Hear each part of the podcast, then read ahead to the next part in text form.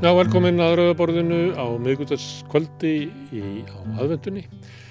Það er stórþáttu framöndan, hjölbreytt efni. Hér í lokin kemur hann til mín hann Örd Bárður Jónsson, prestur. Ég ætla að ræða við hann eins og ég hef gert við marga hér á aðvendunni svona um ástandið á samfélaginu, andlegt ástand á okkur mannskeppnunum en reyndar líka aðeins um bláu höndina því Örd Bárður er einn af þeim sem að bláa höndin landi í hausinn. Þannig ég ætla að tala við hann um stöðuna á samfélaginu og bláa höndina sem er sannarlega hluti af samfélaginu. Einn af þeim bókum sem er að koma út núna er endurtgjum bók um Reykjavík sem hefði geta orðið. Það eru hjónin Guðni Valberg sem er arkitekt og Anna Dröfn Ágústóttir sem er sakfræðingur. Þau hafa tekið saman hugmyndir í skipulagi og byggingum, fyrst og næst ofinbæri byggingum sem ekki rættust. Þannig að hvað ef saga, hvað ef byggingasaga hérna á eftir, skemmtileg ferðalag og við njótu þess að vera með videopodcast þannig að þeir sem að sjá þetta í mynd getið skoðað mynda sirpu sem að þau ætla að sína okkur. Mentamálinn eru til umræði núna út af PISA. Það er, já, við getum sagt það bara, við fengum svolítið sjokk þegar við sáum niðurstöðuna að, að, að læsi barnana er að, að minka og minka hratt og íslenski nefnundur standa sig illa í samanburði við önnur lönd. Þetta er eitthvað sem engi vil sjá. Við fáum hana Þórdísi Sigurðardóttir sem er forstjóri mentamálastofnunar til þess að, að fara yfir stöðuna og svo strax í kjölfarið þá ætla ég að slá að þráðin til hans Gunnlaus Magnússon sem er dósend í uppeldisfræðum við Uppsala háskóla og láta hann segja mér frá uh, sænsku leiðinni en, en svíjar fóru þá leið sent á síðustu öld að, að fara svona markasvæðingu mentakerfisins. Uh, það eru verið miklar engavæðingar og markasugsun, það er litið á mentun sem eitthvað sem að nefnundur og fóröldrar eða kaupa á markaði og, og með slíkum ráðagerðum að þá verði til upplugt og gott uh, mentakerfi. Svo er ekki raunin í Svíþjóð og ég ætla að fá Gunnlaug til þess að rekja söguna og kannski ástöðu þess að þetta hefur ekki farið eins og til stóð þegar að, að markassinnanir voru að kynna þetta. Þetta er forveitilegt að fylgjast með þessu vegna þess að, að kannski fyrst í þriðjungurinn að þessari sögu er umvel að saga breytinga í íslensku metakerfi þó að við hefum ekki gengið eins langt og svíðarni þá erum við sannanlega á sömu braut. Heyrum um það og eftir. Það kom, það var svort skýrslaði gæri um Písa en það kom kolsvort skýrslaði í dag frá vörðu um stöðu fallast fólks, fólk sem er á, á örurkulíferi og örurkubótum og endurhefingalíferi. Ég ætla að fá Kristínu Hebu Gísladóttur sem er, er e, frangatastjóri vörðu og hanna Ölmu Ír Ingolstóttir sem er formaður ÖBI til þess að segja mig frá niðurstuðum þessar skýslu um þá sáru fátakt sem að ótrúlega stórir hópar örkja búa við og ótrúlega stór hópur barna fallast fólks býr við ömulega fátakt. Kanski svona í tilumni að aðvendunni spyrjið er hvernig standi á þessu að, að við höfum þetta svona í samfélaginu, það villit enginn en samt er þetta svona hjá okkur hvernig stendur því. Þetta verða viðtölun í kvöld. Eins og fyrr þá minn ég á að samstöðun er samstagsverkefni við erum í samvinnunni hérna þess vegna þetta er samstöðun okkar sem erum að búa til efni gestana sem koma hinga á ykkur sem að hlustið eða heyrið eða lesið efnið okkar á, á samstöðun.is Þið getur hjálpað okkur við að, að, að ebla samstöðuna með því að dreifa efnin okkar sem við að spenda fólki á að, að hvar það getur nálgast að. Við erum á Facebook og við erum á YouTube, við erum í öllum hlaðvarsveitum, við erum í útarpinu 89,1 á stór höfuborgarsvæðinu og við erum líka þannig á útastaskunum okkar á spilaranum, spilari.is á netinu og svo er þetta hlaða spilaranum niður sem app og þá getur við hlusta á samstöðuna hvað sem þið eruð í heiminum svo framlega sem það er netsamband og við erum á leiðinni í sjónvarp. Þið sem að viljið leggja hönd á plógin eða, eða setja fjö í söfnunarbökin sem við erum alltaf að láta ganga því að, að, að, að samstöðun er ekki markastrifi fyrirbriði, við byggjum ekki á því að búa til efni sem að geðjast auglýsendum, að þið getið gæst áskrifendur með því að fara inn á samstöðun.is, það er nappur sem ástöður áskrift, það getið skráð okkur fyrir 2000 krónum á mánuði sem að mér er sagt að sé ekki hátt verð fyrir það efni sem við búum til hér því sem að vilji geta borga meira og því sem að kjósið geti látið uh, áskriftin að renna sem félagsgjöld inn í, í alltíðufélagið en það er alltíðufélagið sem á og rekur samstöðuna. Hér framöndan eru viðtöl kvöldsins um fátækt, um skólakerfið okkar, um uh, borginna og um andlegt ástand á okkur í mannfélaginu eftir auðvitað. Með því að ganga í leyendasamtökin stiður þú bara áttu leyenda. Leyendasamtökin eru fyrir alla þá sem vilja berjast fyrir réttlátu húsnæðiskerfi. leyendasamtökin.is Segðu það á samstöðinni.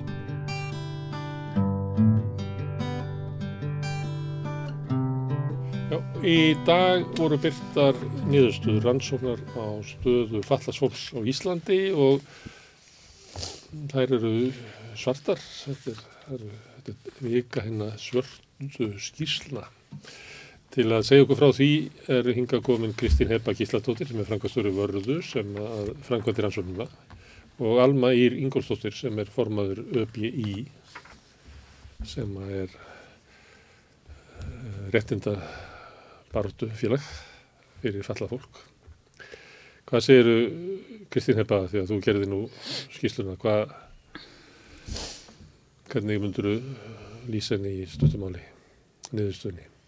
Uh, skýslan bara lýsir uh, gríðarlega stóri og kerfismundni vandamáli þegar að kemur að kjörum þeirra sem eru örkulíferi, endurhengalíferi og örkustyrk þar sem að þessi hópur býr við mun verri fjárhustöðu heldur en uh, allir aðrir hópa sem að varða hefur skoðað en við höfum samt verið að skoða hópa sem standa mjög höllum fætt og við höfum hatt gríðarlega miklar ákjör af en við höfum aldrei séð tölur uh, eins og byrtast okkur og voru kynntar hér í dag. Uh, að samaskapi uh, er gríðarlega hátt hlutvald sem býr við slæma andlega helsu félagslega einangrun neyta sér um helbreyðstjónustu út á kostnæði sem er það áliðing fátættar frekar heldur en föllunar eða sjúkdóma. Einangrunum Ég myndi halda að vera bæði. Við höfum ekki gögnum það sko hvað hva orsakar hérna félagslega einangrun en það er bara meirinn helmingur hérna hópsins býr við mikla eða freka mikla félagslega einangrun en hérna en það eru auðvitað hægt að uh, skoða niðurstöðunar og, og hérna og þegar við sjáum hvað er hátt hlutfall fólk sem hefur ekki efna á því að hérna eiga félagslíf og fara kaffúðs með vinn eða fara í bíó með vinn að þá hérna e, eða kaupa sér vetraklæðnað sem þýðir að þú kemst á ekki út í gungutúr eða hérna því þú átt ekki e, fatnað sem er nú hérna hlýra eða góður eða hérna kuldaskó eða allt þetta að þá hérna kannski kemur þetta ekki óvart að þetta einhvern veginn hlýtur einhvern veginn að spila saman Já, en það eru þetta margir þetta. Að magnar fátaktinn upp einangrunna. Já, já, það myndum maður svona ætla. Þú sagðir helmingur hópsins, hvað er þetta stór hópur? Ég, uh, ekki, ekki þessi... sem að þið voruð að, að spyrja heldur svona hvað hann á að, að hérna... Sko, sko þessi hópur, sett, þessi könnun er unnin í mjög góðu samstarfi TR já. sem er sendt út könnununa fyrir hérna, höndvörðu uh, og TR sendir uh, 19.331 einstaklingi post og býði þeim að veita upplýst samþyggi mm. fyrir því að fá konunina að senda þannig að það er svona hópurinn, þetta er svona ríflega 20.000 manns sem er á örkulífur, endurhængalífur eða örkustyrk. Þannig að það eru svona 10.000 manns í samfélaginu sem er búið þessu aðstæð sem þú veist að lýsa. Ein, Nei, herra, það er herra hlutvall sko en einogrun, já það er endar meira sko 65% þeirra sem eru einleipi fóreldrar búið við frekar eða mjög miklu félagslega einogrun og og hérna og þetta er auðvitað svona aðeins mismunandi eftir hópun að meira en helmingur þegar við skoðum bara allan hópum yfir hérna heldina mm. uh, já mm. Þetta er bara gífulega stór hópur mm. sem að þarna er undir en samt ekki það stóra að það ætti ekki að vera hægt að laga þetta en, en tölunar eru náttúrulega bara og niðurstöðnar eru bara alveg hrikalega sláandi svo ekki sem meira sagt mm. en ekki það að þetta sko kemur okkur hjá í ekkert sérstaklega óvart en kannski samt sem áður að þetta hafi verstna svona eins og kemur fram í konunni hvað mm. þetta hefur versta milli bara á einu ári mm. þannig að það er það sem að kannski já, er, kemur kannski mest á óvart. Var það en, þá verðbólgan sem grefur undan kaupmætti þeirra sem er standa veikast? Já, að sjálfsögðu, það spilar heldur betur inn í því að, að það hefur ekkit haldið í við hann mm. verðbólgunar, sko, þannig að lífin hefur ekkit hækkað í takt við mm. það. Þannig að þeir sem ekki áttu fyrir mat út mánuðin og voru búið með allt sitt 20. og fjórða eru núna búið með allt sitt kannski 20. Já, ef það nær því. Já því að þarna er bara, sko, það kemur svo margt þarna undir, þetta er ekki bara einmitt það að eiga ofan í sig, sko. Mm. Þetta er þarna spilar inn í, ég menna, er, er hópurinn að stækka sem er félagslega eirangraður og þetta helst allt í hendur og, og það sem að mér persónulega finnst, sko, verst eru börnin sem að þarna eru undir. Mm. Bara aðstæðnar þar sem að þessi börn eru sett í. Það er eitthvað svona sem að ég held að við verðum bara ef ekki núna strax að grípa inn í þá munum við ekki gera það mm. og þá erum við bara komið að einhvers konar bara þróun sem að ekkert velferðarsamfélag ætti að setja sig við að búa í Þá eru við náttúrulega ekki velferðarsamfélag Þar fyrir utan mm. og ég minna sko þessar tölur og þessi konun gefur þannig kannski svolítið glögg að mynda því að þetta er ekkert lengur velferðarsamfélag mm. allavega ekki fyrir þannan hóp sem að mest þarf að því að halda mm almanefni börn, hvað, hérna, hvað kemur fram? Hvað Já. er ekki börn á öllum þessum heimilum, einhverjum? Nei, það er ekki börn á öllum heimilunum og við erum að, hérna, að skoða í rauninni hlutfall fóreldra sem að hafa ekki geta greitt svona grunnþætti fyrir börnum sín með, og við gerum þetta með sama hætti og þegar við erum að uh, skoða stöðu launufólks sem er náttúrulega sömu spurningu og þá sjáum við að það er til dæmis meir en helmingu fóreldra sem gátt ekki að gefa börnunum sínum ámæli segja jólagjafir, einleipra fóreldra mm. uh, og sömulegis gátt ekki haldi ámæli eða veistlur fyrir börnun sín til að hérna þegar ámæli og það er rétt tæplega helmingur einleipra uh, fallara fóreldra sem að geta ekki gefa börnunum sín með snæringar ykkar mat og þau vilja, geta ekki gefa eða sveitum nöðsynlega klæðnað uh, geta ekki greitt kostna vegna félagslífs og það er bara það að geta sko farið ammalið til vina síns að þú þarfst að koma með ammaliðskjöf eða hérna og síðan eru þetta sláund og við höfum bent á áður og ekki, hérna, alls ekki fyrsta skipti, við erum ítrekkað búin að tala um slæmastöðu einhleipara fóreldra og það er hérna bara hefur verið svona rauði þráðurinn í öllum okkar niðurstöðu þegar maður skoða fjárhustöðu með smunandi hópa að einhleipi fóreldra standa hérna hérna, hátt hlutal þeirra stendur mjög illa og þetta hefur ekki bara áhrif á þá sjálfa, heldur börnið þeirra líka mm. og það sem við erum líka að skoða með þegar við erum að skoða hvort að fóreldrar hafa ekki geta greitt grunn þætti fyrir börnið sín, að þá sjáum við að það það standa ekki öll börnirunni jafnfættis í skólakerfinu þar sem við erum með lögbundna skólaskildu en það er samt til dæmis 32% einhleipra fóreldra sem eru með föllun sem hafa ekki geta greitt fyrir sérstætt nesti í skólanum, öskudagsbúning, núna er desember þegar fylgta upp og komum í skólanum sem krefst fjárútláta fóreldra og það er ekki peningar fyrir því og heimilum sumra barna og þá hafa þessi börn ekki sama aðgengi að okkar skólakerfi eins og önnur börn. Hmm. Þetta kom, ekki kannski þetta, en það kom fram í písakonunni mm -hmm. að, að, að börn af ja, veikar stæðum fjölskyldum mm -hmm. Við verðum fyrir sefnæslega stöðu. Metakerfið hérna, næri ekki að, að veita þeim sömu þjónustu hinna sem að standa betur. Þetta kemur okkur sem að vinnum hjá verðu ekki óvart. Þetta er bara, við erum bara með gögnum þetta og við hefum verið að byrta gögnum þetta uh, og Þannig að metakerfið er ekki jöfnunarkerfið heldur í, ítir undir stjættarkestingu. Það er allavega að börn hafa ekki jefnan aðgang að því sem að fer fram í skólanum að því að sumta því er með sér kostnað mm. og við höfum yfirlegt verið að horfa á sko uh, tækifæri uh, horfa á börn hérna og lagt áherslu á að börn tæki þátt í tómstundastarfi sem alltaf ítrekka sínt fram á er ekki í búði fyrir öll börn út af því að það hérna, er oft og tíð mjög dýrt eða er dýrt uh, og en það er auðvitað, en svo er þetta búið að færast inn í sjálf skólakerfið líka mm. Þannig að þegar þetta er skoðað að þá þarf að efla réttindabaráttu fallast fólks en líka bara réttindabaráttu barna, einstæðara fóruldra. Þetta er ekki allt saman örgjar en það fyrir saman að vera örgi og vera einstæður. Já, já, og, og hérna, og baráttan er til staðar og, og hérna, og við náttúrulega munum aldrei gefa eftir í því sem við erum að gera og, og hérna, en það breytist ekkert nema að við náum eirum þeirra sem að ráða eða þá, sko, ég held að við náum alveg eirum þeirra en það kannski bara, viljin er ekki til staða til þess að breyta því eða maður veltið fyrir sig hvað er það nákvæmlega sem að stöðvara að þessu sé breytt. Af hverju er þetta bara alltaf ár eftir ár eftir ár sami kannski hópurinn sem er í þessari stöðu. Þetta er engar nýjar fréttir. En það sem það er að gera, eitt væri náttúrulega að hækka örglífiri. En það þarf líka að efla kerfin sem eru til stuðnings þeirra sem eru tekjulágir, til dæmis uh, einhver stuðning við börn og ekstra stuðning við einstæða fóreldra. Það þarf að styðja mentakerfið, húsnæðiskerfið.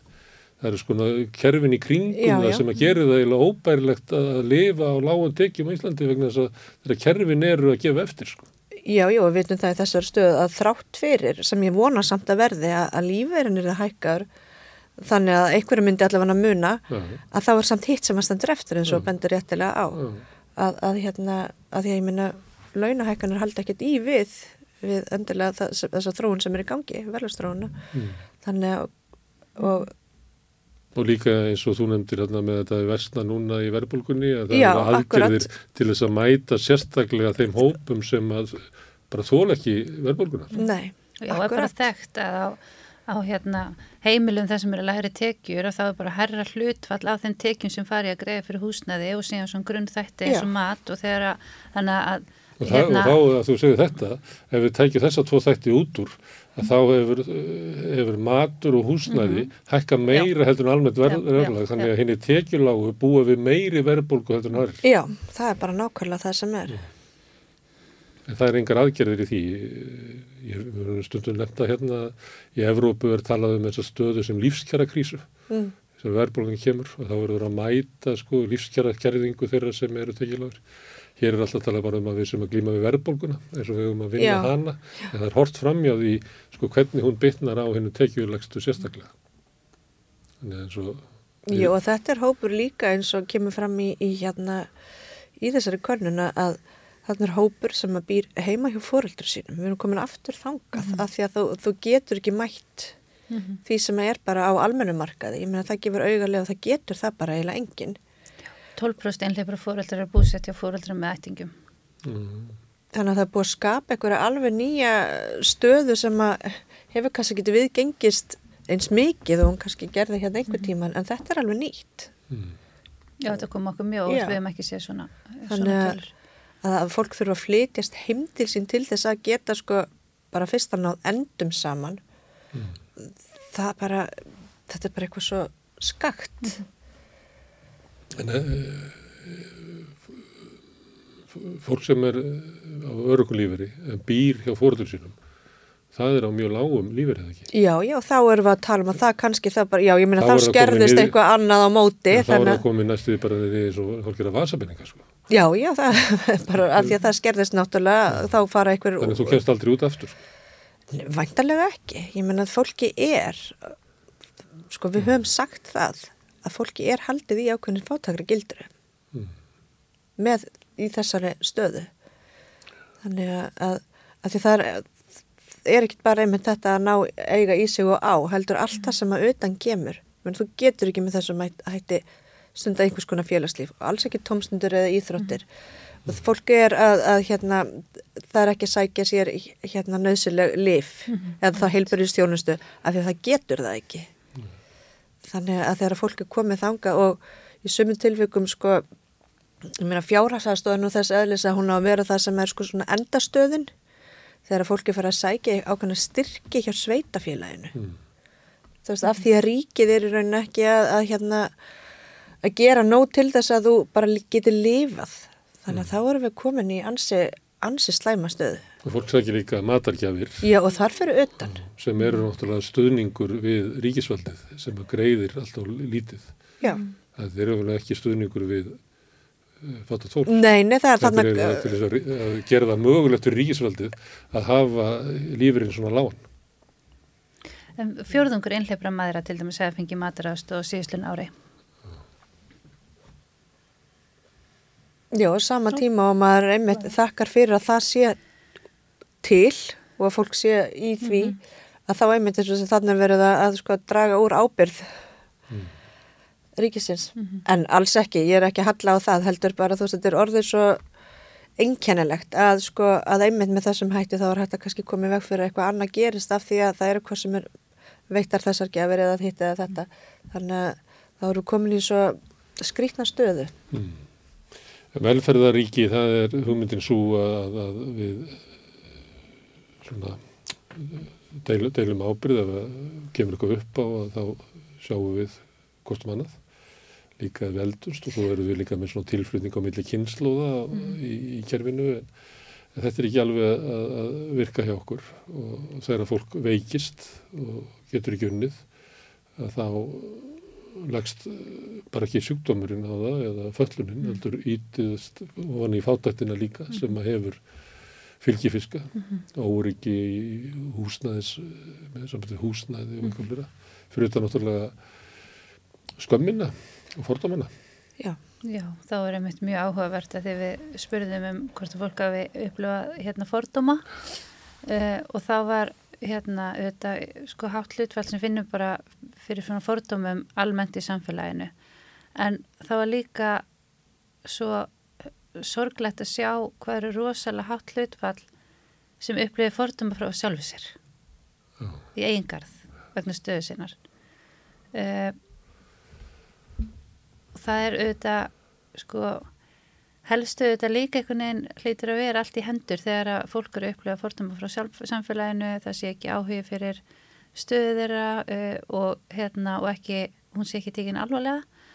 Uh, ofan í félagslega einangrun uh, skert aðgengja helbriðstjónustu slæma fjárhustöðu get ekki uh, búið börnunum sínum uh, sama líf og þú vilt taka það af fólki til dæmis getur að gefa barninu sínu jólagjöf þetta er mjög stort að taka þetta frá mannesku af því að það hérna er auðvitað rosalega mikil ánæg að geta að fara og valið gjöf fyrir barnið sitt og gefi eitthvað sem gleði það er það. Uh, þó að þessi kapitalist og það er- sjálfsagt. en þetta er verið að taka fólki í miklu mæli. Uh, og allt skýslan er bara áfællistómur yfir okkar samfélagi og hvernig við hugum að þeim sem að hafa vegna hilsu sinnar uh, ekki geta, geta ekki verið að vinna marka ef hilsu sinna vegna. Uh, og sýnir bara að það er sama hvert er litið að þá er staðar og, og hérna í fréttatilkynningunum sagði þú veist svört skýsla, þetta er bara kolsvört skýsla um stöðuna. Þetta sambandi við fordóma, það bendir náttúrulega til þess að þessi ríkjandi hugmynd í, í samfélaginu, svona, þessi verðlega hugmynd, að þeir sem að standa vel efna, efn, efnalega, hljóta að vera vel lukka fólk og hafi efnast á eigin verðleika og, og geti þakkað sjálfum sér allt sem það gera og þar að leiðandi þeir sem eru fátakir geta sjálfum sér um kent. Já, ég myndi það hafa verið svona, við, hefur veði viðhorfa að þetta sé bara eitthvað svona sjálfskapa við og komst þeir bara aðna sjálfur og bara reyndu bara að, að koma þér út úr þessu. Þetta er bara þessi aumingiskapur, þú ert bara mm. merksuga á kerfinu. Þetta hefur bara verið umræðan í ára raðir og það velur sér enginn þessa leið. Það vil enginn vera í þessari stöðu sem að fólk er komið í. Ég meina það vill enginn lifa í fátækt eða, og, og þá ekki við sára fátækt eða geta einmitt ekki leift börnunum sínum að njóta til jafs við önnur börn. En ef að þeir sem eru fátakir, fallaðir og fátakir, finna þetta í samfélaginu og upplifa það að, að raunverulega sér staða þeim sjálfum að kenna, þau séu ekki orði fyrir mm -hmm. veikindu sínum eða orði fyrir óréttlæti samfélagsins með því að vera þýsnir í fátakt. Þá bendur þetta til þess að sko, samfélag okkar er ekkert sérstaklega bara gott. Nei, ég meina maður spyr sig stundum þegar við erum að berja okkur á brjóstum að við séum jafninsparadís. Mm. Ég meina hvar, hvar eru við þá, hvaða hóp eru við þá að tala um? Því að það á, sérst, það á allavega ekki við um, um þetta og svo umræða sem hefur verið við líði, hún bendur ekki til þess að við einmitt séum í vel hugsandi samfélagi. Kristín Hefra, þú ert alltaf að skoða þetta. Hvað, akkur er þessi ójöfnur, akkur þólu við það að láta svona stóra hópa lifa við sárafátækt, akkur þólu við það að, að börn sem að fæðast inn í, í efnalitlar fjölskyldur uh, njóti ekki bara eðlilega tækifæra. Við erum að tala um bara bara frístundir og við erum að tala um læknisjálp og við erum að tala um bara húsnæðis við erum að tala um bara grunnþarfir sko. Við erum ekki að tala um sko Ferrari og Kampafinn sko. Sko við erum náttúrulega ekki að skoða afhverju. Við erum bara að skoða stöðuna. Ég er að spyrja stöðuna. þig að því að þú ert líka Kristín Heppa, þú ert fræðikona, þú ert líka hérna, borgar í þessu samfélagi. Já, ég ég, ég veit ekki veit ekki alveg, en mér finnst allavega hana að þá eru við hérna, hérna þegar við erum að kynna niðurstöður um stöðu mismunandi hópa Mm. að þá finnst mér mikill áhugi á því uh, og núna áðan voru til dæmis að hérna, kynna uh, stöðu fallast fólks. Og í salnum situr fólk með táran í augunum. Ég þekki ekki mannesku sem að vill þessa stöðu og vill að þetta sé svona. Þannig að hérna uh, ég þannig ég veit ekki hvaðan þetta sprettur en allavega frá fólki sem að ég umgengst og það, frá fólki sem að uh, hlustar á niðurstöðunar og, og, hérna, og tala við okkur sem vinum hjá vörðu þegar við erum búin að kynna niðurstöðunar að þetta er ekki hérna, samfélag sem að þetta fólk vil og ég hef bara ekki hérna, orði vör við það að einhver réttlæti þessa stöðu eða reyni að, uh, já, einhvern veginn að segja að þetta sé eðlilegt. Þannig ég á ekki skýringar á því af hverju þetta viðgengst en ég myndi halda að það sé einhvers konar rofa á milli fólksins sem byggir þetta samfélags og, samfélag og síðan þeirra sem að stjórna eða ég, það er kannski það sem, sem er helst sem að getur áleiktað því að já, það er náttúrulega til dæmis hérna var bauð upp ég í þingmannum að koma og, og hérna og hlust á þessa kynningu og það var eitt þingmaður sem gerði það, Lógi Einarsson hjá samfélkingunni kom, en engin annar mm. uh, þannig að, að hérna er, við finnum svo mikið áhuga allstæðir í samfélaginu en hérna við þurfum hérna mjög lítið að, að kynna niðurstöðuna fyrir stjórnvöldum ég, ég, ég kannski, já, sagt það Þurfið ekki? Já, ég meina við erum ekki beðin um það eða við auðvitað myndum að gera það þar við erum að kynna niðurstöðunum fyrir fullt aðlum og stopnunum og hérna, hérna TR til dæmis og ég meina það er mikil áhuga á, á hjá fólki að vita um stöðum mismunandi hópa. Það er bara, finnum við, mjög stert. Mm. En við hefum kannski ekki fundið þennan áhuga fyrir stjórnvöldum, allavega varandi okkar hérna, niðurstöður, allavega ekki að þá. Þetta er svona, er svona þráður næstu hérna á rauðaborðinu og aðvöndunni, svona vangaveltur um það, e, getur verið að við séum, e, hvernig getur gott fólk búið sér til vond samfélag? Þetta er... Ég meina við erum allavega að þróast Akkur, í vond samfélag. Það er bara... endur speklar, hérna, er formulega samfélag ekki vilja okkar Já, hvernig við viljum hafa það? Nei, það er einmitt, það er góð spurning. Mm því að maður sá það og það endur speklaði bara þarna í salnum að þeir sem voru þarna voru af áhuga og vildu vera upplýst. En þá spyrst maður sér um þetta aftur bara en hvað með ykkur hinn, hvernig gæt bara einn þingmaður mm. mætt? Þegar allir hinn er einu hefðu þurft að mæta. Mm. en þetta er líka bara hópur sem að lengi enginn hefur vilja eiga. Hann hefur bara verið kerfisuga og verið fyrir og frekur. Þetta er umræðan hvaðan hvað svo sem hún kemur þá er það alltaf, þetta er byrði þetta er að sliga sveitafélögin, þetta er að sliga þetta það kemur holskefla þetta er allt neikvægt mm. þannig að, að sem er kannski ástafan fyrir því að, að fólk einmitt þarf að kynna sér þetta betur mm -hmm. ætti að gera það, þú veist að ber ábyrð og ég myndi allavega ekki vilja vera í þeirri stöðu að bera ábyrð á, á þessum eða við þessa niðurstöður Nei, ég myndi ekki sofa Nei, Nei. Og þetta er mannanaverk. Þetta er mannanaverk. Það er hérna á hverju mótni ákveðu fólk að hafa þetta svona með því að gera ekki því. Mm -hmm. Það, þetta er ekki eitthvað sem að varð til óvart eða eitthvað. Nei. það hefur lengi verið ljóst hver staðan er þótt að, að þetta sé svo skýrsla og sínir og hún hefur versna ennþá, þá var held ég bara ábent á það að það myndi gerast í verðbólkunni, akkurat þetta, mm, það ekki? Jú, jú. Komðu, uh, nú spyrir ég aftur sem hérna fram í fræðikorni, komðu niðurstaðan þér óvart þegar það sast þetta?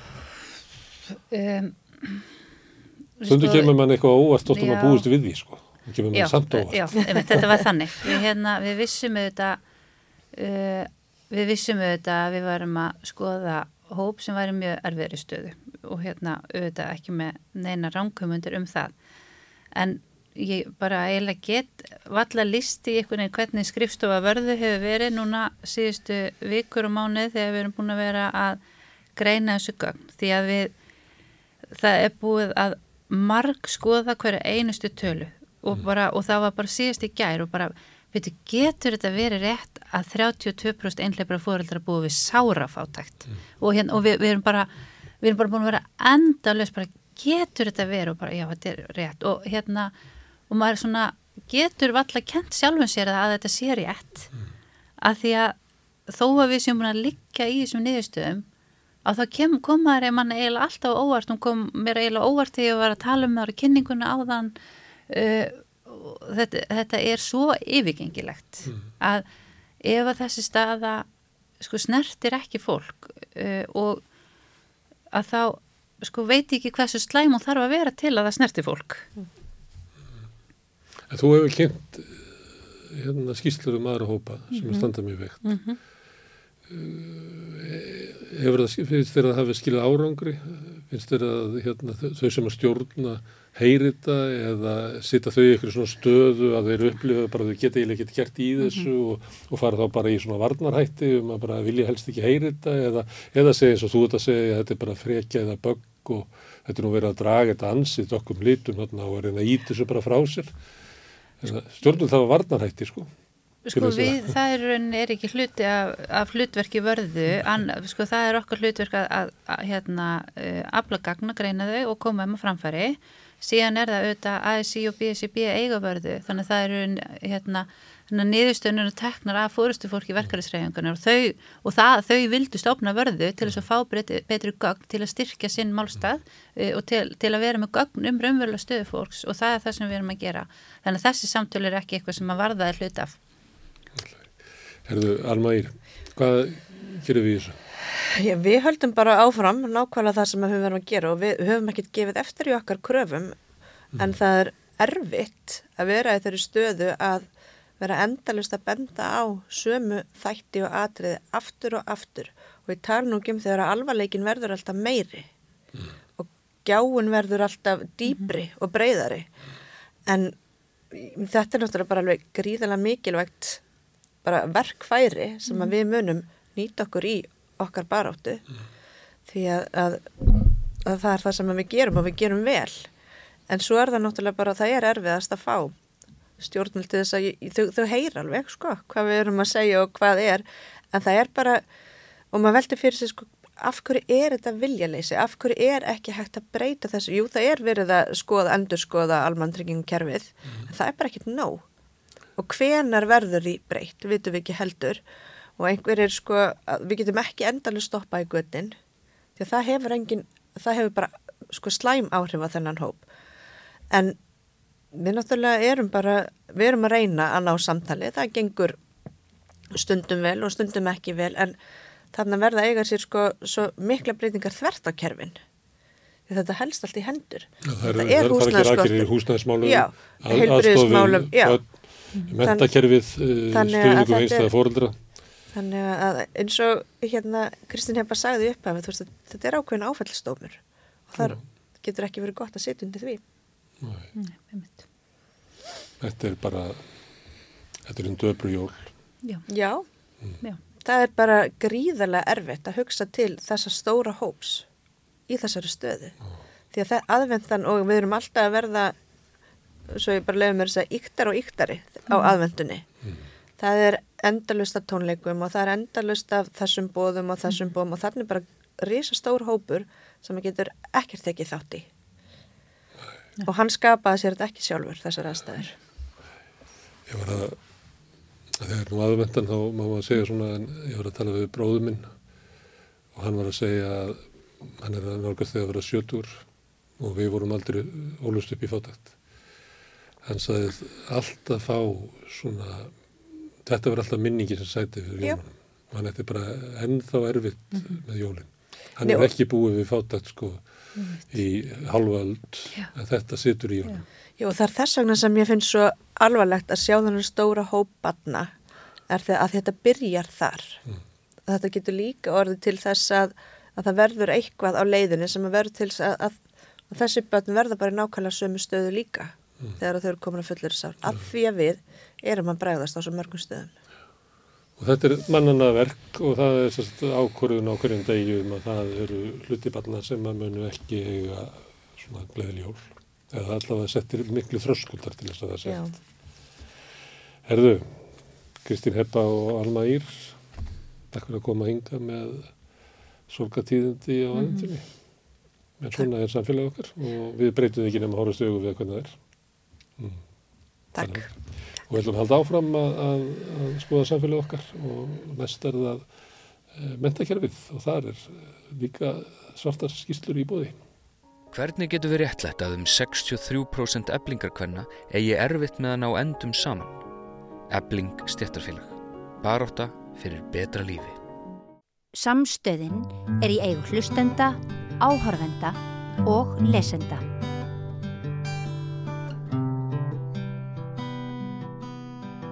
Já, við ætlum að halda áfram að ræða skólakerfið og tilhefni náttúrulega eh, vond útkoma íslenska nefnda í písakonunni.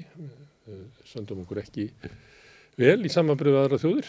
Til að ræða þetta er hingað komin Þórdís Sigurðardóttir. Þú ert núna, hvað ertu, Forstjóri. En það getur breyst bara í dag.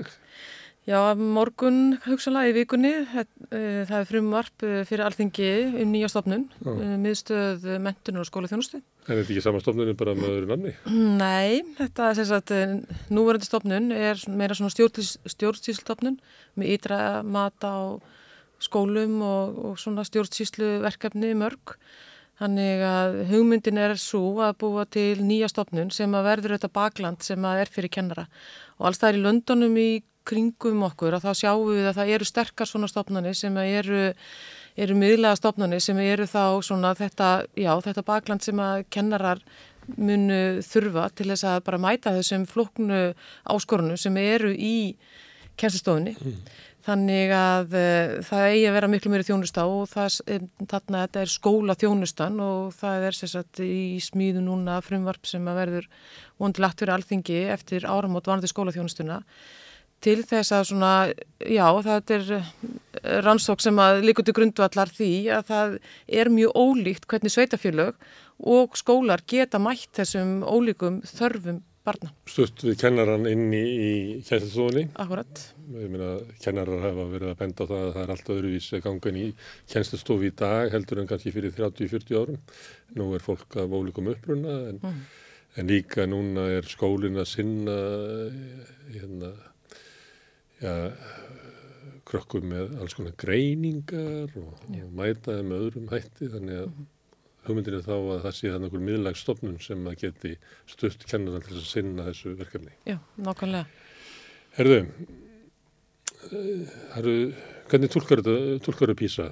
Það, maður heyri það svona, já, þetta segir náttúrulega ekki allt um skólastarfið, þetta er bara einföld mæling og það getur verið hættulegt að, að fara að breyta öllu eftir því sem við mælum, eh, sumt sem við viljum eh, viðhalda og styrkja sem kannski er ekki mælt og allra síst mælt í písa. Eftir sem áður að þá er þetta ennitt viðverunarljósið að það er eitthvað, það er eitthvað að. Mm Já, það, það er bara takk fyrir að benda þetta á þetta því að það bara er mjög mikilvægt að það er margt gott í íslensku skólakerfi og bara eh, til, að til að nefna sko að börnum líður vel og það er nú þetta bara gríðilega mikilvægt Í samanbyrðu önnulönd. í sambyrju önnulönd og það er líka, þú veist, það líður ekki öllum börnum vel og við verðum að taka það mjög alvarlega að því að við líka sjáum til dæmis að, að börn sem eru erlendum uppruna og eru sagt í fyrstu kynnslóð fóreldra sem að, uh, eru hérna á Íslandi að þeim líður margt þetta mun verð á öllum þessum mælikvarðum. Þannig að við skulum ekki alveg bara ganga um og segja að sé allt fullkomið þarna því við getum alveg gert betur og talandu um skólaþjónustuna að þá er það við mitt eh, hugmyndin að koma inn með tækjartól og aðstóð um viðmið um það hvað hægt er að gera. Uh, hvaða skilabóð er PISA senda okkur? Uh, það er... Það er eitt var að því það er samanbröðu annur lönd. Já, það var náttúrulega í sömu löndum, það líður börnum ílvað vegna þess að í sömu löndum eru bara börn næstu í lamin. Það er bara Já. ótrúlega harka í Breitlandi, í Fraklandi og Já. svona löndu sem maður svona aðeins kynst. Einmitt. Þannig að það er kannski ekkit eh, rosa afreika að börnum líður betur enn í slíku gerfi.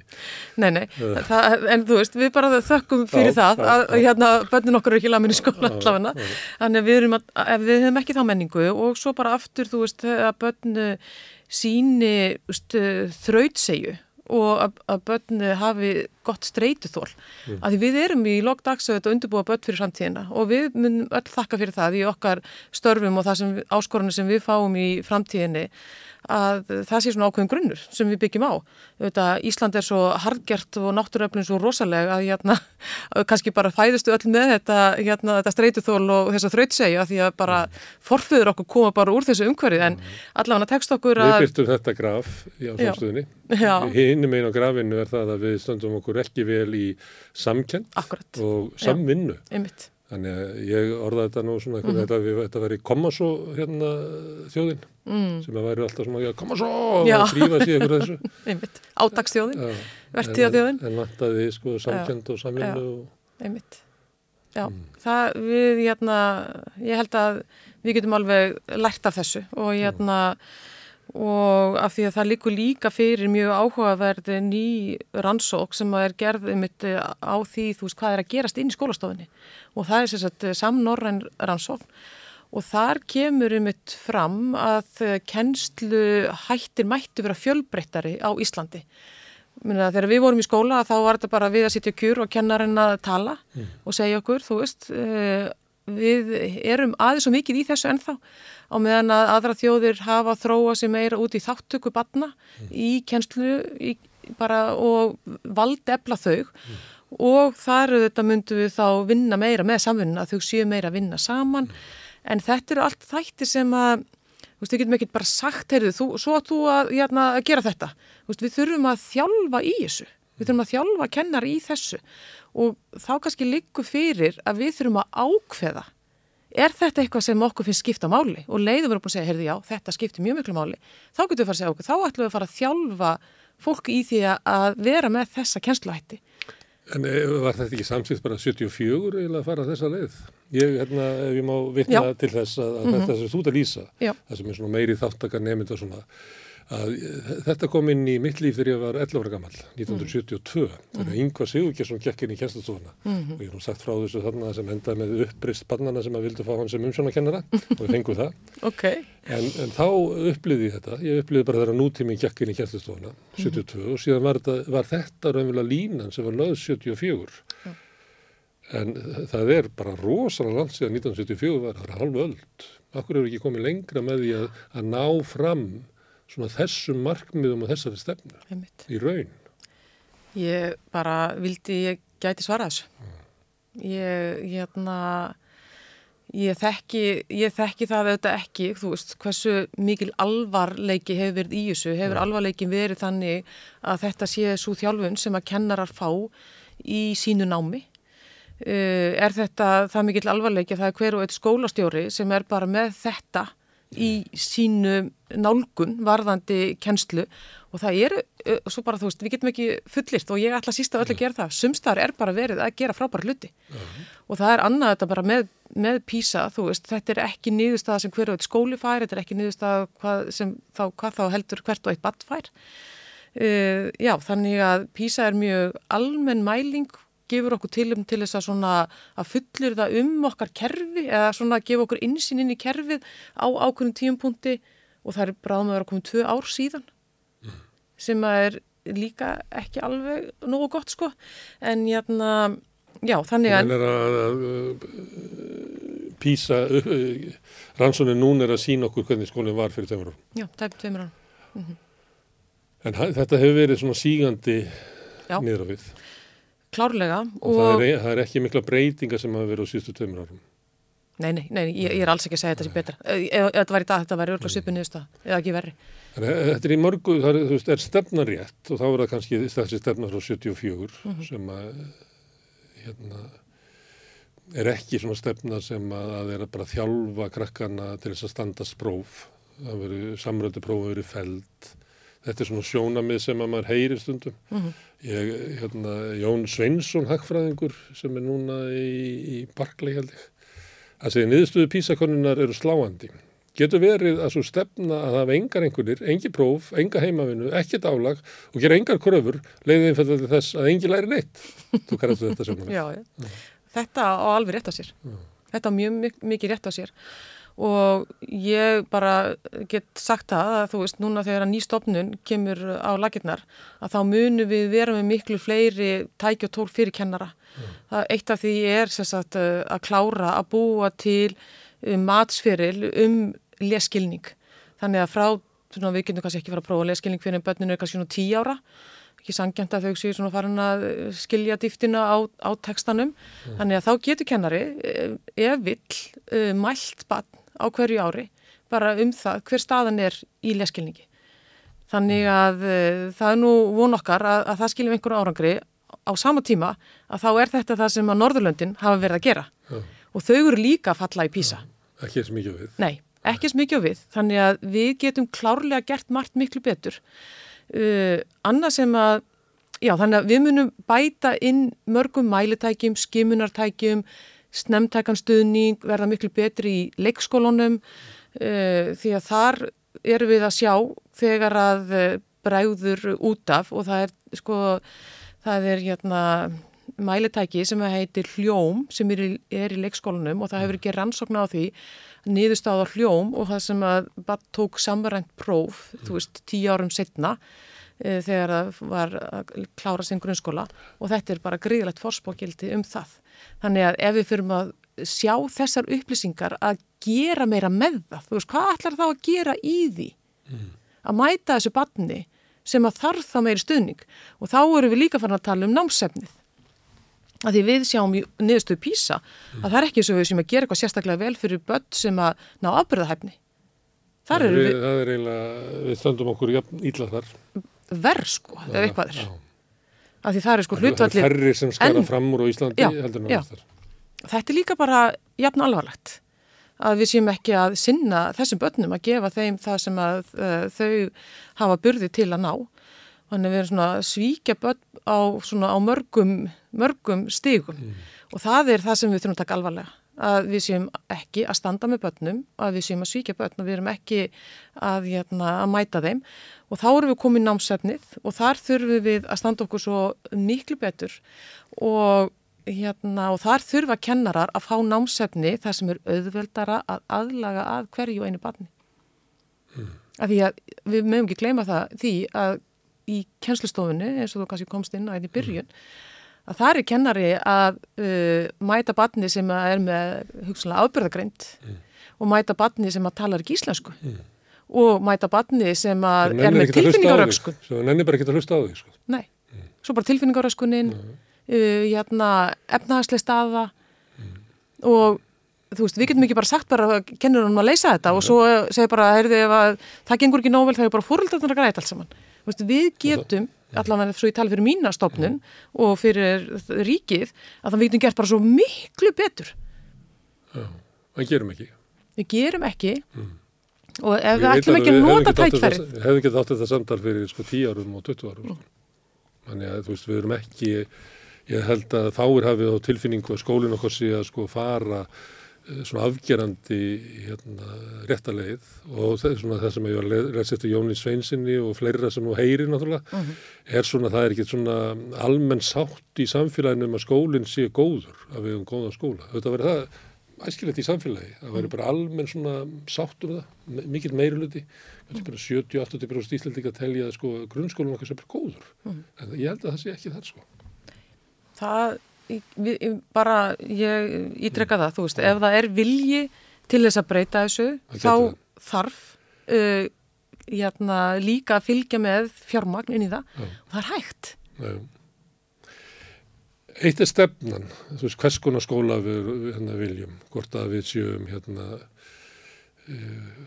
of góð við börnin. Stundum við svolítið verið að tala um það hérna við þetta borð af hverju börnunum líður illa í samfélaginu, ekki tengt svona skólanum og það er allir sammálum að, að það sé þróunin þó svo að sé svona ímislegs sjónamið sem að gæti verið til þess að börnin í dag varu líkleri til þess að segja frá vanliðan sinni heldur áður var en þá tekur það allt saman í burtu þá mm. líður börnunum okkar svona æver og þá finnst mér vera algengar að það komi fram frá sálfræðingum og þeim sem er að, að tjása um þetta að það vanti bara meiri kröfur á börnin. Mm -hmm. og það sé að við séum kannski svona almennt í svona uppeldis aðferðum okkar orðin svona svolítið deg lefa börnum verða þá bara að leiðast. Mm -hmm. þau verða að fara í gegnum eitthvað sem er erfitt þau verða, verða fyrir einhverjum vombriðum annars bara eh, eflastu ekki. Það getur verið að skólinn okkar sé bara degur sem er svona svolítið það sem að, að Jón er að vísa í. Já. Allavega eru ekki mikið um mælingar, allavega ekki af hendi ríkisins. E, þannig að, en já, þetta áörgla við í einhverjum tilfellum á sama tíma að þetta e, finnst mér þetta bara skipta greiðilega mjög máli að eiga þetta samtal við barn. Þú veist bara að að þú sest niður með barni og spyrir bara hvað viltu? Og það var meðal hans að gert þegar það var að vera ákveða hvort að samræðpróf ætti að vera áfram með að leggja þau niður þess að og það var ákveða að vera niðurstöða að börnum báðum próf. En þau hugsaðu líka, ég vil ekki bara próf ég vil fá endurgjöf. Þú veist, að fá bara einhver engun eða einhvern bókstaf það segir mér ekki nóg, ég vil bara vita okkur hvernig get ég það gert betur? Því það er einhvern veginn svona innbyggðu metnaður í einhvern veginn mannkininu og við þurfum að mæta því líka. Og þá er þetta líka og bara hjá öllum börnum á þeim stað sem þau er, þú veist, ekki gera ómikla kröfur á barn sem að ræður ekki við það það veldur vannlíðan en að gera, þú veist, þetta svona nægilega kröfur pluss eitthvað, það er kannski galdurinn mm. en við sjáum þetta, þú veist, barn sem er í skóla í dag sem að, hérna, er með aðbyrðað hæfni því getur þetta bara líka liðið bara mjög illa af því það fær ekki að spreita sig mm. á sama tíma og setja, þær kröfur á barn sem að ræður ekki við það mm. það er bara ræðileg staða. Ég var rekin úr starfræði í fyrsta bekki Gaggo af því ég skilaði starfræði bókinni fullreiknaður í daginn eftir ég fekk hana. Já. Já, ég var bara rekin. Enda og svo voru rekni fleiri þannig ég enda en að ég var að kenna þennir í kjallara. þannig var stemmingið þá. Já, akkurat. Já. Þannig að eins og þú segir, þú veist, það væri ekkit eitthvað svona eitt, þú veist, þú verður allan, eða þú ert að gera kröfur, þú verður að vita, er það við hæfi? Þetta er eitt. Annað er, það eru gríðarlega samfélagsbreytingar. Það er hérna aukin ójöfnur. Það er eh, almennt talaðum bara í heiminum. Íslandingar er allavega ráðandi öflega eruleikum með að tannu um það. Við höfum það svona sérstakka útgáfu af því að, að það er gríðarlega fjölgun í, í hérna, lálunastörfum meðan annars út af ferðarþjónustunni. Að, að hún er kannski bara uh, eh, láluna störfin, eh, það er svo stjætt sem að vex ræðast á Íslandi. Og það er mikið fólk sem eh, kemur frá útlöndum, börnum þeirra fara í skóla, eh, það er komið frá heimilum það sem ekki töluð íslenska, allt snýst þetta um íslensku skilning, líka hérna starfræðin og náttúrufræðin og allt og það var, þetta er kent á íslensku. Getur bara verið það að skólinn og samfélagið sé bara ekki bara undirbúð undir þetta hafi bara ekki átt að segja á því hvað þetta er, hérna, krefst mikill að breytinga. Ég meina við, við vorum engar aðgerðir í húsnæðismálum við þessu. Engar hjá okkur? En, engar, ég menta, þetta er bara íslenskt fyrir ríkjuleysi. Ég, þetta er bara gríðilega stór og mikilvægur punktur. Já. Það að við séum í stöðu það sem að 18% af Íslandingum eru af erlendum uppruna, það er þetta bara allt, allt önnu samfélagsmynd heldur en var og það að halda að það hef ekki áhrif á skólakerfið uh, já, er, er í bestafalli já. Já, ekki, ekki góð hugmynd. Og það er skólakerfið sem þarf að aðlaga sig. Það, það er nákvæmlega þannig. Þú segir ekki við tíjar á barna, þú verður bara aðlagaðið að því að þú ert bara að láta eins og fóröldriðin til íslensku. Já, það er bara nákvæmlega málið og við samt sem áður, bara svo að það sé sagt já. að það hafði það ekki áhrif á niðurstöðu písa. Að þú getur ekki sagt að Íslands börn gangi svona miklu betur þannig að mm. við skoðum þetta sérstaklega við tókum mm. út þennan hóp mm. og stíðin hækkuðum ykkur fimm stík þetta munnaði yngu þannig að hérna e, þetta er samt gríðilega mikilvæg punktur Já. að við séum að mæta þessu börnum. Og við lögum ekki meðaltalið þó svo um þetta. við erum með vandamál í meðaltalinu. Akkurat, hérna, af því við sjáum líka, þú veist, að börn sem er með aðburðhæfi þau eru ekki að standa sig, Já. þú veist, þannig að þetta er hérna Við erum að missa eiginlega niður alls, allt, en svo getur verið eins og þú segir, þú veist, þetta er svo stór hluti af uh, hjá, á, hjá hverjum og einum kennara að það getur þetta haft áhrif á það hvað er að gerast inn í kennslustofinni en þetta vitum við ekki nákvæmlega en þetta getur verið einn skýringin að uh, við sem að þetta geri þetta er bara svo mikið breyting að það sé minni geta til þess að mæta öllum öðru börnum á sama tíma. Og það þýðir að við þurfum að mæta þessu miklu betur og einmitt aftur ástæðan fyrir nýri stopnun var það að það voru fjögur sveitafjölög sem voru farin að þýða sama prófið frá Svíþjóð til þess að skoða hvernig við getum mætt þessu börnum til þess að fá stöðumatt hjá þeim. Og þá hérna, fór ráþur að hugsaði, heyrðu, kannski væri nú sniðut að það væri bara einn stopnu sem myndi gera þetta og gæti komið með góð ráð um það hvernig hægt er að mæta þessum börnum betur ásamt því að mæta öllum öðrum börnum betur. Og þetta er í grunninn eh, svona hugmyndin að nýri stopnun. Það eru samfélagsbreytingarnar og fjölgun innflytjand á Íslandi er sömleiti sérstætt mála því að þeim er fjölga svo hratt hérna. En við erum náttúrulega hins vegar ekki með, við erum með allt öðruvísi samsetningu innflytjanda heldur en til dæmis í Svíþjóð og annað slíkt. En það, ég held að í öllu svona verðum við að, að sjá það hversu hratt fjölgunin er hérna. Þannig að, að eh, kennari sem var kannski með uh, tvo nefnendur sem fóruðan er ekki tölu íslenska heima er allt í nú kannski komið átta og það, það, það gerst miklu hægara þessi þróun á, á leiðinni og þar með er kannski svona þroskaður í stuðningur, ég veit ekki hvað það er segja, innflytjenda samfélaginu um það hvernig þú aðlagast og eitthvað, svona, þannig að það sér. Íslenskan hins vegar hlýtur að vera líka að því að uh, Norðurlöndunar gefa eftir í, í Písa. Eitthvað, kannski er það vegna þess að að, að tungumálinu að gera eftir krakkarnir lifa meira í bara ennskum menningarheimi og það sé enn frekar það sem að hjá okkur, það sem að íslenski menningarheimurinn er smerri og þau fara þángað. Getur það spilað inn í þetta? Já, bara, þetta er bara, mér finnst þetta svona augljós skýring á hluta af stöðunni. Mm. Að því að þarna er þetta kannski líka þá að fara að koma inn á bara þessa, þessa alþjóðlegu þróun og hún er ekki bara hér þó að áhrifin sé meira og hugsanlega af því að við erum með viðkvæmara en viðkvæmara málsvæði. Við erum svo fá að meðan að uh, líka þetta, þú veist, við höfum ekki hugsað fyrir því hvernig ætlum við að mæta því að, að kennari sé kannski komið með fleiri en eitt eða tvö barn inn í sína skólastofu mm.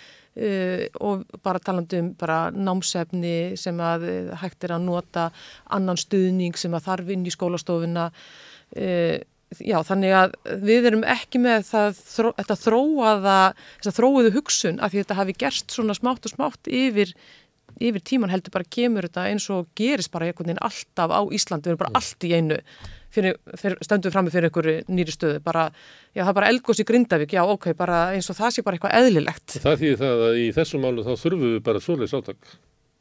Já, ég mynd, bara, já. Við erum bara horfast í auga, við erum bara í hættu já. og nú þarf bara þannig viðbröð. Já, og ég held að ef þú skoðar mentastefnuna sem að var samtíð fyrir 2030, þá er í raun og veru verið að uh, taka alla þessa þætti inn í þar. Mm. Þannig að við þurfum, þú veist, stefnan likur fyrir. Nú þurfum við bara að fara í aðgerðir. Við þurfum þetta aðeins að rína stefnuna út frá þessum upplýsingum. Mm. Segð bara okkur, hvaða þessu vil ég þá forgámsaða út frá þessu? Það er klart mál, við verðum með skólaþjónustu, við verðum að vera með miklu meira námsefni, fjölþættara námsefni sem er bæða stafránum frá með gagvirt námsefni, bækur sem að aðlaga sig, sem hættir að aðlaga að jætna börnunum og við þurfum fleiri matstæki. Þannig að kennari viti hvar stendur þetta barn og barni viti og fórildrætna viti. Þannig að þú getur aftur, þú veist, það er vanlíðan í því að fá ekki áskoranir. Mm. Þannig að við getum mætt börnum svo miklu betur ef að það er vilji hjá alþingi íslendinga að standa með nýri stofnun. Það er bara... Já, það er, en ég ætla ekki að gera þetta einn. ég ætla ekki að gera þetta einsamt. Þetta er ekki þessi stofnun sem myndi gera þetta og, og ef við erum að hugsa út frá íslenskunni þá er það heldur ekki skólakjörfið, þá er þetta, þetta vandamál samfélagsins. Þannig að við verðum að gera það. Já. Varðandi skólakerfi sjálft að þá kemur þarna fram hérna, mismunur út af félagsleiri stöðu. Ja. Við nefndum hann stefnuna frá 74. Þar er markmiðið að, að það er hugsunin að skóli sé líðræðislegt stofnun sem að eigi að vera jöfnun að taki, eigi að gefa öllum tækifæri til þess að, að blómstra. ef að við erum að missa þetta tilbaka að raunverulega skólakerfi gæti eða heldur áfram að þróast með sama hætti þá ígir það eiginlega sko stjættaskiptinguna. Það gerir það, það er rannsókn sem sína það. En það er, ég meina...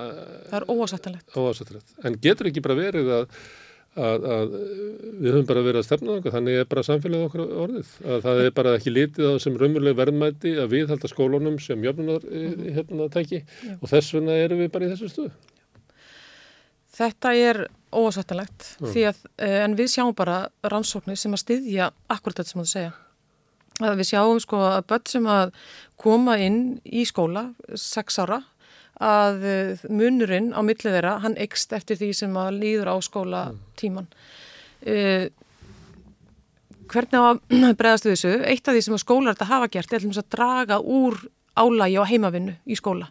Þannig að það sem að er ætlast til þess að þú gerir sé gert innan skólatímas og skólinn beri ábyrð á því hvaða er sem þú átt að læra Já, vegna þess að, að börnin hafa mismunandi stuðninga heimann Akkurat, mismunandi hafa stuðninga heimann Þannig að það er alveg, og líka bara auðvitað, þú veist, börn eru börn, þú veist, er ekki bara nóg að vera í skólanum, áttu svo líka að vera að vinna yfirvinna heima hjá þér, þú veist, við, við fullandu fólki sættum okkur ekki endilega við það Svo eru við svo störluð á hamstrahjólunu að forðarna hafa ekki tíma til þess að vera í heiminu, af því þau, þannig að við kemum láluna fólk sem þarf að vera í tveimur og þreimur vinnum til þess að bara eiga fyrir húsalegunni. Sko. Einmitt. Þannig þannig að það er svona einhvern veginn verið að reyna að mæta þessu með, með þessari hugsun og það sem að á að gerast í náminu gerist í skólunum.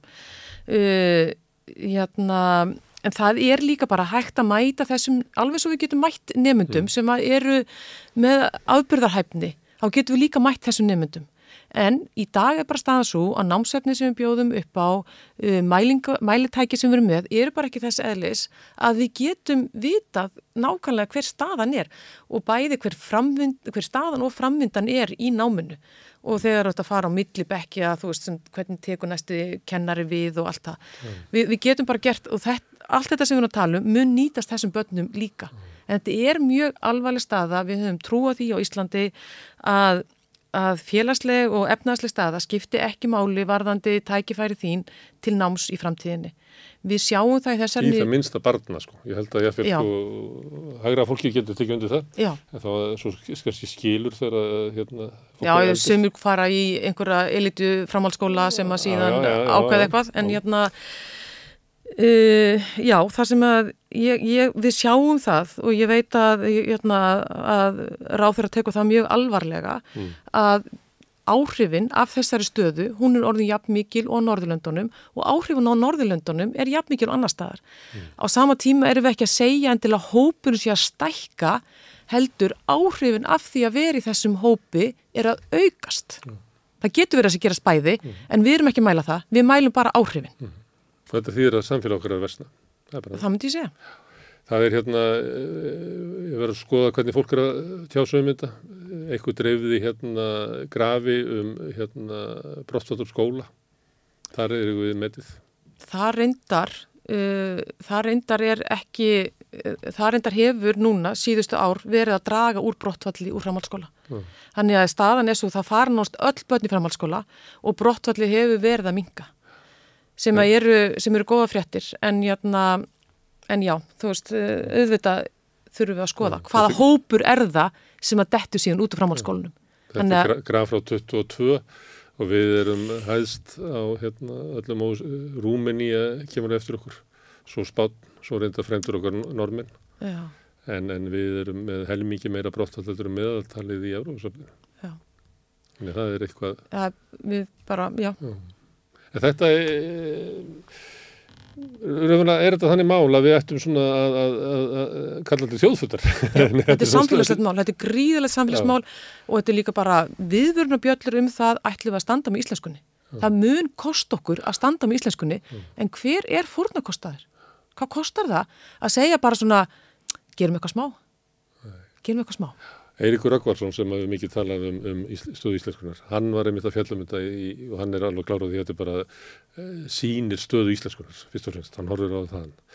Og það sem hann segir að, að það er, það er ekki verið að leita ekkur sögudorgum segir hann, það er allt samfélag sem byr sög, það er bara of mikið vinnuálag, of stutt fæðingarólof, of mikið basla fórlakynsluðinni íslenskan er ekki kend í vinnutíma hjá þeim sem er að koma hingað veist, þetta er bara þannig að þessi æ- æðibunu gangur okkar að, að veist, þetta hamstra hjólið er bara að kæfa menningun okkar og íslenskunar sko. Það hefur áhrif. Já, við erum bara að hætta Það hefur áhrif. Bara aðeins að taka eitt skrið tilbaka og bara anda. enda. Herðu, Sótís, gaman að fá þig hérna og við ætlum að halda áfram að tala hérna um uh, skólakerfið. Á morgun kemur Nestor uh, íslenskra mentafræða Jón Torfi, hann ætlar að, að spjalla við hann á morgun. Takk fyrir. Takk fyrir kjalla. Herðu, og við höldum áfram að reyna að skilja samfélagið og skiptum yfir í næsta kabla. Húsnæðiskostnaður tekur meira en helming á ráðstöðuna tekjum verkafólks í eblingu. Hvernig er þetta réttlæta það? Ebling stjættafélag. Allir þættir samstæðvarinnar eru fáanlegir á öllum helstu hlaðvarpsveitum.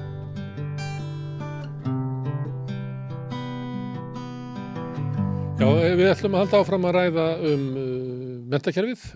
Tilhefnið er náttúrulega útkoman úr PISA sem að eh, er uh, vond í sjálfum sér en, en uh, hvet okkur líka til þess að, að velta fyrir okkur stefnunni og, og framkvæmdinni og hvert við erum að fara í mentakerfinu.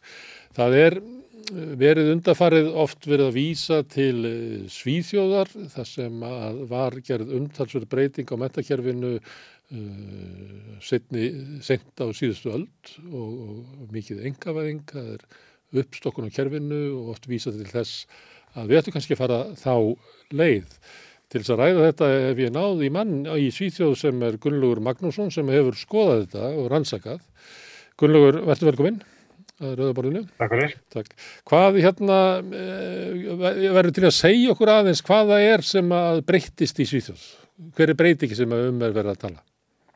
Breytingin sem átti sér staði Svíþjóð var ansið dramatísk upp úr 1990 og það byrja nú eiginlega með því að, að, að miðstýringu skólans er breytt og honum er dreifstýrt og ábyrðin færð frá ríkinu yfir á sveitafjölögin fyrir það fyrsta.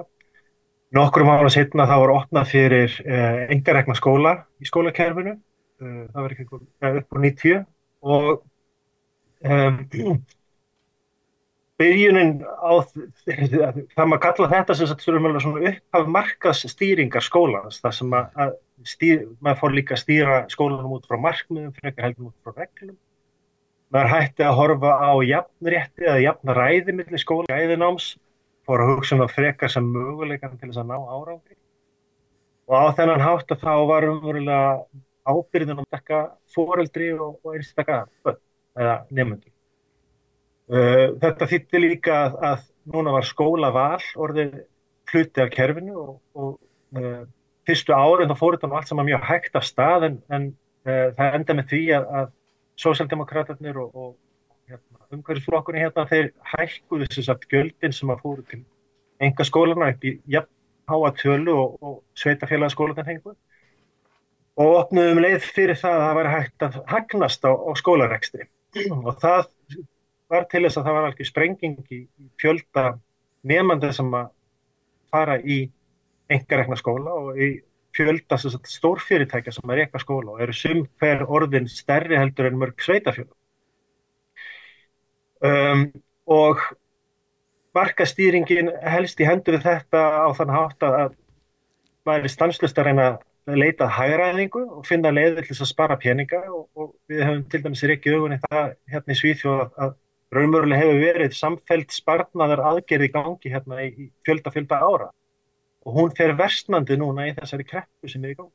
Þetta mm. sveitafjölögin þurfa að halda sínu budget. Mm. Má ég spyrja af hverju var farið þessar breytingar? Hverju voru rökin fyrir því að það þyrti? Sko, uh, rökin fyrir afnámi miðstýringarinnar voru öðruvísu heldur rökin fyrir því að þetta auka val enga vætra skóla. Uh, rökin fyrir að afnama miðstýringuna var svo að það hefði að hæra valdið nær þeim sem að beittu því og þeim sem að örðu fyrir því. Þannig að maður vildi raunverulega veita kennurum og skólastjórum kannski meira, já, meira rýmiðla ákvarðartöku og til þess að forma uh, sína starfsemi og einmitt líka færa þá ákvarðartökunum líka nær bæði nefndum og fóröldum. Og þessi rök komu bæði frá hægur og vinstri, getum að sagt. Frá vinstri var það vegna sem maður var ekki alveg nú ánæg með það að skólakerfi, það var ekki að jafna stöðu mismöndi samfélagshópa. Mm. Frá hægri þá var það að maður leita á skólakerfi sem áskapla dýrt og, og umsvifa mikið og, og, hérna, og flókið rekstri og var ekki að ná þeim markmiðu sem maður vildi ná. En engavæðingin, hún var hins vegar álitin sem bara líðræðis breyting okkar tíma, eins og það var orðað í þinginu. Að eina rétta lausnin fyrir líðræðis hérna, samfélagi væri það að veita fólki möguleika til þess að velja frekar heldur en að hefur ofindara veldi fyrir það hvert að. Mm. Og það var algjörlega uh, sagt, verkefni hægri stjórnar sem var hérna uh, snemma á nýjönda áratögnum með Karl Bildt sem var þá fórsettur frá þetta. Og þær, þessar breytingar voru meira sem mjög gaggrindar af OECD sem að nú keirir PISA uh, sem að annars hefur alltaf verið mjög hrifið af markaðsvæðingu í skólakerfinu vegna þess að sænst skólakerfi stóð afspilnu vel mm. í, á sagt, uh, 7., 8. og 9. áratungum. Um, þá var bæði með sagt, árangur á heimsmæli hverða og jafnræði á heimsmæli hverða. Mm. Og eftir þessar breytingar má ég að segja að það hafi hægt og rólega byrjað að drópin hóla steinin og núna erum við að klíma við ansi mörg vandamál í skólakjörðunum fyrir utan skort á, á, hérna, á peningum og skort á, á raunverulega aðgengja almennilegu námsefni. Þá erum við með svakalega kennaraskort sem er fyrir bara vestnandi. Við erum með um, ákveðin hérna, já, niðurskur sem er stanslust í gangi hérna. Mm. Það er ekki hægt að við erum með enguna verðbólgu, mjög mikla enguna verðbólgu og hún er mjög mun verri í ákveðnum skólum sérstaklega engaveitu skólunum.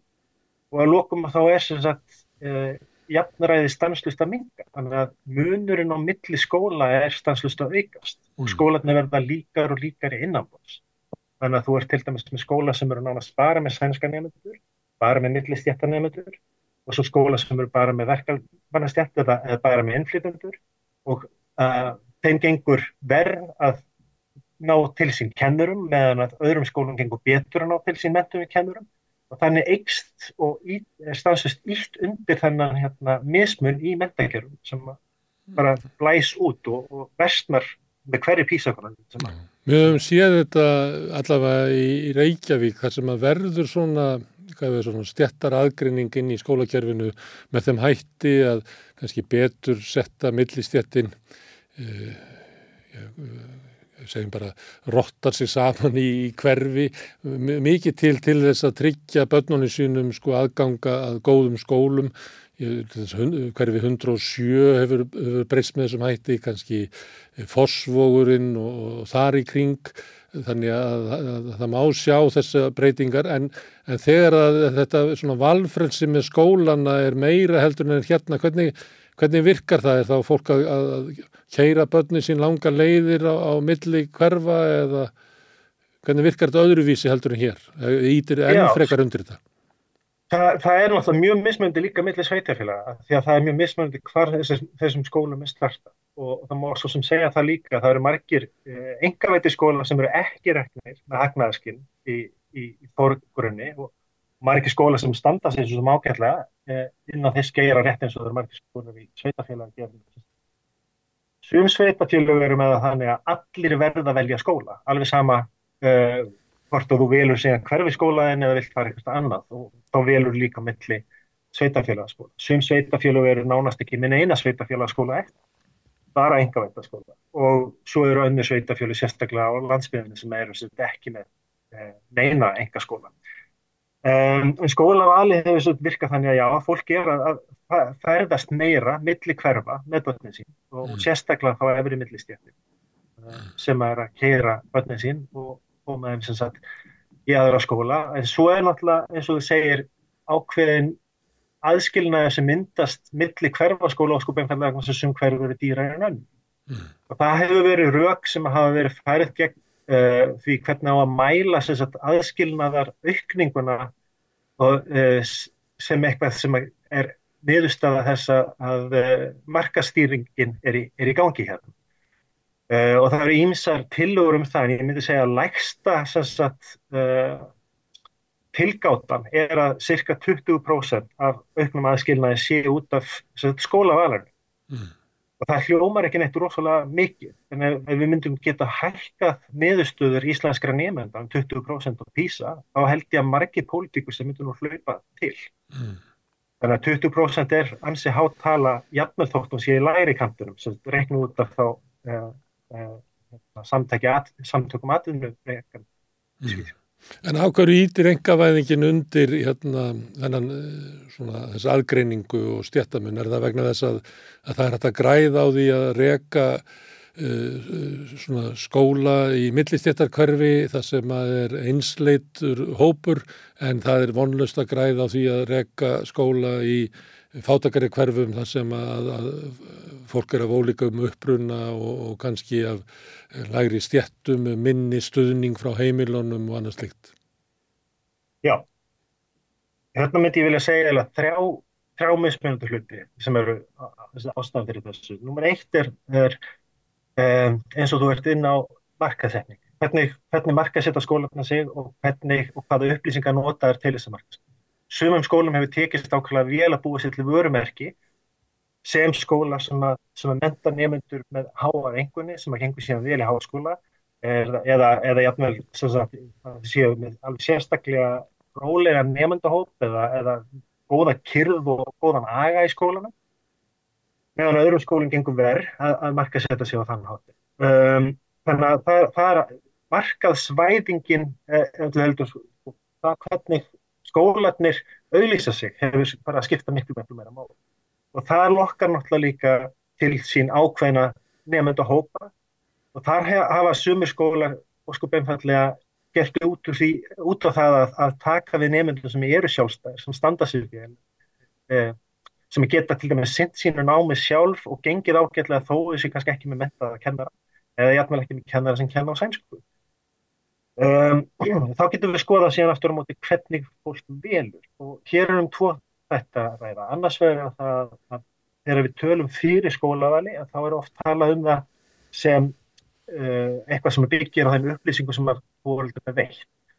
Ef við bara leit, látum uh, fóröldri fá upplýsingar um hvað eru margi kennarar eða hvað eru margi nefndir í bekk til dæmis eða hvaða, hvaða engunir eru að koma út úr þessum skóla svo framins að þá séu að það eru upplýsingar sem að fóröldur nota til þess að velja. En það hefur sínt sig að það er umverulega miklu frekkar orðstýr skólas sem er ræður þessu, hvernig fólk velur. Fólk velur skóla fyrir börnin sín út frá því hvaða skóla vinir börnana eða dekkafélaga börnana er að fara að velja mm. og hvaða skóla maður vill ekki að börnin sín enn.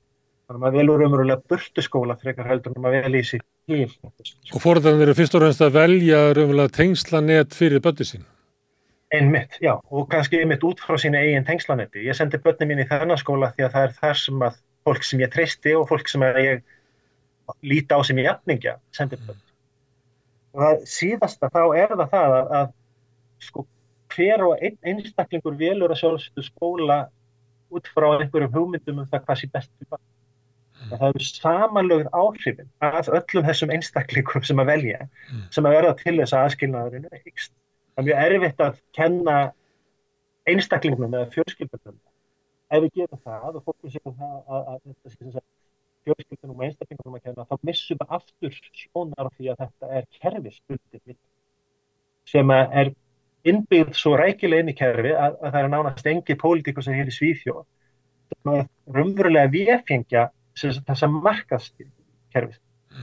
Það er að vísu að aukast en, en lausnir uh, stjórnmálafólk sem hérna er að raunverulega auka markas stjórnina með því að var fleiri svona uh, hvað við segja gæðamatsstofnanir eða, eða eftirfylgni með niðurstöðum og ekki endilega vera fylgjast með því hvað er lagt í frá upphafi. Það er ekki verið að veðfengja kerfið sjálft heldur að vera að reyna að bæta það og með aukinni markas uh, aðferðum með svona neytenda vend og öðru slíku sem eins og þetta sé markaður. Nákvæmlega. En, en, bara plástra, plástra hérna, þessar ólögu sprungur sem er ykkar. En er, hvað með um, almenning, uh, nú er, hafa svíjar svolít svona metna sinn í að vera uh, jafnaðar samfélag, fyrirmynd annar í heiminum, en þú ert að lýsa skólakerfi sem er hægt að vera svona jöfnudarkerfi, hægt að vera líðræðislegt kerfi og er umverulega orðið kerfi sem bara ítur undir og magnar stjættamenn. Hvernig fer þetta í þjóðasóluna? Já, það er nefnilega mjög áhugavert. Um, ég myndi segja að þessi sko, hugmyndum Svíþjóð sem svona draumaland jafnaðamansins sé uh, rumverulega gömul hugmynd. Uh, almenningur er ekki hrifin af hagnaði í velferðarkerfinu. Almenningur er skeptiskur á mörg, hérna, margar þessara stóru skólafyrirtækja og almenningur er sérstaklega óanuðu núna þegar það er verið að sína fram og hvernig stjórnmálafólk hoppar á milli þess að vera stjórnmálamáður síðan fara að vinna í skólafyrirtæki eða, eða heilbriðisfyrirtæki og fara síðan aftur í pólitíkjan og svo framvegst. Um, þannig að, að það eru raunverulega flokkarnir í þinginu sem eru kannski svona outliers í þessu. Þeir, það eru þeir sem eru að hérna, standa fyrir þessu kerfi og verja það. En það má náttúrulega benda á það líka að þú veist, frátt fyrir að við höfum verið að veita aðtekli, eða veita öllum þessum brestum í kerfuna aðtekli í hansi mörg ár núna, að þá kýs fólk aftur og aftur og aftur flokka sem að hafa raunverulega aðra skólastefnu en það að viðhalda kerfinu eða plostra þetta. En er það ekki þannig, varst ekki að segja það að það var allir flokkanir í þinginu sem að, að væru að stiðja þetta kerfi eða allavega lausnum sem þið kemur með væri eiginlega til þess að viðhalda kerfi, kannski kerfinu og bæta aðeins uh, snýða af ágallana. En það væri eiginlega engin valkostur um það að hverfa aftur, þetta er eiginlega eins og við höfum farið inn einhverja uh, götu og við verðum að keira hann á enda. Einmitt. Og það, það er einmitt það sem að virðist vera vandamáli hérna og ég myndi kannski segja það þannig að við sjáum svo sem ímis merki um samskonar fælingar á Íslandi, við sjáum það strax þegar Björn Bjarnason er mentamálar á þeirra, mm. uh, hvernig hann talar um mentakerfi og mentun og hvernig það er að þróast og það eru ákvæmlega áhugaverðar nýlega rannsóknir sem bæði hafa verið unnar á til dæmis Auður Baktísi, uh, Auðurdóttur og Berglindur og Magnúsdóttur mm. sem á nýleg uh, dótturskiptir eftir Kolfinu Jónesdóttur og, og dóttursnemi sem er núna í heimsókn hjá okkur í Uppsala sem heitir Marja Jónesdóttur sem er að vinna rannsóknum í kringum þessi mál og, og, og það eru raunverulega að skoða mörgulitinu til afleiningar uh, aukinar markaðsvæðingar sem er ekki endilega kynnt til, til almennings sem mm. markað heldur bara einhvers konar menta umbætu sem að þarf að ganga í gegn Það var alveg augljóst þegar þú varst að rekja sögun að, að, að fyrri hlutinnar var bara það sem er búið að vera að gera hér alveg frá Bitni Bjarnasinni, Þorgirðu Katrínu yfir Ídlu og Gunnarsson. Þetta er eiginlega, Já. við erum á sænsku leðinni, það er bara þannig. Já og það, það virðist ganga hægar á Íslandi, einhverju hluta vegna, eh, sem er merkilegt því að Ísland hefur oft verið sagt, mjög snögt að gera stefnurbreytingar og, og snúa hlutunum við. Það hefur gengið hægar á Íslandin en það hefur gengið í Svíþjóð. Það er mjög augljóst að maður er, að, uh, maður er innblásin af sömu hugmyndafræði og, sé, og maður er að sækja svo sem hugmyndir í sama brunn, hugmyndafræðilega brunn sem er náttúrulega bara nýþrálsikja og New Public. Management eins og það er kallað. Mm. Hérna. En nú er þetta mikla breytingar sem að svíjarnir gera á til þess að skömmu tíma. Ég myndi ætla það að þetta væri já, fyrir menn eins og þig uh, frábær vettvangu til þess að kanna áhrifin og annað slíkt. Hver er, eh, er þetta að tala um svona dómfræðasamfélagsins um, um þessa breytingasvíja? Já, já og nei, það fer svona aðeins eftir í hvaðan fólk kemur. Það er til dæmis verið hægfræðingan oft jákvæðir ykkar hvert mentakerfinu, eh, það er að segja markaðsfræðing og mentakerfisins heldur en til dæmis uppbygglisfræðingar eru, mm. stjórnmálafræðingar eru oft skeptiskari heldur en uh, já, mm. einmitt hagfræðingar eða, eða aðri slíkir hópar en uh, það, er, það er ekkert hægt að við fengja það að það eru færri og færri nefnendur sem að Þessi, það, er, það er aukin hluti nefnda sem að nær ekki markmöðum grunnskóla þess að geta farið upp í framhaldsskóla Það er, hérna, PISA er ekkert eini mæli hvernig að það, við sjáum það líka bara á samrændinprófin hérna í, í Svíðtíma og miðurstöðum þeirra. Um, það er, þú veist, fullkomin, núna, veist, það er ekkert hægt að neyta því að aukin stjætskipting skipti máli og að það er aukin, hérna, aðskilnaði millir skóla í kerfinu. Síðan er fólk kannski ekki endilega saman um hvernig á að lagfæra það, en þessi PISA, nú veit ég að PISA skýrslan hefur lend eins og sprengja náttúrulega á Íslandi og það eru samskona viðbröð raunverulega á öllum norðunum mm. og hér líka hér fyrir á síðasta písa þá þótti fólki að vera að fá smá svona vinna aftur tilbaka sína stöðu sem það hafi tapað. En þessi písaskýrsla að sína það að við erum að hoppa mörg ára aftur mm. hvað það var. Þannig að, að dómur fræðarsamfélagsins er nú basically að, að, að markasvæðingin hafi kannski ekki haft þau áhrif sem ætlast var til til þess að orða það varlega mm. og neikvæð til þess að orða það svona meira uh, pessimist mm. á sérstaklega þá uppbyggis og mennfennafræðin og politík. Herðan, við verðum að horfa á þetta frá svona árangri nefndana og hérna uh, hvernig fóröldinni velja skóla og svona en, en skólakerfi sem kemur út úr þessu uh, þú ert að lýsa þessu stórfyrirtæki sem er eitthvað skóla þannig að, að áður var þetta hérna, grunnskólareknir af sveitafélagunum og svo eitthvað svona yfir umsjóni frá ríkinu. Núna er skólakerfið í síð og hvernig er þetta Er þetta bara eins og keðjur, er þetta eins og matvæla hérna, markaðurinn á Íslandi? Er þetta bara krónan og bónus og, og hagköp sem að eiginlega drotna yfir skólakerfinu í Svíþjóðs? Nei, fyrir er ekki svo slemt. Það getur orðið það svona, við erum kannski eiginlega ekki með eitt skólakerfi lengur í Svíþjóð. Heldur eru við með 290 sveitafélög sem er eitt skóla og hafa mismunandi bólmakt til þess að standa bak við þann rekstur. Sveitafélögin borgar síðan engareknum skólum, jafn mikinn pening per nefnda og þau, þau borga sjálfum sér mm. fyrir hvern nefnda. Um, það eru cirka 15-20% nefnda í Svíþjóð sem að fara í enga rekna skóla. Miklu herra hlutall í borgunum, í, í sérstaklega stórborgunum, það er miklu herra hlutall. Og það er cirka helmingurinn af, uh, það, 25% af framhalskólu nefndum, það er sko liðlega helmingurinn í, í stórborgunum sem að fer í enga rekna framhalskóla og engavæðingir á leikskólakerfinu er líka veikast. Það sem hefur gest er að það eru margi skóla sem hafa kannski breyst yfir í engafyrirtæki og verið bara í eigu eins aðalega. Þetta er segjum til dæmis það auðvildast ef ég er skólastjóri og við erum hérna nokkru kollega sem er langað til að reyka okkur eigin skóla. Það er langað auðvildast að starta hlutafélag. Og það sem að gerist svo er hins vegar að stóru keiðin að fóma að kaupa upp hlutafélag. Uh, kaupar hann upp samkeppnina og fellaði síðan undir þannig hægt. Þannig að það tók til dæmis uh, skóla, skóliinspekónuna hérna sem fylgist með rekstri skóla og, og getur meðal annars loka skólum. Það tók þá uh, átt eða nýju mánu að reyna að finna út hverjir voru eigendur einnar af stóru keði. Svo keðja hefur meðal annars verið að fjárfesta í skólum á Spáni og í Sáti-Arabíu og við sjáum hvernig sko peninga flæðið í þessum hérna, fyrirtækjum er mjög flóki að fylgjast með og þegar það hafa komið upp umræðum um það til dæmis minga hagna þessara skólakæðja að ég setja einhvers konar þakka á það að þá hafa þau þessi fyrirtæki og skupum að fara að kaupa húsnæðið og leia það út og græða peningur á því í staðin þannig að það er eins að leiði til þess að vinna sig út. Mm. Uh, orðræðan hins vegar gagvart uh, engafyrirtækjunum hefur orðið miklu miklu neikvæðari á undanfærum árum.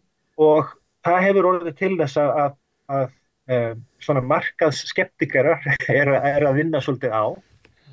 Uh, en það er tátt sem að bendi til þess að það sé hægt að vinda ofan af þessu kerfi nema þá með bara mjög stórum til dæmis greiðslum úr ríkisjóðu eða eitthvað til þess að reyna að fá þau uh, út, úr, út úr þessum hérna, markaði sem við erum á Mm. Ég myndi eins og að segja að sko hugmyndin, þessi grundallar hugmynd um mentun sem neysluveru, um eitthvað sem við kaupum til þess að bæta nafn okkar eða til þess að auka keppnishafn okkar á atvinnumarkað eða eitthvað ámata og hún er í grundvöldu eitthvað sem að mjög margir kaupa og er í sjálfi sér raung vegna þess að hún ítur undir þessa markafjón Það er flott að segja að það sé ekki hægt að skipilegja skólakerfi eins og við erum að skipilegja ja, matvaladreyfingu eða skóverslanir að það sé ykkur önnur lögmál sem að ráðið í hvernig við veljum okkur mentun og hvernig mentakerfi þarf að, að þjóna nefndum.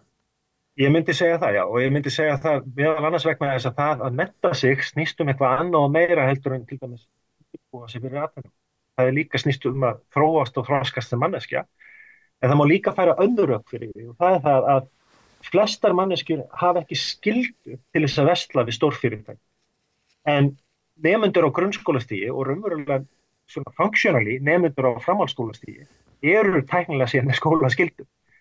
Og það þýðir að e, þú verður að vestla þess að völd. Mm. og þú hefur ekkert val um það, þú ert meiri sem með já, skóla skildu, þannig að þú, þú, þú getur ekki einu sinni valið eh, að fara utan í kjálf.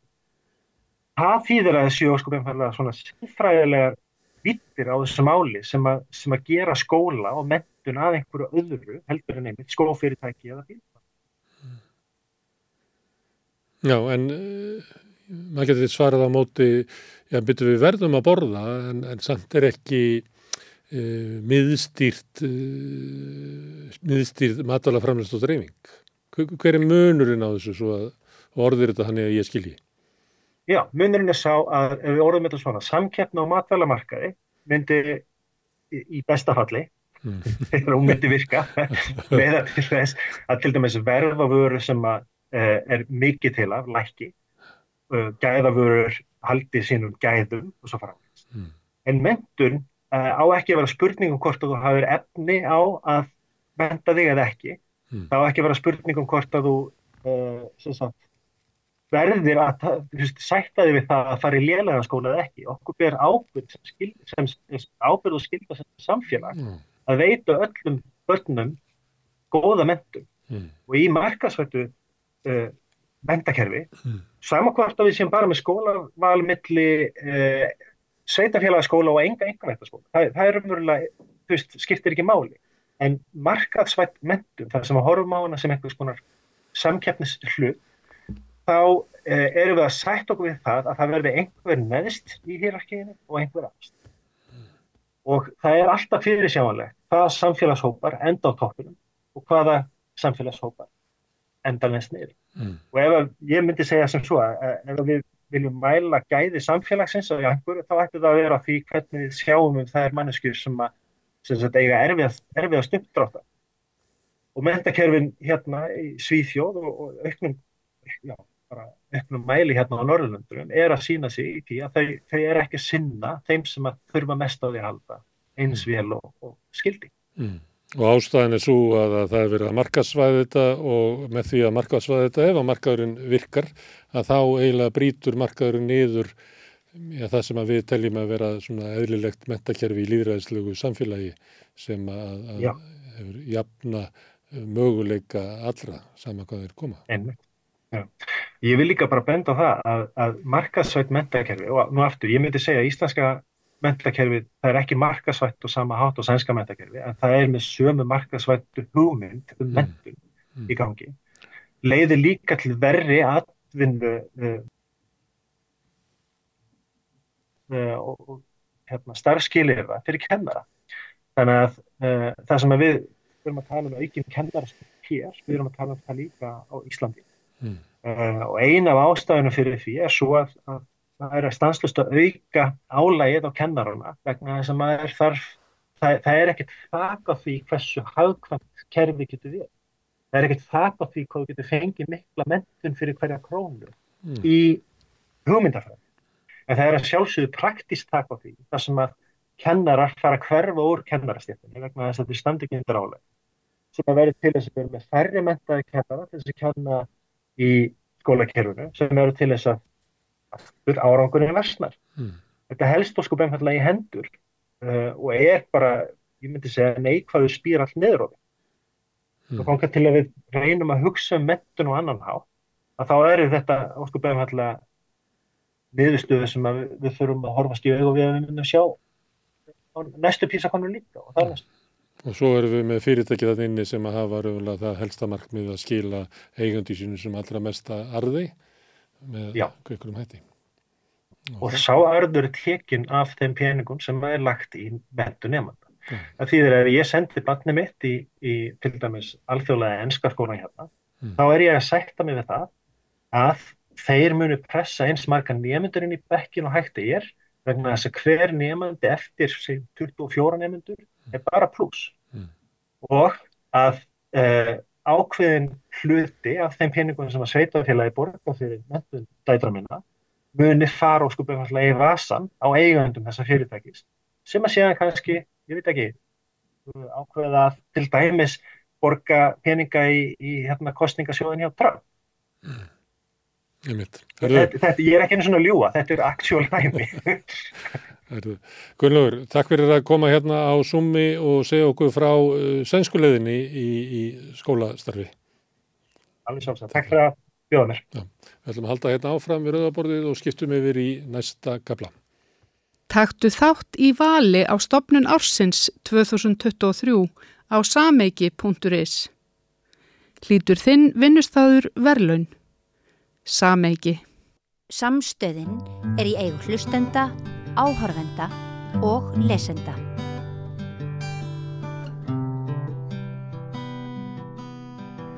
Já, eina bókurum sem er að koma út fyrir þessi jól, þetta er Reykjavík sem ekki var, þetta er svona hvað ef saga einhver leiti, þetta fjallar um svona hugmyndir af uppbyggingu Reykjavíkur sem að rættust ekki, blessunarlega kannski í einhverjum tilfellum geta eitthvað sagt en því miður í öðrum að þau eru komið hinga til þess að ræða þetta höfundanir sem eru já, hvað það bara gæti engin nema þið skrifa þessa bók. Þau eru hjón, sagfræðingur og, og arkitekt Anna Dröfn Ágústóttir og Guðni Valberg. Til hafmyggjum með bókina. Takk. Þau slóðu náttúrulega í gegn með síðustu bók um laugavegin mm. Takk fyrir. Þessi bókur er eldri og er að koma aftur út núna eftir að hérna, hafa verið ófánleg í átta ár og, hérna, og kemur núna út aftur. Já. Og laugafögur vakti, var, svona, það sem er kallað innrómalof. Það fælst í því að það, maður heyrði engan sem að haldi bókinu. Já. Já, bara gaman að heyra það frá Já. þér. Já, það verður ekki borist okkur til eirna, þannig að það er hérna, ekki þér heldur. En hvað, þetta er náttúrulega skemmtilegt Hvað ef? Algjörlega. Okkur langar að gera skemmtilega bók. Já. Það er í rauninni kveikjan af bókinni. Já. Að hérna gera bók sem okkur langar til að lesa Já. og hérna við höfum auðvitað einlegan áhuga á byggingum og borgarumhverfi og svo bara fyrir við á stað og finnum einhvern vingil á þeirri sögu sem er skemmtilegur. Það er eiginlega hérna svolítið þannig. Og, og hvað ef er náttúrulega rosalega skemmtilegt sjónarhótt?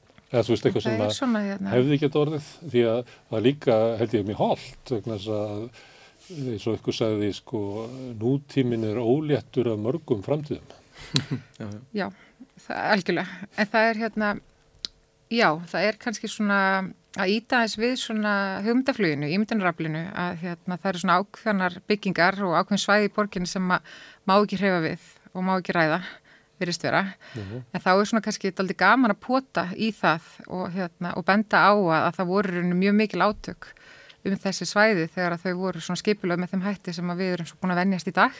Ja.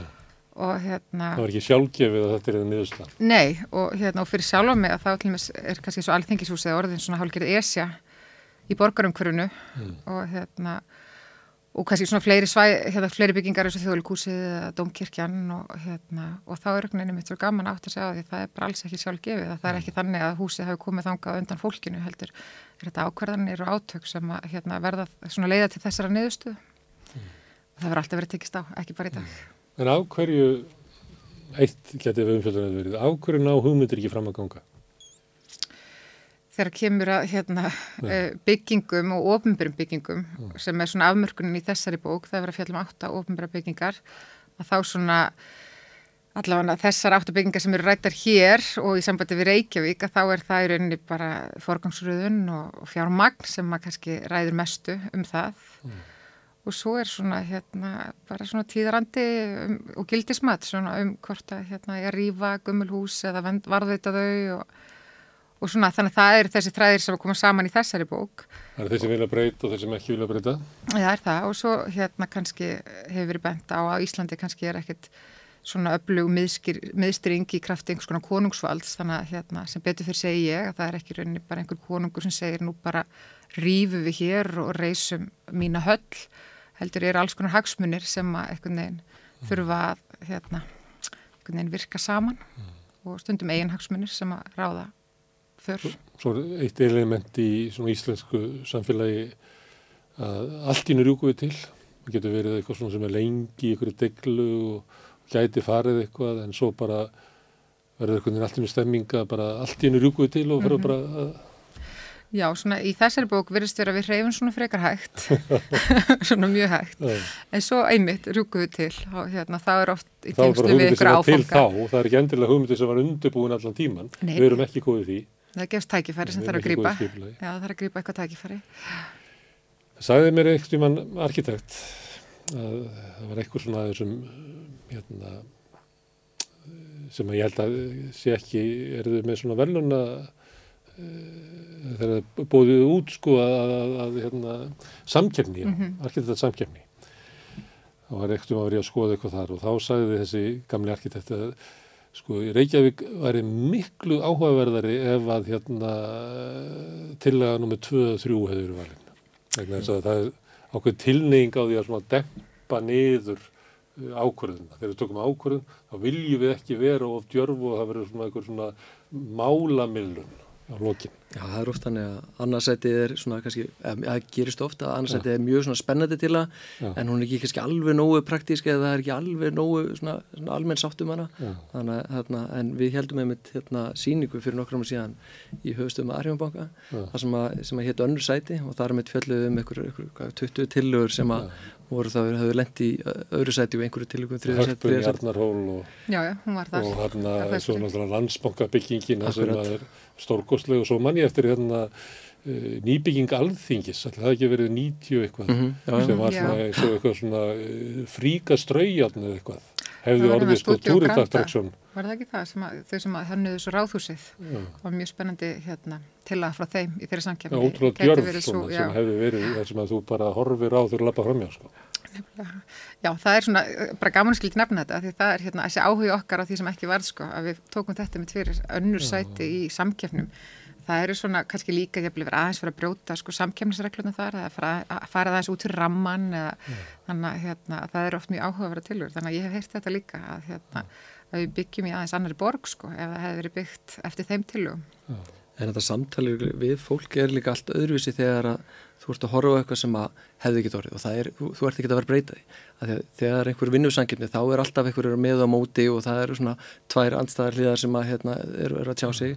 En þegar þetta er eitthvað, já þetta er bara eitthvað sem að hefði geta gerst. Þannig að þá er, þá er einhvern allir einhvern veginn on board, það er, það, það er einhvern veginn það er jákvæðari hérna, umsögn sögunar Já. vegna þess að hefur ekkert á, reynd á gallana við tekníkuna Nei, í raun er ekki. það. Og yngar málamiðlanir, það er rauninni kannski svo að fara að þróa vinningstiluguna áfram og, og meðan önnur er þarna bara algjörlega ómenguð af öllum þeim málamiðlunum sem þarf svo að fara í til þess að byggja hús, ímynda í mér. já, já. en eins líka bara með hérna, svona kannski eina ástæðan fyrir við skrifum þessa bók var kannski að að það, e, hve- hvernig getur maður að tala um arkitektur og skipularsmál á aðeins meira spennandi hátt? Þetta skipularsmál, allavega þegar við vorum byrjað að skrifa bókina voru kannski ekkit hot topic á, á, þeim tíma. Þannig að hérna, hvað, hvað getur við gert til þess að hérna, fá einhvern veginn alla til þess að hérna, hafa áhuga? Og þá varum þetta hluta því með þetta svona hvað ef. Og þá erum við allir bara ekki, já, ó, þetta nú verið getið, þetta hefði verið hríkarleitt þannig að þetta er vera kannski aðeins meira spennandi fyrir þá sem að kannski hérna, eru almennt ekkit kannski að velta fyrir sér skipularsmálum En þetta er svona gefið inn í svona menningar uh, umræðu sem er svolítið erfið og stíf eða? Er það að menna það? Var, Já, ég held bara allan á þessum tíma, þessi bók er fyrst gefin út hvað, 2014 uh, og það er náttúrulega svolítið í raun stutt eftir hrun og það er svona margt að fara í ganga aftur og hérna verið ennþá að góður takast hvað er uh, tími. Já, og svona verið að takast á um, en verið að takast á um svona varðuslu hugmyndir eða að fara að ráðast í brjálæðslu uppbyggingu á grunníbyggingum og þéttingu.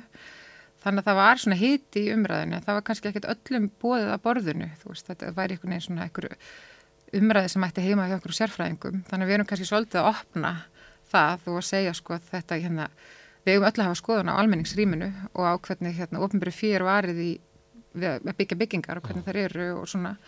Og að þetta sé löng saga og, hérna, og ábyrðar hlutur að byggja byggingar sem munu lifa okkur öll vonandi. Og hérna, þannig að það var nú kannski svona, ég ætla ekki að segja að það hafi verið svona, hérna, það hafi verið eitthvað svona rosalega gufugt markmið, en það eru þetta svona kannski eitthvað sem maður var meðvitaður um þegar við vorum að gera þetta, en það er bara að fara á stað með eitthvað sem okkur fannst alveg rosalega spennandi og líka er raunin hugmyndin kviknar út af einlegum áhuga guðuna á efninu og svona einhver löngun til þess að fá mig til að skilja þennan áhuga. Og í rauninni þannig að það er rauninni bara svona tilraunir heima við bara eldursporðið að hérna hann er að teikna þetta upp fyrir mig er til að því ég er algjörlega ólæs á einhverju skipulags uppdrætti og sé ekkit hversu áhugavert þetta geti orðið. Og hann er að tala um einhvern skala og áhrif og, og byrjar að teikna þetta upp. Þannig, og það bara virka, þetta hafiði bara mjög mikil áhrif að hérna að fá einhver verkfæri til þess að skilja skjöl mm tvíðar tekningar og skipulags uppdrætti e, að þá hefði ég auðvitað alveg skoðun á einhverju sem var ekki orðið og mm. gata allir tekið þátt í því samtali þannig að það var í rauninu bara ef þú hefur gaman að þessu þá ætti nú allir að hafa gaman að þessu mm. og hérna og svo bara fórum við að skoða og þá í rauninu var auðvitað ánægilegt að sjá hvað voru margar spennandi hugmyndir og í rauninu miklu fleiri heldur en eru í þessari bók mm. En hérna við ákveðum að afmorka okkur við ofinbæra og þá svona kannski þessar svona þannig grunn að þetta væru byggingar sem allir hefði skoðuna að hafa mm. kannski og, og þá fundum við fyrir því að, að það er þá þetta svæði miðbærin um leiðum að fyrir kannski aðeins út fyrir það svæði að það verðist ekki vera sami hiti í fólki um breytingar. Þannig að við einhvern veginn drögum línuna svolítið bara að það er innan mm. ringbröðar mm. og svo þessar ofnbæri byggingar. Þá er líka auðvitað að vera að nota hérna almanna fjö og svo það kannski svona þriðiliðurinn út frá sagfræðilegu sjónarhortni að þá eru líka bara daldi hérna gott aðgengi að skjöl þetta er bara vel varðveitt og vel skrásett sem er kannski á ekki alveg alltaf við um, um svona enga byggingar í enga mm. Það miðbærin er svona til að sé allir eigan einhvern veginn og allir eiga að hafa skoðunum og þetta sé eitthvað sæmilegt verkefni okkar að, að mm. móta en, en svo er bara eiginlega lítið rætt um hverfi þarf fyrir þetta sem er kannski miklu starri skiplarslega mál sko, hvort að sé þjónustæn í hverfonum og öðru slíku. Mm -hmm. mm. Já, sem er bara áhugavert, svona Já. þessi merkingasköpun í miðbænum. Herðu, en þetta er uh, myndlist, ekki? Arkitekt er myndlist. Já, list allavega. Já, list. Og við hérna, njóttum þess að vera með videopodcast, þannig að við ætlum að skoða nokkra myndir og aðtökkotti getur sagt sögu í gegnum það en ég veit að það eru uh, stór hluti hlustenda sem að heyri þetta í útvarpi og, og hérna í hlaðvarpi. Þannig að ég mun svona að reyna aðeins að segja hvað kemur á myndun, myndunum þannig að við svona bara fá fyrstu myndin hennu upp og því séu okkur söguna. Þetta er nú gömul mynd af, af Reykjavík, þetta er í tjörninni þannig að sé ég alþykisúsið og mentaskólan og svo sem eh, ekki mikið annað. Þetta er, er þetta svona 1885 Svona fljótt Get, get, Getur verið það, já, já. Hérna, Alþingisúsi rýs 1881 þarna. Já.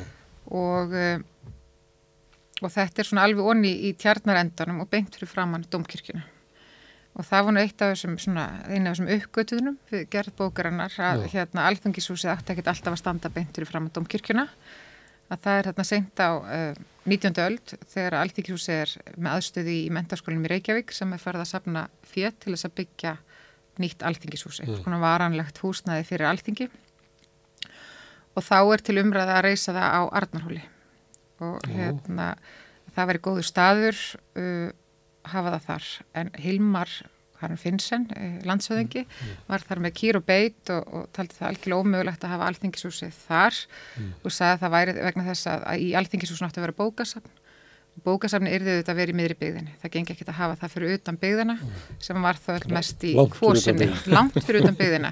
þetta var ekki út af því að þetta hendaði honum ítla heldur, þetta væri út af því að hann vildi nú ekki að vera langt fyrir fólk að fara á bókasafnið. Eh, En það er sem sagt, e, niðurstaðan er samt að, að þetta verði þannig útjáður í Arnarhóls landsins sem náði alveg upp að bakarbrekku sem er bankastræti í dag. Mm. Þannig að það var byrjað að grafa fyrir alþengisúsinu þarna hvað 1879 bara mm. þar sem að í rauninni Ingólstræti sker bankastrætið. Þetta er þarna við bankastræti 11 og millið 11 og 13, þetta er eiginlega bara þar sem að... Sólun Íslandus? Já, þar. Þar bara í rauninni, heila það sem að gatan sker. Og var þá ekki komin bakarabrekkan eða? Þá er bakarabrekkan, jú, hún líkur bara mm. þarna upp og, og svo tekur lögavegunum við og, hérna, og þetta átti bara að standa þarna í útjæðri túnsins við bakarabrekku. Og það er búið að grafa grunn, þetta er komið svo langt að það er búið að grafa grunn fyrir alþingisúsi þar mm. uh, og það er verið að býða eftir að dansku smiður komið svo til ákvæðurinni bara legu húsins innan þessara hérna ofan í grunnum, hvort að húsi eða snú út á sjó eða að gödunni að bakarabrekkunni sem var svona verða að formast að einhvers konar aðalgutu í bænum í framhaldi af austustræti. Þegar hann kemur, hann Anton Balda, þá bara tekur hann fyrir það, segir bara þetta gengur hér er bara ómikið halli á lóðinni, bæði niður að sjó og hérna niður bakarabrekkuna. Hann hafði greinlega aldrei séð tekníku með hæðalínum. Því í dag skiptir mjög máli þegar maður tekna byggingu að bara hvernig afstöðumyndin er. Bara hvernig situr í landinu. En á þessum tíma þá voru byggingar yfir bara teknaða bara á, á kvitt blað og svo þurfti bara að máta hvar var best að koma það fyrir. Þannig að þannig er henni búið að tekna húsi fyrst og svo þurfti að koma það fyrir og, og þarna er einmitt í bakarabrekkunni það er bæði hlýðarhalli og halli í áttina til norðus. Þannig að svona tvöfaldur halli má segja, svona skáhalli mm. sem er alltaf mjög erfitt fyrir byggingunum að fara að byggja upp einhvern, einhvern svona púða í kring mm. þannig að hann bara tók ekki mála að fara að reysa þarna þannig að þá var bara að fara að leita eftir, eftir nýjum stað og, og, og þessi staður er mitt hérna, e, hérna við Östuvöll var þá fyrir valinu mm. og þá var að byrja að grafa fyrir húsinu í raun og veru þar sem alþykisgarðurinn er í dag mm. en þegar fór að grafa fyrir þar að, þá kom alltaf bara tjarnaleiðan ofan í grunninn og þetta var bara ekki hægt og búið að grafa allar grunninn og, hérna, og þá var tekin ákveðnum að færa það sagt, nær austuvelli og þú veit að tapaðist þetta lítla torg sem átti að vera sameilegt fyrir þinghúsið og fyrir domkirkjuna mm. en í staðan þá er bara húsi, alltíkishúsinu bara fært beint fyrir framann aðalingang aðal kirkju bæjarins sem er mjög, skrítið. Og þetta er, eitthvað sem að hérna, mitt við annað tölum um að hún sagði að hérna, bara ég haf aldrei eitthvað spáð í því að allþýkisúsi var beint fyrir saman inganguna á domkirkinu og það verið flesti verið að samála því að Þetta hafði ekki tröfla mig sem er svona skrítið að þegar maður lappar út í domkirkinu þá bara mæti manni húsgafl ég hef aldrei eitthvað spurt mig ætli þetta hef alltaf átt að vera svona og hvort ætla hafi komið undan. Þetta átti ekki að vera svona. Þetta átti ekki að vera svona og það hefði þetta verið svolítið flott ef það hefði verið þarna eitthvað svona sammeðilegt torg fyrir þessar svona aðalbyggingar í bænum. Já, og fyrir Helga Hósi að svona sletta skerinu og svona. Það hefði getið aðtefna sér betur þarna, já, akkurat. Það sem gerist í rauninu kjölfröða þessu að það var búið að heiða svo miklu peningi að grafa sko grunn á tveimur stöðum í bænum mm. þurft, og, og það var pressa á að húsið er tilbúið 1881 og þá var tekinn svo ákveðinu bara að lækka um eina hæð, það átti þess að það var einna hæð þærra mm. og það fundust teikningar af því bara á tíunda áratöknu núna uh, af baklið húsins annars höfður en enga teikninga varfist af húsinu í, í uppalegri mynd. Og út frá þessum uh, teikningum af baklið húsins að þá hérna, uh, tóku okkur til og, hérna, og ég gerði þá til og að rendringu, tölur rendringu af húsinu í bankastræti. Og við erum með mynda því. Já, mynd. Og, hérna, og þarna er myndin tekinn frá skólaurstí mm. og þarna náttúrulega talandu hvað ef söguna þarna þurftum maður að passa sig að skaldi ekki of mikið þegar maður hefur kannski lítið hæ, uh, Hæðin sem vantar er hérna neðstahæðin Já, þannig að þetta hún, já, svona halgi kjallarið hún reyndar ekki ja. kannski niður grafin en þannig átt að vera svona, svona væglega tröppur upp að það er til svona eitthvað textalýsning að en þarna er hún til dæmis velja sjónarhótt þar sem að maður sér hún aðalega bara húsi en ekki hvernig byggðin í kring hefði þá þróast mm. en þarna þurftum maður þá líka svolítið að geti eðurnar bara hvernig hefði þessi gardur í kringveri og þar tekum maður þá bara svona elementu úr uh, alþykisgarðum með svona í dag og svona, svona vinnum með þetta mm. en, en, en já, svona, svona hefði þetta geta verið eða kannski ef að landhallin hefði verið aðeins minni eða Að, hérna, já, þetta er svolítið annað hús þegar þetta komið, svona, komið með svona halvan kjallara undir sig. Já, mm -hmm. og þess að tröppur þarna upp. Algjörlega. þetta er svona meiri höll. Já, það er það sko. Eh, eins og þegar núna þá er þetta svona líkara svona bankabyggingu. Já, já, þetta er svona, svona varðara líka sko, talandum að sletta skýrn og svona þarna getur fólk allavega ekki sko lappa alveg upp að glukkonum Þetta hefur náttúrulega haft gríðarlega áhrif á byggðina sem að þarna er sem að þarna var sko Vestlunargata og Laugavegurinn og þetta hotnaði líklega þróast einhvern veginn öðruvísi. Já, já, maður bara eins og eh, þegar við nefndum hérna, eh, hérna Sólóna, Ingolstræti er lagt frá í raun og veru eh, bankastræti og niður hverjuskötu eftir þetta þannig að það hefði til dæmis aldrei verið. Aldrei orðið. Ok, ég var að skoða meira. Já. Og þá við hérna næstu mynd.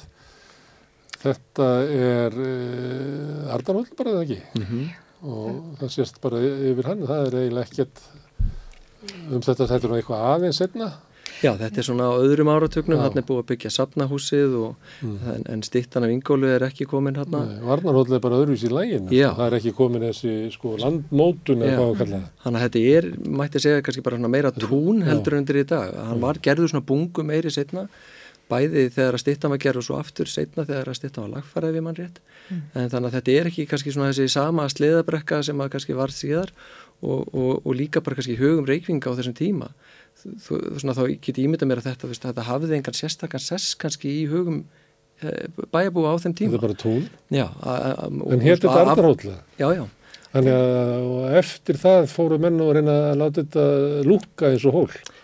Stiktan svolítið. Já, hérna. sko, já, ég held, og, ég held að Arnarhóllin sko hafa nú kannski líka haft svona, já, svona, svona stærri skískotun heldur en bara þetta frímirki í raun og verið í borginni. Þetta var svona var alltaf stærra svæði eins og annan um dagan þetta náðu upp að bankastræti og þetta náðu upp að klappast í austri svona um það byrj Svona langliðina.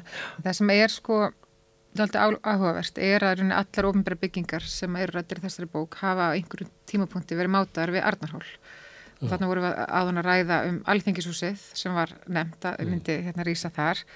Um, en svo er það ekki fyrir 1905 sem er sem sagt, já, hvað ára eftir við fáum heimastjórn mm. að hérna, það er svona til umræða að fara að ráðast í að byggja allar þessar byggingar að svona fara að móta Reykjavík og gera hérna einhvers konar höfuborg á Íslandi. Það eru komin í svona nation building. Algjörlega, fá... það er bara svona hérna og svona einhver litið þú veist, jú það búið reysa alþingishúsi en það er svona eitthvað svona skýrt upp á þarna eftir 1904 þar sem að uh, Arnarhóls landið kemur þá verður að eigu Íslandinga aftur og, og hlutaði er seldur og sá peningur sem að verður til þar er, nú, er bara frátekinn strax í byggingarsjóð til þess að reysa ofnbæra byggingar. Og það er ákveða fyrsta byggingin sem eigi að reysa sé utan um bækunar að búið til sapnahús og allt landi er sagt, það sem var ekki sælt til þess að fjármagna þessar byggingar er frátekið strax 1905 með bara lögum uh, fyrir sagt, bara þær byggingar sem ásó eftir að reysa og það er fengið hérna, allur, allur Arnarhól allur Arnarhól og eru sem er miklu starra svæði heldur en þar hefði ekki orðið bara svona, svona ofinberri ofinberra byggingar ráðunitin hæstir eftir sem það er í rauninni. Það, því þetta er tekið frá þarna 1905 og við erum eiginlega með öll ráðunitin á þessum blætt við erum með hæstarétt, sapnahúsi, þjólikúsi mm. og það er rauninni allt bara beintengt út af þessari, þessum lögum sem eru samþygt þá og, og, og þannig að þannig að það var svolítið svona áhugavert að segja á því og í rauninni er líka þá tólið merkilegt að sko að hann sé, hann sé ekki byggður í rauninni að það sé þetta græna svæði ennþá þarna í miðborginni mm. sem að hérna sem er ekkert sjálfgefið mm. og, uh, og þetta strax 1900, já, 1906 ára eftir að lögin eru samþygt að þá er fenginn danskurs já, byggingafræðingur til þess að koma og svona skipulegja þetta svæði aðeins og, og hvernig bæri best að koma fyrir þessum svona mikilvægustu byggingum uh, á hólnum á þessu svæði og það er það sapnahúsi, það er ráðhrabústæður, háskóli og spítali sem að hérna hann næra raða einhvern veginn á þetta svæði en eina byggingin sem reys samkvæmt þessum hugmyndum er sapnahúsi mm. en það er raunin bara helmingurinn af þeirri stærð sem að uh, hann gerði ráð fyrir uh, þessi, hvað var þetta ekki, Kirbu sem gerði þetta, já, já.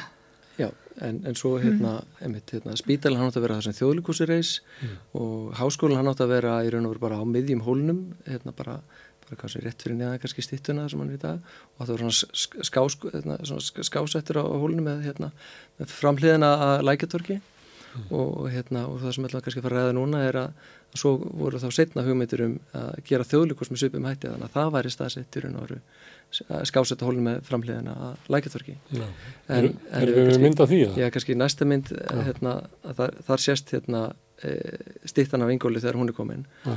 og þarna kannski er þá hólinn kannski orðin svona aðeins heilari fyrir vikið.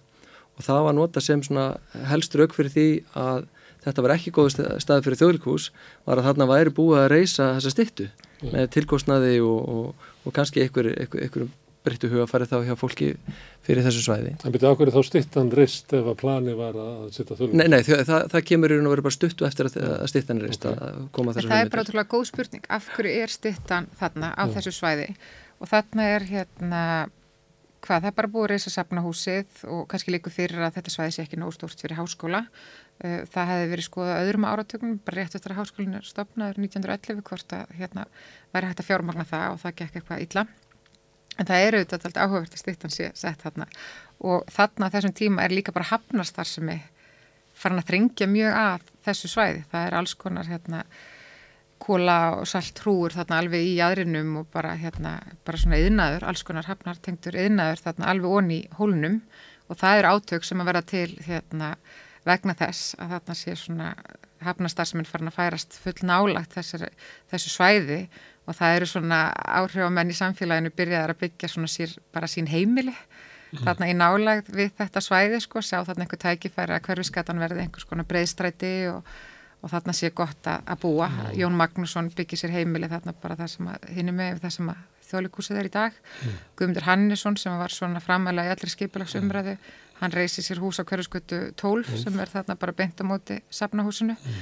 og hann var svona hvað döglastur við að skrifast á hérna við yfirvöld um, um þetta, hvort það ætti ekki að tryggja þetta svæði betur ja. og fara að ráðast í að byggja. Ja. En það er þarna 24 sem að þau hérna byggingarnemnd þjóðlikúsins er svona komið með einhver lofurð um einhverja peninga búið að setja skatt á, á kvikmyndir og hérna bíóferðir mm. bæjabúa eða landsbúa Já. sem á að nota til að byggja þjóðlikús. Ég held að það hefur verið bara á bíósælunum sem ég kipti því að vera lítill. Já það, skemmt hana skattur mm. og hérna og þau óska það eftir að fá að byggja þetta hús þarna eins og Guðinu var að ræða. Mm. og það er bara, það er ekki hægt, það er hérna komið stitta en þið getið fengið bara hérna hinum meginn við þjóðlíkúsið ókjöpis land sem er hluta þessu sama, sama svæði. Og það kannski blæsir alveg við að það er hérna, þá er Safnósið og Jón Magnússon þau mm. hús standa þegar að það er eitthvað aldrei klæst þarna á milli. Og Það þykir almennt vera svolítið eh, sko, húsi passar ekki á lóðina. Já, og einmitt eh, eins og margir að benda á að að þú sérði ekki einu svona hérna, framhliðina á þjóðlíkosinu og törnin á sama tíma en maður klifur upp á hústöku eitthvað starf á móti eða, mm -hmm. eða hendur upp dróna og nærðir sér hún ekki fram en svo kannski ef við sjáum næstu mynd að, að þarna sérst í raun og veru uh, þjóðlíkosi á Arnaróli með framhliðina að, að lækjartorki mm. og við fundum teikningu eftir Guðjón Samuelsson þar sem að, þar sem að hérna, afstæðan í raun og veru teiknu þarna af, af, af húsinu þarna eftir að að hérna, stittan var reist en þetta gekk ekki en, en Svona hefði Guðjón viljað hafa þetta? Já, þetta var eina mörgum staðsendingu þar sem hann var nú búin að máta þetta og önnur staðsendingu var e, mögulega til og með sér svo í grjótaþorpinu því að hann talaði um að, að þetta þyrti að vera við, við enda breyðstrættis eða torg mm. þannig að þetta er svona mætti segja sér við torg og en við enda breyðstrættis var, e, var, var þá nefnt til og með sér grjótaþorpi þar sem morgublóðsöllinni reys mm. og við erum með tekningu að því líka, líka að, að þarna hefði náttúrulega þurft að rýfa kannski hálfgar út á þorpið og, og mm. hérna. Sem var gert til þess að reysa morgunflöðsöldina já, já, já, en þetta hefði kannski þurft svona aðeins meira andri með heldur morgunflöðsöldina þegar morgunflöðsöldin er svona hlutað af svona randbyggð en þetta, þetta hefði þurft svona smá torki kringu sig. En, þetta er kannski svona eina af þessu renduringum í bókinni sem að svona flestir eru, já þetta er miklu betra. Það er bara því að það sem er fyrir er svo ljótt sko. það ekki? Það geti verið það Mér finnst hérna Arnarhóli miklu betra en ég veit ekki hvort að ég var til að skipta Arnarhóli fyrir. Hann er kannski svona aðeins viðkvæmara svæði í dag en eins og við nefndum, en hann var kannski ekkit sérstaklega viðkvæmt svæði hérna á, á, á þessum tíma. Nei, kannski er það bara kynnslóðin mín sem að vera að renna sér þarna. Já, já, einmitt. Bygging þjólkús var samt einhverju leiti sko, hún var umdeild að því litum til að þarna er líka verið að safna pening fyrir landsbítala, mm. þannig að þarna er verið að takast á um forgangsröðun og þarna er líka í rauninni sem er svolítið sérstakt sko að bæjar í Reykjavík sínd þessar hugmynd kannski ekkert mikinn stuðning. Eh, þau hefðu verið að vonast til þess að fá einhverja skattekjur frekar í að byggja alls konar velferðarþjónustu mm. og hérna barnaheimili eða einhverja þjónustu fyrir eldri borgarbúa, elli heimili einhverju, einhverju mm. Þannig sem var einhverju sérstakta því að þarna var þá allan að vera að reysa byggingu í Reykjavík uh, upp á svona einhverju landsbyðapolitík mm. að þá hérna var, er talda áhugavert hversu lítinn stuðning svona reykvískir þingmenn síndu þjólikúsmálunum sem bara kannski flókin politík en það er þá verið að leita að einhver annari lóð í staðin fyrir þessa lóð sem fegst ókipis og það er verið að skoða lóðir hérna í Grötuþorpi eða upp á skóluverðuholti í kringum tjörnina, ég held að hann hafi verið mátuð bara allar hringin í kringum tjörnina. Mm. en þetta er all lóðir sem hefði þá þurft að kaupa af ykkur möðurum eða af bænum. Og það hefði kannski getið uppdaldi stóran hluta af byggingasjónum mm. þannig að, og svo er komið svona ákveðin pressa á að hérna að fara í framkvæmdir að því að það verið óska eftir lánur sjóðunum í ríkisútar, lánur sjóðunum í landsbytala, að það er bara farið í að bara, þetta verður ekki leist, við þurfum bara að byrja. Þannig að það er grafin þessu hóla 1928 og, og byrjaði að byggja og kannski sem betur fer að því að svo kemur þessi heimskreppa 1930 og 32 er lögunum breytt og skemmtarnaskatturinn er svona bara færiður í einhvers konar almennar þarfi ríkisjós út af ástandinu og það er bara í rauninni rétt næsta svona bjarga húsinu frá skemmtum að því að klæða það og svo bara er framkvæmdi stöðvar og bara í ára tugi. Svo notar breski herin þetta? Já, þannig að þetta er rauninni, hús er ekki vikt fyrir 1950 og það er bara sama ára guðjón der. Mm. Já. Þetta eru 22 ár frá því að grunnur var græð. En húsi reys og ef þeir hefði ekki græðið hóla þá hérna, veit ég eitthvað hvert að við ættum. Þetta er þjóðlíkús í dag. Það væri kannski inn í hörpu eða háskóla bíu eða eitthvað. Guðni, hvað hérna maður bjóða þér? Hvað viltu hafa þjóðlíkusið af þessu þrema kostum? Sko, það er náttúrulega glæsilegast á Arnarhóli. Já, ég held, sko, maður er, maður er svo fljótur að vennjast því sem að maður er bara, einmitt, maður er eldst uppið eða maður er fljótur að adaptast að breytingum og ég held að ef að þjóðlíkusið hefur bara reysið á Arnarhóli þá þætti það engum skrítið í dag, mm. ekki nokkru manni. Þannig að ég held að svona af þessum, af þessum þreymusvæðum að þá væri það jafnvel best þar, sko. Mm. Það er hins vegar svona, það er svona höll á hól mm -hmm. og svona klift svolítið frá og en, en þarna niður á Ingolstorki mm. þá mhm. er þetta svona hluti af maður getur séð fyrir sér að sko það myndi móta allt torki þar í kring sko, sem var reyndar ekki tork þá eða þá var þetta tvö tork mm. En ég menn og það er ekkit víst að það hefði orðið tork þar það þarf ekkit að vera því að allavega Guðjónlaði harta því að þetta var enda breystrættis eða tork ekkit mm. endilega bæði þannig að, það, þannig að já, já, svo spyrir maður sér bara með hérna, bara hvernig borgin hefði þróast hérna ef að húsið hefði reist þar. En, hérna, en næsta mynd sem við ætlum að, að skoða var að þar eru að fara mitt upp á skólurhaldið ja. og að því vorum að tala um Arnarhól áðan Þetta er tekið með dróna Þetta er fyrstu dróna Tekið úr flugvel Þetta er tekið þegar að vera að byggja landsbítaland þetta er svona, svona setni part þriði áratugurins mm. en þannig er bara óbyggt land alveg svo Arnarhól var óbyggt land hérna einhverjum áratugum fyrr eða einhverjum árum og, og meira á þessum tíma svo sem. En, en þannig mætti segja kannski að Arnarhóll hafi verið þá svona fyrsta háborgin þar sem átt að koma fyrir öllum óbyrjubyggingunum en svo þegar var hætt við það að þá kom þessi hugmyndum að reysa allar þessu óbyrjubyggingar hérna uppi á skólurhóltinu. Þarna er ekki verið að byggja Östubæðiskólan hérna? Jú. Það er bæðiskóla landsbítalinn og hérna Östubæðiskóli er komin, komin í svona útjöður. En annars er ég bara ekkert að frétta eða frá, ég veit ekki hvað, allt þessi freyjugata. Það er ég bara tún. Já, þetta er bara, þetta er ekki njörðagatan hérna. Njörðagatan. Þannig að byggðin er í rauninu öll svona eiginlega meira og minna innan ringbröðar og, og það er bara svona þjætt byggðjú þarna í, í Þingkoltanum og Östubænum. Mm og já og svo er þessi landsbítali og Östubæjarskóli sem er raunin hluti af háburgar hugmynd Östubæjarskólin, ekki Östubæjarskólin já landsbítali þetta er allt hluti af svona, þetta er allt í útjæðri þessara háburgar og hérna og er hluti af skipula í 1927 En landsbytarinn er þarna töluvert út úr byggðinni. Já, það Guðjón sko, hann gerur uppalega eh, bara þegar hann er bara í námslið hérna 1916 að þá gerir hann e, svona tillugu að kirkju, sapnahúsi og listasafni Einars Jónssonar mm. hann upp á, upp á hæðinni fyrir Einar Jónsson en svo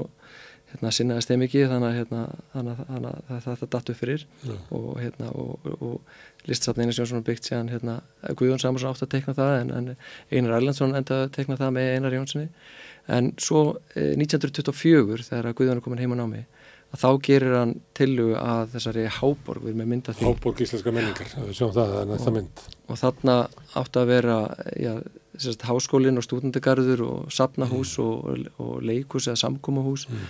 Og líka barnaskóli og, og barnaskólinn er mitt sem reys, svona þar með Östubæðaskóla hann, hann reys í raun og veru sem svona hluta þessari hugmynd en ekki þessar útvæslu kannski sem er sínt hérna mm.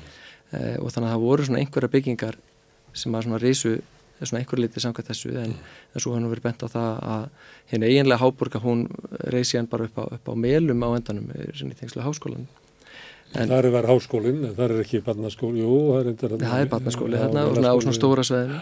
En þetta er 24 og svo árið setna gerir Guðjón svona starri hugmyndir hún á háborgin þar sem að hann svona útviklar hugmyndanar alveg í raun og veru að svona bara í aðri ringbrutarinnar mm. og þar kemur hann mitt fyrir landsbytala og þar áttur íþróttaleikvangur mm. og sundhöll og flera og flera. Já. En þetta, þetta er nú óreikjavíkulegasta myndin sem er sínt og þetta er bara, þetta er ekki Reykjavík, ég ætla að segja eitthvað. Hann, hann, er þetta góð hugmynda að setja alltaf eitt stað, sko, barnaskóla, kirkju, háskóla, listasöp Er þetta gott skipulag?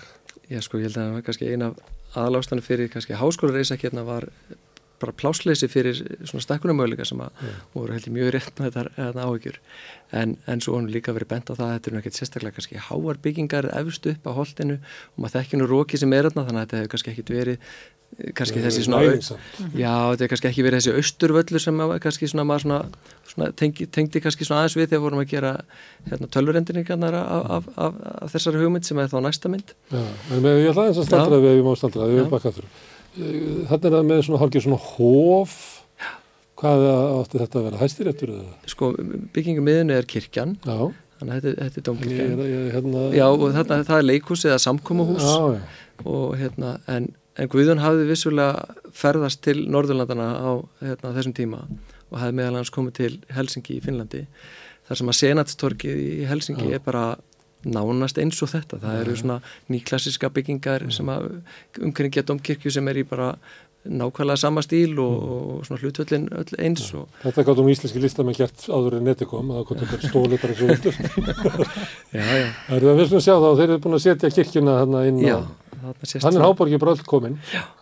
og hérna nema svona forgrunurinn er þá bara sá skólarstígu sem við þekkjum í dag Það sem að, að, að mormónandi voru eins og með hérna hús, ég held að það sé búið að breyta því í gisti heimili. Núna. Mm. En það er hérna eins og við sáum sko á hinni myndinni að þegar þessi tillaga er kynnt að þá er listasafn Einar Sjónssonars þegar risið. Já. Þannig að það er þarna nema það er gert ráð fyrir töluverði stækkun við það og svo er líka það sem ég veist áhugavert við háborgar hugmyndina, varslitatekníkuna er að það er njarðargatan. Í raunin svipaðar mynd og hún svo reis að það er þessi svona randbyggð, þessi, sam, þessi hús sem að einhvern veginn standa þétt saman. Uh, og það er svona, já þú segir óreikvíska að það er svona alveg augljós áhrif uh, tengt þessari tillögu og í rauninni skipulag torgsins enn í dag að við erum með kirkja á miðjutorgunni sem að hérna opnast svona í átta skólaverustík og við erum þarna með skólabyggingu, reynda leikskóla og tækniskóla. En það eru svona starfsemin í kringum þetta svæði er svona í anda þess sem var til skoðunar þarna. Og svo var þarna listfinnafélagið var með hús líka eh, samkvæmt þessari tillögu, varslita tillögu eh, sem að stóð nú lengi, var lengi með starfsemi við skólaverðu, á skólaverðuholtinu En kirkjan er allt annar tegundar. Já, Já. hún er talsveit svona smarri í, í, í sniðum þarna heldur eins og kirkja sér reis.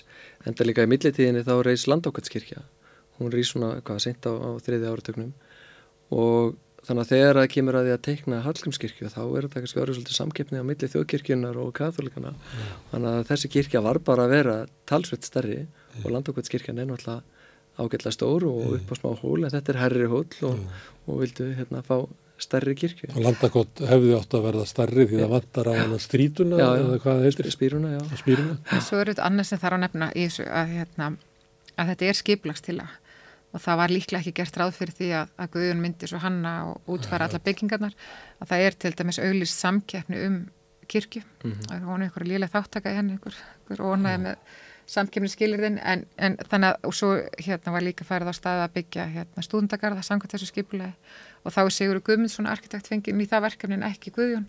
Þannig að auðvitað erum við þarna svona að leika okkur að hérna með að einhvern veginn að klára þessar hugmyndir út frá þessari teikningu en þetta eru, eru skipilagsugmyndir og myndi segja svolítið fallega skipilagsugmyndir það er svona meira lagt í þar heldur allir skipilagsugmyndir sem við Já, já, sjáum í dag það sem er bara verið að gera ráð fyrir umfangi og, og svona. Og þó þetta séu stóru hugmyndir þá er þetta ekki það sem maður myndi kalla svona stórkallalegar hugmyndir. Þetta er ekki, þetta er alveg í mannlegum skala.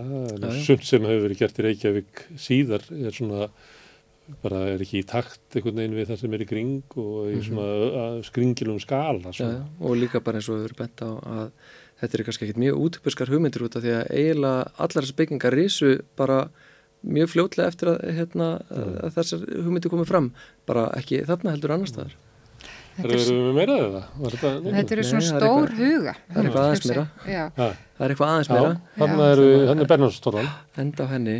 Sem að var rétt í bjarga fyrir hotn með því að mála hana. Já, það er svona áfram kannski til að fletta hérna, þessu inn í það samingi sem við höfum verið að ræða að þá hérna vorum við að tala um heimastjórnina 1904 Já, að þá fara íslenski ráðamenn inn í stjórnaræði þar sem að Hilmar landsæðingi hafi verið. Mm.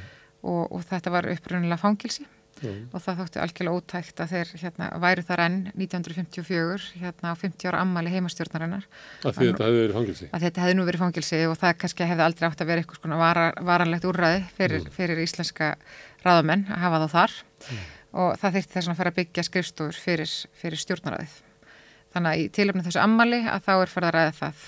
Og hérna og þá var það hugmyndir um hvort það er myndi verða reist hérna á baklóð stjórnaráðsins það sem það er enn í dag eða þarna hinn að núna. sem að er bara, já, var byrjað að grafa fyrir því mér uh, hérna, eða þarna hinum með við bankastrætið uh, og þá myndi stóð til að rýfa þessa Bernhoftstörfu sem að heitir eftir Bernhoft bakara sem var í húsinu þarna fremsta myndinni Já. rauða og hérna og þær hugmyndir svona gengu ansi langt og, og hérna var sett saman nefnd arkitekta til þess að, að þróa byggingu mm. þar en vegna mótmála að þá var það ekki af því þessar byggingar voru friðaðir 1979 Mm.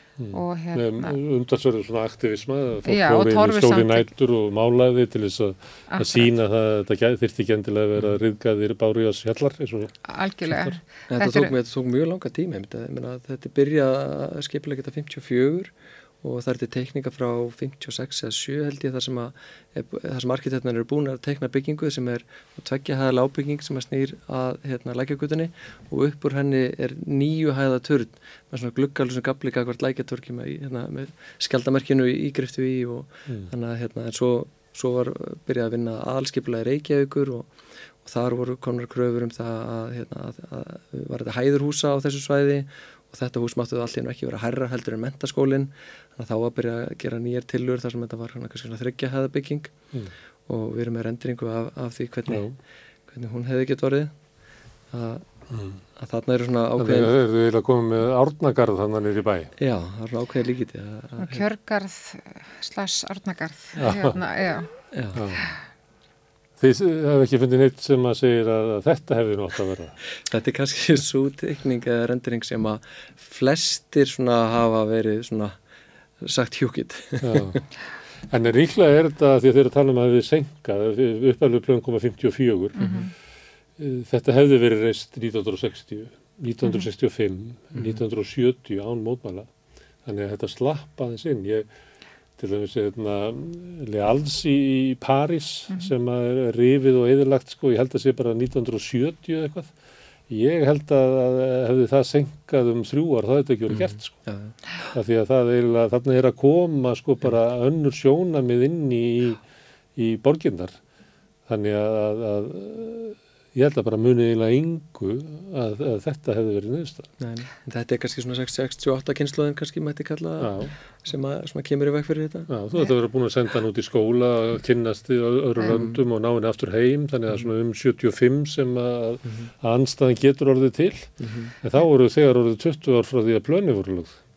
Það er svo, svo merkilegt að því að við vorum aðeins að nefna þetta skipulag 1927 Já. sem er svona fyrsta heilstæða skipulag fyrir Reykjavík og þá er bara verið að hugsa um að koma fyrir þessum ofnbjörn byggingum, skipulegja byggðina innan ringbröðar og þá er hérna allur yðnaður og svona settur einhver starf í útjæðurinn og spítarinn líka, það var út frá einhverju svona heilna með aðlilegt að hafa hann ekki hérna í þjættustu byggðinni mm.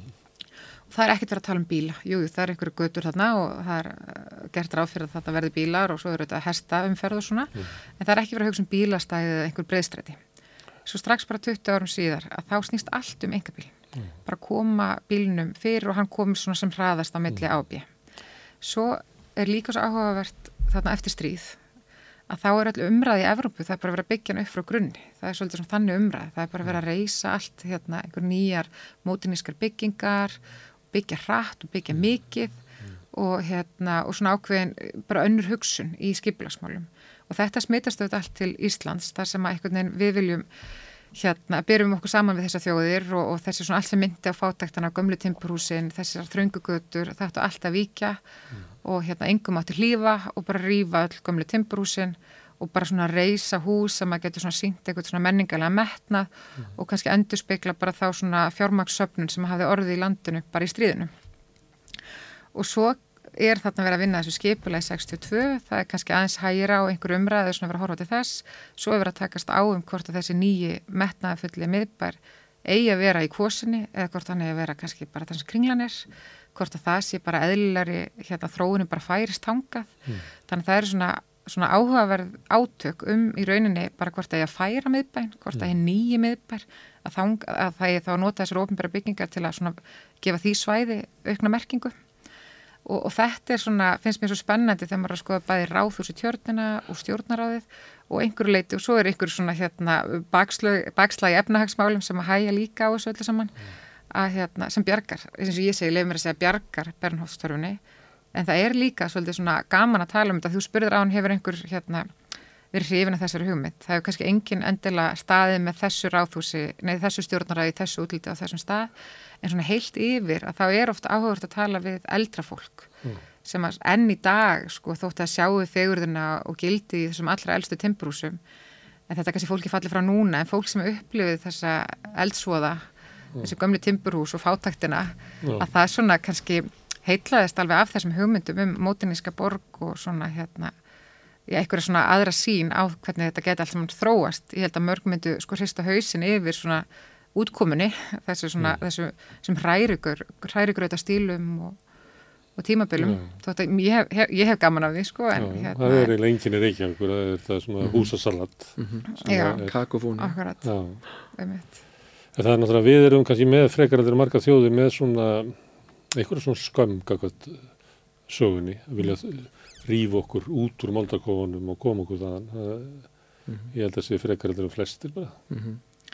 Já, ég, já, ég sammála. En svo er ég stundum svo hugsa yfir þessu að því að svona þessar eldstu byggingar á sama tíma einhvern veginn og Guðjón er að búa til einhverja nýklassiska háborg upp á skólaverðuhaldi að þá er hann að leggja til hérna svona einhverja steiftar byggingar í torf svona einhverju svona torfbæja burstabæðar stíl og hérna og það er kannski hefur hann fundið sér svo í einhverju svona samina þessar þessar áherslu sínar í þjóðlkursinu sem er svona einhver íslenskur stíl, einhver hamra stíl þar sem hann er kannski að hérna, vinna á ekki einn svona bókstalan hátt með þessi minni í íslenskan byggingarar heldur fer svona meiri klettana á náttúruna.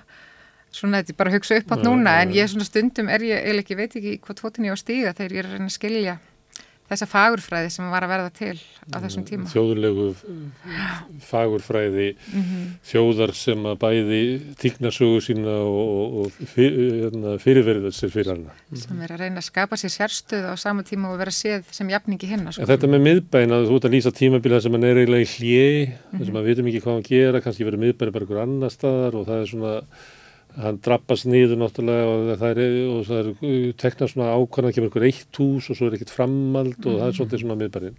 En núna svona undarfærið þá hefur eiginlega verið svona mikil metnaður hjá meirilutunum í þessari þessum borgar meiriluta að, að byggja upp miðbæinn og það eru komnar um rísastóra byggingar og bara búið umbreyta austurhöfninni og, það eru farið hérna allar minjar um að þarna hefði verið aukt tíminn höfn og svo áður er náttúrulega búið að reynsa alveg frá völundarhúsinu og í sláturfélagið og, og settar hann einhverja svartir kassar í, sem að menna vera að segja að hefði verið eðlilega, hefði verið endur nýtt og fengið annar hlutverk að þar geti kannski verið sko lifandi listir og markaðir og veitingastæðir og fleira í gömlu miðnarhúsunum. Þannig að við erum á, líklega á meiri svona umbreytingatíma í miðbænum heldur við nokkum verið núna. Já, já, bara og líka bara eins og á svona góðaris árunum hérna fyrir hrun að það var rosalega mikið skipulagt og teiknað í miðbænum en svo bara var, var þetta góðaris tímbil bara svo stutt að það náðist bara valla að byggja hérna einustu byggingu af þessum stórtæku hugmyndi sem að voru þar sem átti að rífa mikið og, og hérna, byggja stort og mikið. En síðan er kannski byggðar önnur hús á sama stað, þess harpa hluta, hluti af þessu, Já, já. en líka landsbankin, það hefur sér allt annað hús, Já, já. Það var hérna rosa speysað hús, ég man eftir sýningu og þeim teikningum, Já, já. það var með þess að Björgulu Guðmundsson teiknarinn í stjórnarhundin, já, já, akkurat. það var svo ekki kongur, Já, já. það var inn í teikningunni. Já, já. Já, já, þetta eru þetta byggingar sem eru líka fjármagnaðir með aðeins öðrum hætti, svona einhverju samstarfi engaðala og, og svona kannski aðeins önnu saga heldur en við erum að rekja Já. og kannski er ákveðin svona tímumót með hörpu þar sem að við hættum, hérna segjum hættum, er líkur okkar frásögn en það eru þetta ótrúlega margt búið að gerast síðan en þetta eru þetta ekki ofnbæra byggingar, það er þetta svæði hefur í rauninni svo að lokum endað í höndum engaðala og svona, já, svo bara, bara rosalega glæsilega og mikil uppbygging þarna en þetta er kannski aðeins annað og, og, og svona þessi mótmæli kringum bæði Sælabankan og um, já, aðla Sælabankan og tónlistarhús á hérna Arnarhóli á 8. áratökum, 7. 8. og alveg fram á 9. áratökin Ráðhúsið, það var mótnað líka. Já, en en svona þessi, þessi byggingar á Arnarhóli sem svo risu eins og Sælabankin að það snýrst allt um útsinni Já. og hérna Sæðalabankin var alltaf að færa sig til eitthvað neður og neðar og utar og utar í túni sko, til að mæta þessum röttum og það snýrist um útsinni og hérna ég hugsa stundum til Mm. Það þeirra. sko. það er alveg gleymst Já, að það er algjörlega búið að loka þetta svæði, útsinni er ekki. En, en á mótið fengið skjól þannig að, hérna, að þetta er svona. Og staðan á Arnarhóli þegar maður situr hérna undir stittunni og horfir að þá er að bæði er gatan skökk sem er framundan og þú sérði ekki höfnina og ég er hugsið þegar ég er að ferðana sko, hvað er ég þessu eiginlega þessari niðurstöðu? Og svo ef maður horfir að maður ímynda sér það að maður verður með líkan af kosinni og svo þessar nýbyggingar sem eru þarna með hörpunni þá er þetta náttúrulega í svo bara fáránlega öðrum skala heldur að byggðin sem er þarna að ég veit að mörgur ekki vænt um hörpun og svona en hún er náttúrulega í þessu staðsetningu er hún bara ótrúlega stór og svo snýr og villus þannig að hún er með, með þegar maður er inn í henni þá er maður eiginlega kliftu frá höfninni. Það er eiginlega að lappa svona út úr starfseminni til þess að sjá höfnina sem að ég hef aldrei skilið sko. Já, þetta svæði hefur öruglega verið þróað öruðs í dag heldur en þarna fyrir 20 ára síðan. Já, í góður tímanum. Já, hún er náttúrulega markfald stærri heldur en hérna, tónlistarhús tillagan sem er til umfjöldunar í bókinni sem er hérna, til að Guðmundar Jónssonar arkitekt sem að átt að reysa fyrir Glæsibæ og var svo mátið við höfnina. Og myndi En- kannski meira bara á Norrannahúsi svona í skala og ásett Já, hún hefur örugglega passað inn í, inn í hörpu. Já, já, Já, Þetta, þessi skali sem er á þessu svæði þarna, er svolítið má rekja til 2007 já, já, menna þetta skip, menna, þessi samkeppni er haldinn á góðaristímanum og það var og í raun og veru deiliskepulag fyrir allt þetta svæði aðar lækjatorki sem að hjekka á spýtunni þar og var hluta samkeppninni þannig að, að þetta er í raun allt bara aflegginga þess Herru, gaman að fá okkur að, að segja frá Reykjavík sem ekki varð og okkur svona sínisotnin í bókinningar. takk fyrir okkur Takk fyrir okkur Takk fyrir. Herðu, við ætlum að halda áfram að, að skilja samfélagi sem við lifum í og kannski það samfélagi sem að varð og er næsti kapli eftir einhver bygg. Hvernig getur við réttlætt að sívaksandi hópur eblingarfólks festist á legumarkaði? Ebling stjættarfélag. Sláist í hópin og gerist áskrifendur.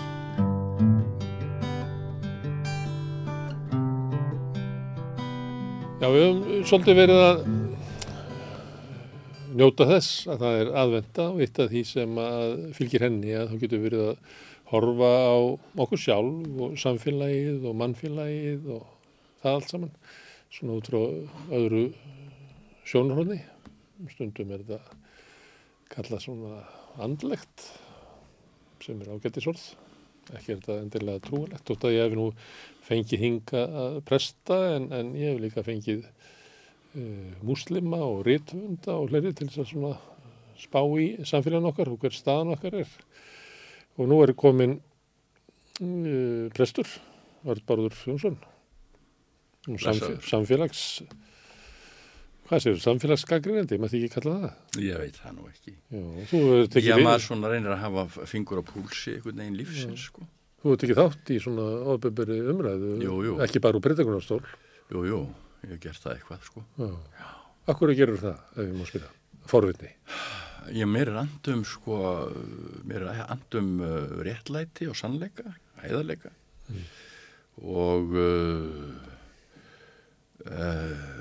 þannig að, sko, ég hef aldrei verið flokksbundin, ég hef aldrei gengið í stjórnmálaflokk. Mm.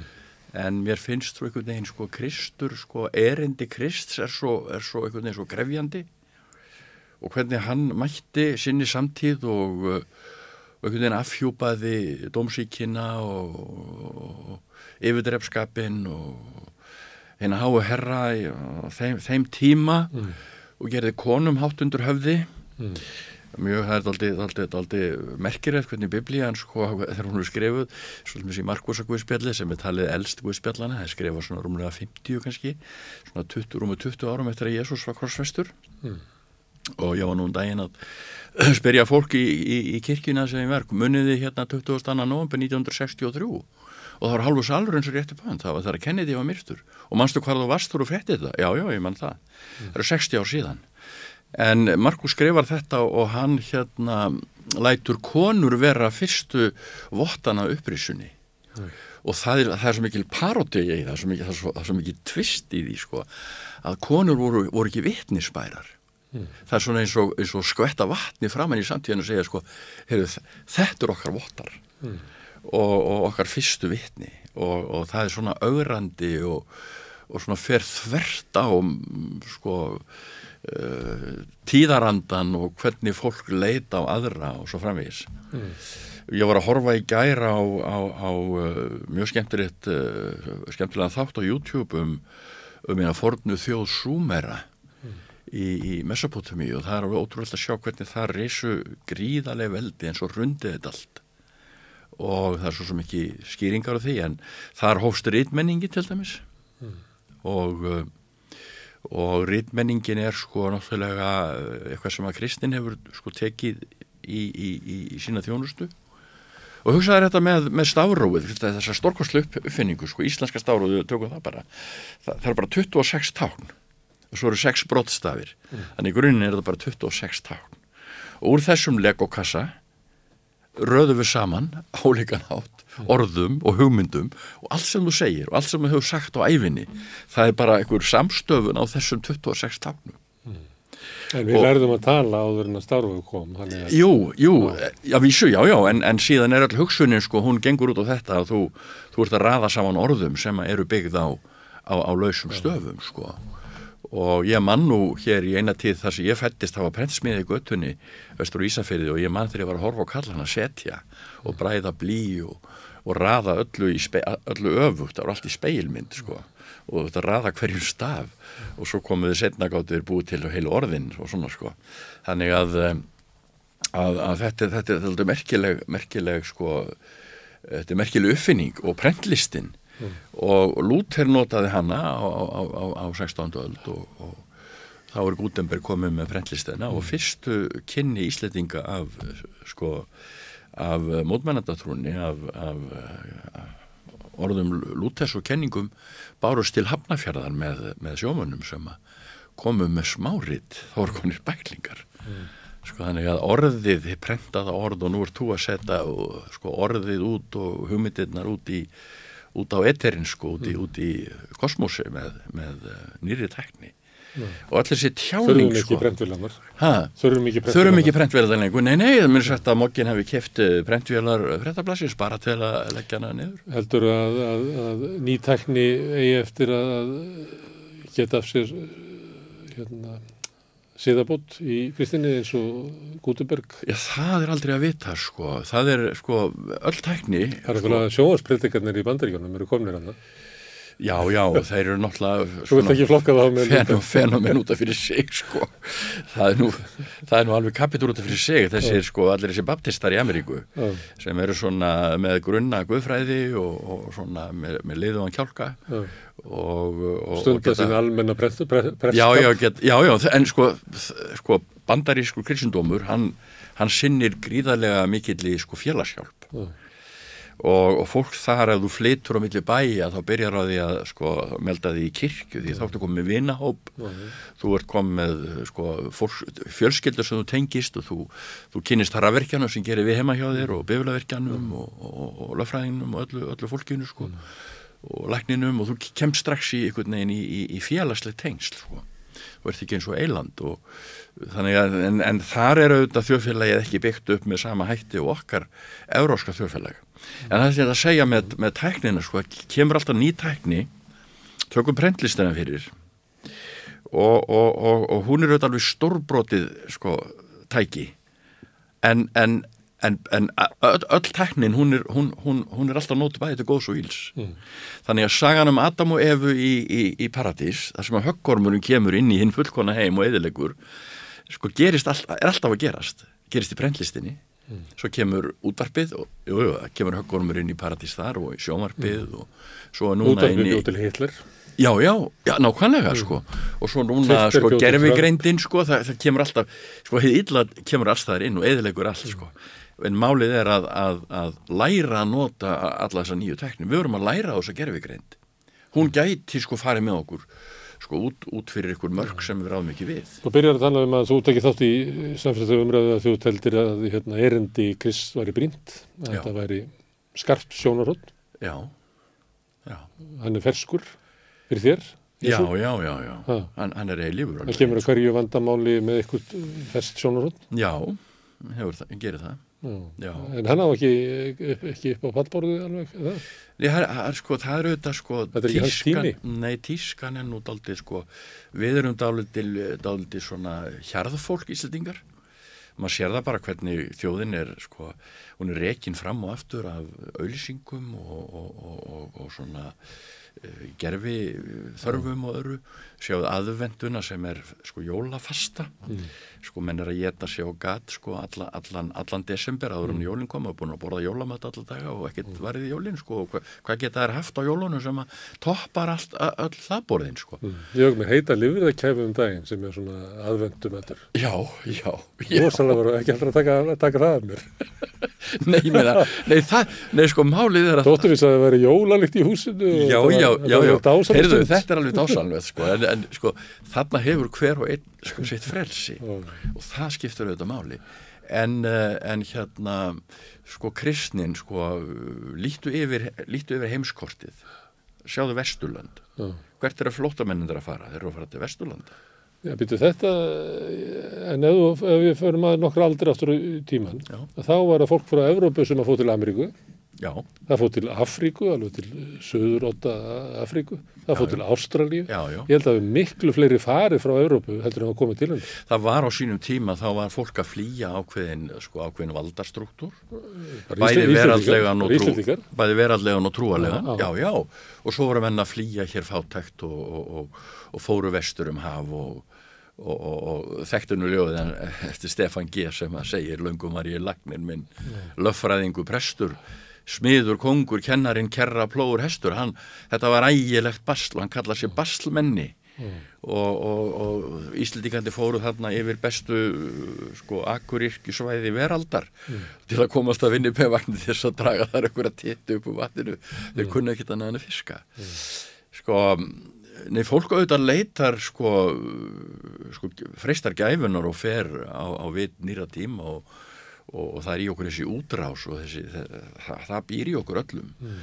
En, uh, en Evrópa er þrátt fyrir allt sko, þá er hún sko kristnin hefur getið af sér bestu þjóðfjölu í heimi.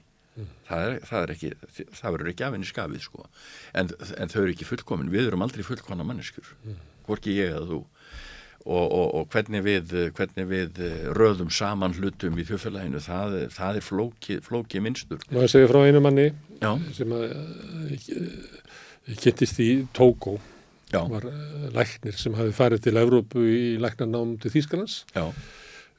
kortungumæður bara um, um tvítugt. Hann var komin aftur heim. Hann var svona um sextugt og hafði átt bara góðan feril. Mhm. Komið sér vel fyrir í Þýskalandi. Og ég spurði hann, akkur hérna, komstu heim?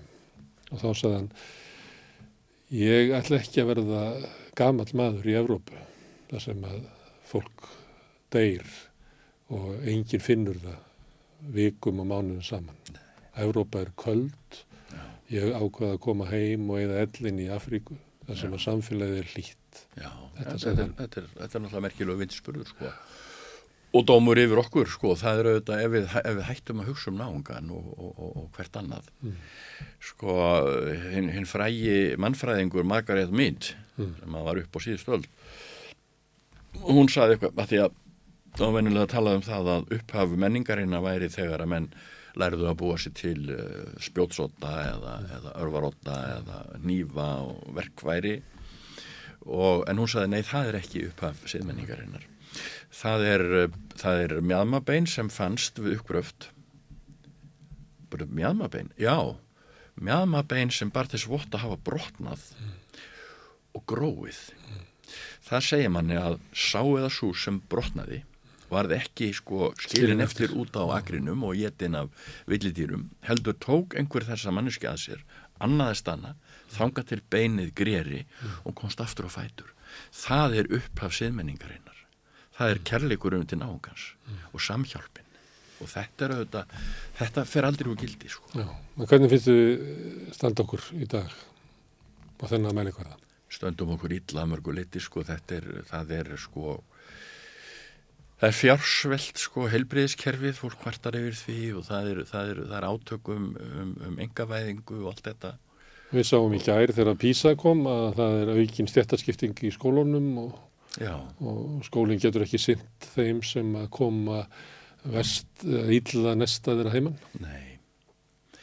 Sko, við, við erum svo sem ekki búin að vera læs lengi, sko, við, við lærðum að lesa, sko, auðvitað kom stáróðið með Kristíni til landsins og, bæk, og bókmenta. En Íslendinga voru alltaf, hérna, það var, hérna, við sóttum svolítið stolt okkur í það að hérna var læsi meira heldur en annar staðar. Og er- hugmyndur um að við sem jöfn er líklega svona eitthvað svona mentakapital sem að, því að, að kótbóndingar lesið. Já, já, það kom tilskipun frá Danmörku 1600 og eitthvað frá um að allir íslendingar skildu læra að lesa og skrifa og, og það var tilskipun frá kongjunum og það er, kemur í kjölfar síðbótarinnar Mm. og þá eru prestandi sendir á hvert einasta sveitabæ. Og þú sér í gömlu kirkjubókum þá er það stendur Gunnar Smári. Mm. og þá les dável og skrifar fallega og, og það er allt svona sko nóterað þannig að þeir fara og fylgjast með og svo eru þetta á bæjanum fólk sem að reið ekki við að lesa eða var þroska heftið eitthvað slíkt og þannig að við sjáum alveg hvernig þjóðfélagi er en það læra allir að lesa. Og ég manna að ég var að hlusta á hann Ílva Jökulsson núna einhver tíman fyrir nokkru mánuðum og hann var að segja frá fólki sem kom hingað sigland á gufurskipi og fór hér ykkur fíni menni sko. Fóru hér um sveitir og hittu fólk og undruðus hvaða Íslandingar voru bara myndalegt fólk og, og tók eftir því að allir gáttu lesið og skrifað. Og það er auðvitað aldrei sérstætt sko. Það, það, þar, er, þar er kirkjan. Og glemum ekki heldur að, að helbriðisþjónustan er segja helbriðisþjónusta utan heimilis hún hefst í klaustrunum Mm. og þess vegna tölum við um að setjast í helganstein Mm. íslenskan segir nú um að setjast á stein en þú ferð í stein og þú ferð í steinhúsið Mm. og þá borgaði fólk með sér því að helbriðistjónustan var ekkert ókipist þá og, og, og, klaustrin eignuðus peninga því að gamla fólkið það gaf hluta jörðinni og, og fór þangað og því var það Hagnaðadrifin heilbyrðistjónusta. Já, já, það, já sko já, já, maður segja hagnaðadrifin eða, eða kostnaðar Ef það verið afgangur þá verið það flutt bara til Rómar og Já, já, skilur, sko, svo er svo spilling öll sem að Luther uh, sko réðs gegn þegar hann sá allt dellumakrið í kringum kánsku trúna sem var orðin, sko, sölu að selja fólki, telja fólki trú um það að það geti stitt, sko dvöl, langömmu sinnur og langa, langafa í, í, í hreinsunareldinum um 15.000 ár með því að borga miljón sem fór svo í Píturskirkjuna sko, ég var nú þarna um daginn að skoða og þetta er þetta stórkvæslega menningaverðmætti en, en þau kvíla á þessum sko, þessum vafasama grunni. Og Lúter fór sko sem var munkur, hann var, var hámentaður hann var doktor í Guðfræði, hann fer til Rómar og fer þar á hjánum upp, upp þreppin og byrst sko fyrirgefninga synda sinni ekki hvað og hvað en hann ofbyður að sjá glæsileikan og, og svindlið í kringum með allt sko. hann, hann fór gegn þessu og hugsaði að þeir seldu svo mikið af flísum úr krossi Krist að það hefði verið hægt að sapna þeir saman og byggja fleiri, fleiri domkirkjur úr þeim eina krossi svona var nú svindlið í, í sko, og, og verið að plata að blessa fólkið sko. hann fór gegn þessu með, sjón, með sjónarhóttni Chris með því að hann rindi borðum Já, já. hann uh, horfði á þetta með með þessu gaggrinnis Já, og lagði áherslu á fólki fengi að heyra alltaf dæmis bara messuna á, á, á sínu einn tungumáli. Hann þýtti biblíuna úr hebresku og grísku á þýsku. Þá var ekki til þýska nema bara einhverjur 100-200 mállískur. Hann býr til þýska tungumáli sem er í dag.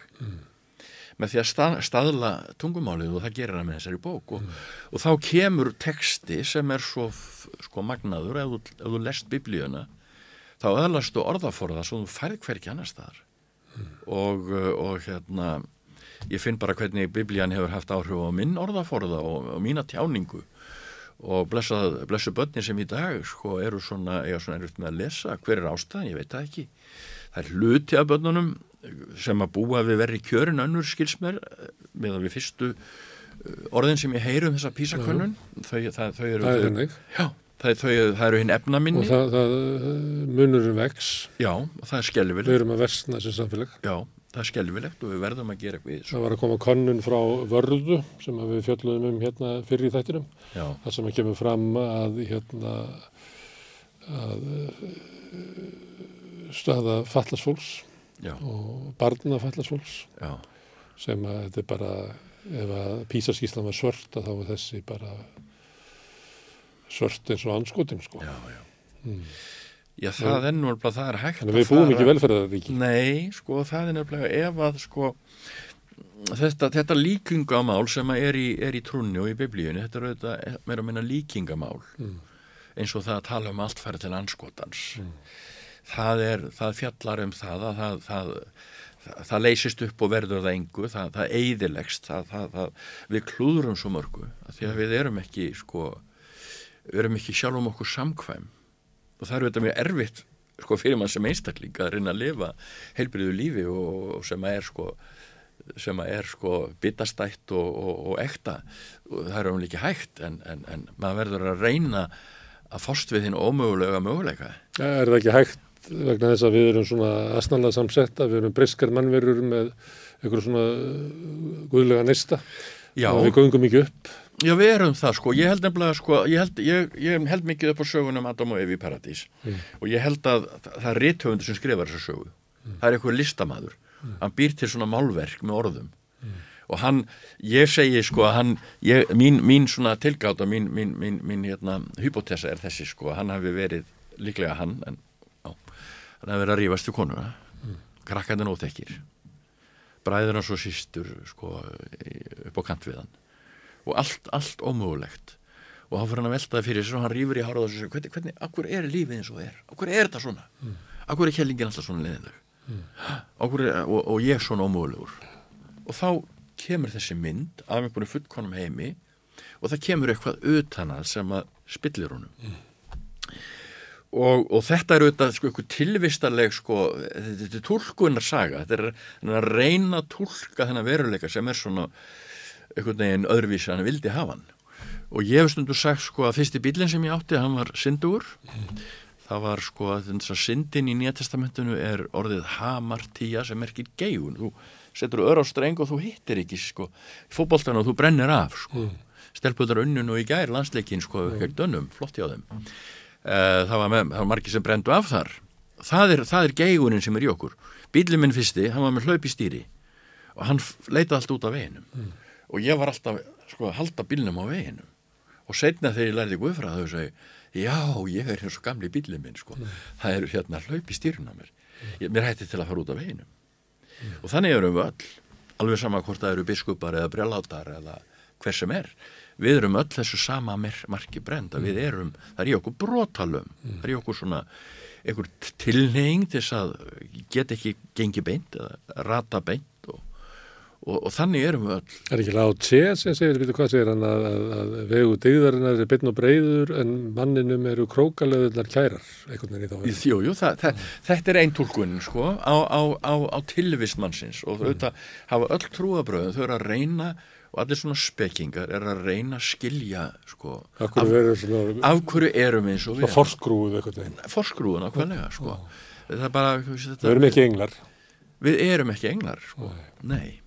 En við viljum stundur láta eins og við get, gætum uppfyllt það. Já, en við erum samt sko, en það er samt í okkur þessi potens, þessi möguleikin til hins góða. Mm. Það er tilhengi til hins ílla en möguleikin til hins góða. Og ef við eflum hann með okkur, þá getum við byggt upp sko gott samfélag og svo framvís. En þar sem að græðkin ríkir og ef að, ef að, ef að það eru hérna aðeilar í samfélaginu sem að hafa það sem sitt helsta markmið ykkur degin að, að um, skara eldað einn köku mm. og uh, eins og er í manninum eins og er í manninum, já, já, mm. það er eigin helvitis eigin já, já, já, já, já, já. Og, og Luther sagði sko að syndarinn var í kengbóininni sjálfan sig mm. incurvatus in se hann er, bara, hann er bara svona, hann er bara alltaf í naflanum á sjálfan sig crippled inside eins og Lennon sagði crippled inside, Lennon Lennon er einn af þessum tólkandum sko mm. lífsins mm. sem kemur með sína dæmisögur mm og sína snjöllu setningar. Það er sko við erum öll að þessu, þú ert að þessu hér. Þú ert að reyna að tólka lífið með því að tala við fólk og, og fá fram tjáningu og skoðanaskipti skilja heiminn. Og, skilja heiminn, skilja heiminn og, og já, já, ég menna það er það er bara göfugt hlutverk en, en það er náttúrulega, svo er í þessari þessu samfélagi okkar sko, það er svo mikil það er svo mikil júurblæti mm. Og hvað er júurblæti Ég sendi inn tvö nýjirði í orðabók háskólans, það er, það er, það er hérna, myndað út frá hugtækinu garðslanga mm. og þá verður til arðslanga mm. og, og garðirkjumenn verða arðirkjumenn og þessir aðilar þeir eru svo júursæknir, þeir eru eins og með mjöldavélar og þeir elda upp í júrin til þess að geta tengt við og mjölkað Já. og þeir eru bestir þegar þeir geta mjölkað stóru fyrirtækin, þeir vilja komast í landsvirkjun og þeir eru búin að taka háisorku og skilur við þessi Eða ná þig í einhverja áskrift af einhverju, ná einhverju kötti af þér, þannig að þið taka pening af því, öllum peningunum sem að þú eigðir að þið ná já. uh, sneið þangað. já, já, já, já, og svo er þessi fyrirtæki stóru sko, ég, ég hérna ég hef þurft að hafa samband við, við vegna, vegna, vegna ábyrða sem ég hef í, út, út í heiminum sko að, að, að, að tala við uh, stórfyrirtæki. Og þessi stórfyrirtæki í dag, þú veist ekkit hver á þau. Mm. þú veist ekkit hver, hver er yfir þeim. En þú kemur að þeim og þetta eru svona eins og, þetta eru svona eins og kastalar. Mm. Þetta eru svona stóra byggingar og þú veist ekki sko einu sinni þekktur í Jóa sem vann á þriðjuhæðinni í þessu fyrirtæki eða hann er, hann er Siggur sem var á annar hæðinni og svona. En núna veist ekki hverjir eru inn í kastaranum þeir eru hleyft inn í herbyggja á, á, á jarðhæð og þar tekur um miða í röð og þú fær brjóssugur og kaffi eins og barn og getur verið svona með sle- slegjó og pipaköku. Já, þú fær þarna líkama og, og blóð mammons. Að, Já, já, já, já, þú, já, já, þú fær, já, já, það er svona veisla. Og svo hérna, svo ertu kallaður að og þar, sitt, þar eru þrýr sinna við tölfur og þú sýttir mann um tvö hann. Já, hvert er þitt erindi? Og þú segir það, já, ég, ég, ég já, eru þessu verið komið áfram og svo femmaður út og svo færið ykkur svar setna og það er ekkert, ekkert að marka það. Þú nærð engu sko auksambandi við þetta fólk. Þess og að þú var veist einhver að segja mér að henni farið átt, er þetta við tryggingafélag og þá fór hann svona í andrið og svo kom sko starfsmæri niður og talaði við hann í andrinu þannig að það er eiginlega búið að loka musturinn Já, alveg. já, ég er, um, ég er nú að tala um tryggingafélag í þessu sambandi, sko. Er, Það er sem að þeir eru ekki hleyft einu svona Nei, en svo er yfir þessu ykkur eigundur sem segja svo við forstjóran sem er á góðum launum og er ráðinn að klíkunni sem á fyrirtæki sko, er þau Gunnar, þú verður, þú, við verðum að hafa aðeins meira sko, þú verður, þú verður að ná að ykkur starf út sko. Og þá er farið að tutla sko og, og, og kreista einstaklingana og þetta sko og, og svo, svo er þjónustan sko, hún er já sko bankat er alltaf núna að fara að hætta skilspjara að þjóna einstaklingum Mm. svona sko aumingjum sem að ef ég get ekki sko no- nota síman lengur eða kann þetta ekki eða eitthvað slíkt sko þá hva, hvað ger ég þá? Mm. þá þá get ég ekki sótt peningana mín og ég get ekki borgað eða sko þá búið að setja mig út af sakramentinu Já, sko, Þú bara passar ekki í kerfið lengur. Ég passa ekki í kerfið sko Þannig að þú ert settur fyrir utan múrana. utan múruna sko þetta og, og sjáðu bara að þú notar svona setningu sko. Þessar gömlu, þessar gömlu líkingamyndir sko þar eru um þetta. Sko mannkinni hefur alltaf verið að glíma við þetta. Hver er settur hjá? Hver liggur við göttuna Sko það er, hérna, minnst þú verið að vísa í svona það sem við getum kallað þetta eh, bara afmennskun samfélagsins, að það er ekki á mannlegum skala lengur. Og það er oft hérna, þetta taka mörg dæmi um- það hvernig hérna, það byrtist. Mér finnst hérna uh, ég bjó um, um, skammastund í, í París og þá sá maður svona leifarnar af gamalli matadreifingu Já. þú gætt farið og- í osta, til ostafólksins og græmmetismannsins og fissalans og slátrarans og þú kannast við þetta Já, já. Og það er byggt þannig að, að, að osta fólki sem ræk ostabúðina að það var í tengslum við einhvern byrgja sem er síðan verið í tengslum við einhverja bændur. Eða það var í affil yfirleitt voru allir með einhver svona bein tengsli við einhverja bændur það var alltaf svona sérstökur svipur okkar í og svo kem, kemur þannig inn og, og í öllum, það er eitt sem er enginn eins og búðum að það er enginn síðasti sölludagur þarna, það er enginn innihaldslýsing. Nei. og það þarf ekki vegna þess að þetta byggir á því að þú veslar alltaf í sömum búðinni. Já, já. Og þau þekkja þig og Já, þau já. get ekki svikið því að það er bara innbyggt í mannlegt eðli. Auðvitað til fólk sem getur svikið Já, fólk auðlitið til auðlitis en það er ekki algengt. Nei, en þetta er andlit og öllu. Það er andlit og öllu. Alla leiðina frá Alla leiðina, þannig að ég er bara reyð og ég kaupi hann á ost Já, þá er ég með tengsli að sko bóndanum sem er bjóðan til og þetta gengur svona. Ef þú fer síðan yfir í stórmarkaðina Mhm. Þar sem að eh, þú hittir aldrei þann sem þú ert að kaupa af. Nei, nei. og allt er komið í ykkur pakningar. Já, já. að þá, það er einu sko fullkomni staður línar Já, þar heitir misa allt í einu hreisti eða eitthvað. svo er myndað ykkur kekspakka og það er 33% off sem er ókeppis af, þú veist, þú kannast við þetta Já, að, það er alltaf verið að blekja okkur já, sko. vegna þess að það er engin nálagð við hérna, nei. sá sem er að seljónum er bara lengst í burtu Það og þá ópersónuleg, getum sko. við logið eins og við viljum Já, já, og sömuleiti þetta samfélag sem við hittum aldrei þann sem við erum eiga viðskipti við já, já. er náttúrulega bara þá erum við á vettvangi þar sem allt er á hans fórsöndum og hann er náttúrulega bara komið með eitthvað sko sógrur ofan í mænin á okkur og sígur Já, okkur nákvæmlega, tengja í okkur, sko. Og gera okkur bara að svona ykkur svo ykkur lífveru sem liggur í, í glerbúri og er svona bara tengt við ykkur að vélar, sko. Svo, svo, svo skálar Matrix.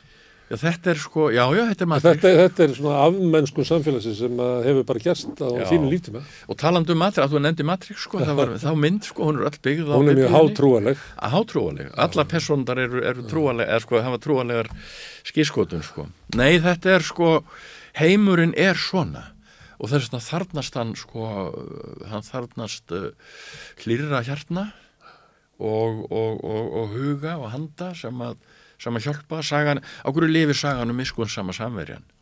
Sko úrrækið sem hjálpaði sko maður, er, maður fer ríðandi á milli staða og hann er, hann er ráðist á hann, hann er, hann er lamin og skilin eftir í blóði sínu og, og, og, og prestarnir og fí, fí, fínu, fínu mennin ganga framhjá með ekki vera aðeins er að fóra fund og svona eitthvað mikilvægi menn og en það kemur sko samverji. Samverji var, var lægsti sko punkturinn í samfélagi geðingana sko ykkur, ykkur sko ykkur, ykkur, ykkur afbreyði af fólki sem var svona eh, með blandaða trú og eitthvað svona eitthvað villissu sko. Nú svipaðu bara okkar samfélagi. Nákvæmlega, það er bara ælisleitandinn sko, það er bara hérna það er bara manneskjar á Venezuela sem að beigi sér niður og, og hjálpar manninum og fer með hann á sko enga sjúkrahús og borgar fyrir hann og segir við sjúkrahúsi ef eitthvað upp á vandar þá, þá, þá kem ég að borga það ef þetta kostar meira. Sko þetta- þessi saga er svona hún er svona, hún er svona ultra sko, hún er svona bara, hún er bara svona bangi andlitið á okkur sko, ef, ef þú getur verið svona þá, þá ertu að gera eitthvað gott sko. Það er eh, svona eitt þráður sem hefur komið í, í mörgum viðtölum hérna við rauðaborðið, svona undafarið, sem að er til dæmis þegar ég var að tala við grindvíkingana svona vikun og eftir já, já. Uh, áður en að aðri fjölmjöla fóru að tala við grindvíkingana að þá uh, var reynsla þeirra eiginlega mjög merkileg. Af því að þau upplifðu ótrúlega öflugt og stert samfélag. Það var kona sem að lísti því að hún setti bara inn á okkur að Facebook síðu hérna og væri flutt inn í tóma íbúð í vonum og hvort vantaði bara allt ætti ekki rúma að sofa í og ekki. Já, já. og það bara ringdu yfir hana og hún sagði frá því að hún hefði svo kert á milli við að sækja mm hjálpina. Já.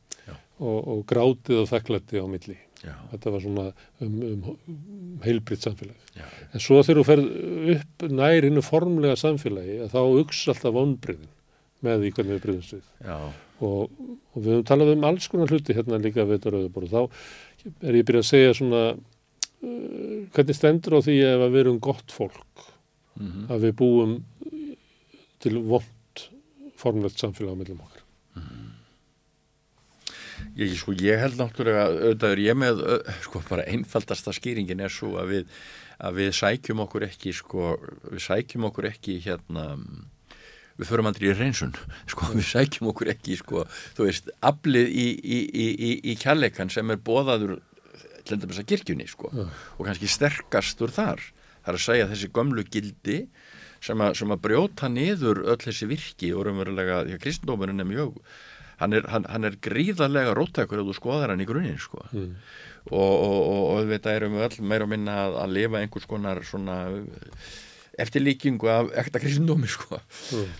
en, en hann gengur auðvitað bara út á þetta að þú, þú lifir með öðrum og skinjar það að þú ert bara eins og annað fólk þú ert ekkit, ekkit meiri þó þú hafur ykkur hlutverk í þjóðfélaginu sem gerir það einhverju, einhverju, einhverju fínmenni sko, þá ertu ekkert sko, þú ert bara sko, ég menna ég er alltaf að jarða, ég veit alveg hvernig fólk er í kistunni sko, það er allir jafnir þar Mm. og það er engin vasar á, á líklega ánum sko, er, en það En þarf ég að sækja sé- þetta Já, ég held að sé upplifin af fólki að sko að við séum góð að þú veist að ef þú lendir ykkur raunum að þá færðu aðstóð og fólk síni skilning og Já, það er ekki alltaf þannig það er ekki alltaf nei, mann, mannfélagið, ef við kvöldum það, getur líka verið kallt. En það sem ég er að spyrja, en akkur er svona formlega samfélag sem við búum til á millokkar? Akkurju, hérna, ef, ég, ef við myndum lappa henn út og spyrja fólk, hérna, finnst þér hérna, eðlilegt að, að svona stór hópur fólks búi við sárafátast á Íslandi? Þá segir allir nei. Já, já, já. En samt er þetta svona, við höfum vitað þetta lengi, það er ekkert gert, ef við spurjum ráða fólk að þessu, það vellur upp úr því einhverja útskýringar á því að það Mm. hafi raunverulega verið búið að redda þessu eða, eða Já, já. Uh, Af hverju er hérna form, ef, að- ef að hugmyndin á mill okkar er að, að samfélagi okkar á milli eigi að vera byggt upp á kærleika. Af hverju búum við ekki til formlegt samfélag sem er byggt á kærleika? Já, já. Þú nefndi Grindavík, ég var nú prestur þar í fimm ár, ég byrjaði minn presskap þar og, og þetta var dugnaðar fólk og gott fólk og gott að vera þar og ég manu þetta atvik þar sem að, að uppkomu sko aðstæður þar sem að uh, eftirlifandi makki var í í, í vandræðu með, með fjölskyldun og allt þetta og, og bara fólki bara kom og, og sáum þetta það, sko, það var þessi samhjálp sem spratt, sko, ekki gegnum stopnarnir heldur bara gegnum einstaklinga. En ætti ekki hið formlega samfélag að endurspegla hvernig við erum með óformlega samfélag? auðvita, en það, sko, það er ekkit, það er ekkit hjarta í, í, í kerfunum. Hjar, kerfin get ekkit þau virka ekkit nema þar séu, þar séu góð hjörtu líka sko og vandin er þegar þetta er orðið svona uh, þetta er eitthvað bákn og svo er samkeppnum það að fá peninga í kerfin og ég var nú að bara rifja upp sko sögu Orvels hérna uh, dýrabær sko og, og, og það sem að allir voru jafnir og, en svo eruðu bara sömur jafnar en aðrir. Og ég hitt á dögunum því ég fættur á uppalinn á Ísafyrði þar sem að var svona blómlegt tíma kratanna, þeir byggðu þarna alveg reynd sko, upp bæinn og byggðu flottar byggingar Byggðu upp og- menningabæ. Já, já, maður segja það sko en svo er bara kemur í ljós að, að, að, að sko að fórstum menn kratana sko þeir margir sko, ég ætla ekki að alhafa en, en, en þeir, þeir byggu svo í íbúðin sem þeir þurftu aldrei að borga leigu. Og rammarsæningarnir þeir fóru inn í skuffu, þeir voru aldrei rukkaðir.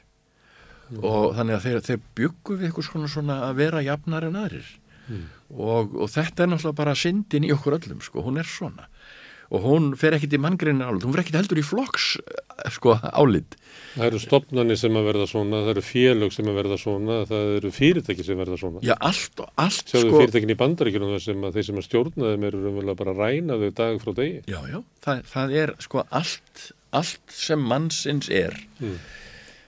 hefur í sér þessa það, og þetta gerist bara sko einhvern veginn, það er það, það spillist og þegar þú kemst eitthvað staðar inn í röðina og getur gert eitthvað sem enginn sér og þá er svo auðvelt að fara að taka til sín einhverju aukapenninga og við sjáum hér fólk sem búið að vera í, í, í stjórnmálum og, og er komið í álnir og er á 20 földum launum mínum til dæmis og, og hefur alltaf verið ofinbyrði starfsmenn og, og, og, og hvar kemst það í þessar álninum að því að það næri ykkur júur Mm. Það er bara með mjöldavilar, þetta eru arðirkju menn Fyrst er uh, þessu laun ráðherra og þessu með tvo aðstofamenn og enga bílstjóra og fyrst er þetta of mikið svona fínir í kringum kannski ekkert svo flókna, flók, flókin störf sko.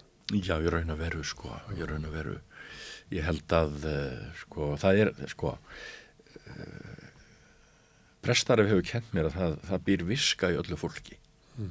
ég hef búin að ég hef búin að tala yfir svo mörgum háum og lágum ef maður getur notað þau orð. Og, og, og, og sé að það er, það er allt líf merkilegt lífsbaráttan og hvernig fólk komst af og sumir fátækir og ómentaðir og svo aðrir ykkur, háir herrar og, frúr og svona. Að hvert líf er merkilegt en, en, en um, uh, það að vera ráð þeirra er bara þjónusta við almenning. Þetta er, er þjónustu hlutverk Mm. og, og þá má ekki gleyma því sko að, að, að valdastólar eru sko embætti sko forsett Íslands hann situr í ákveðnu stól sko það er, það heit, embættið er sko valdastól. Mm. hann situr í þessu stól. Embættið er stólinn en ekki persónum og við stöndum upp fyrir fórsetarna því við stöndum upp fyrir þessu embætti. Og virðum það sko.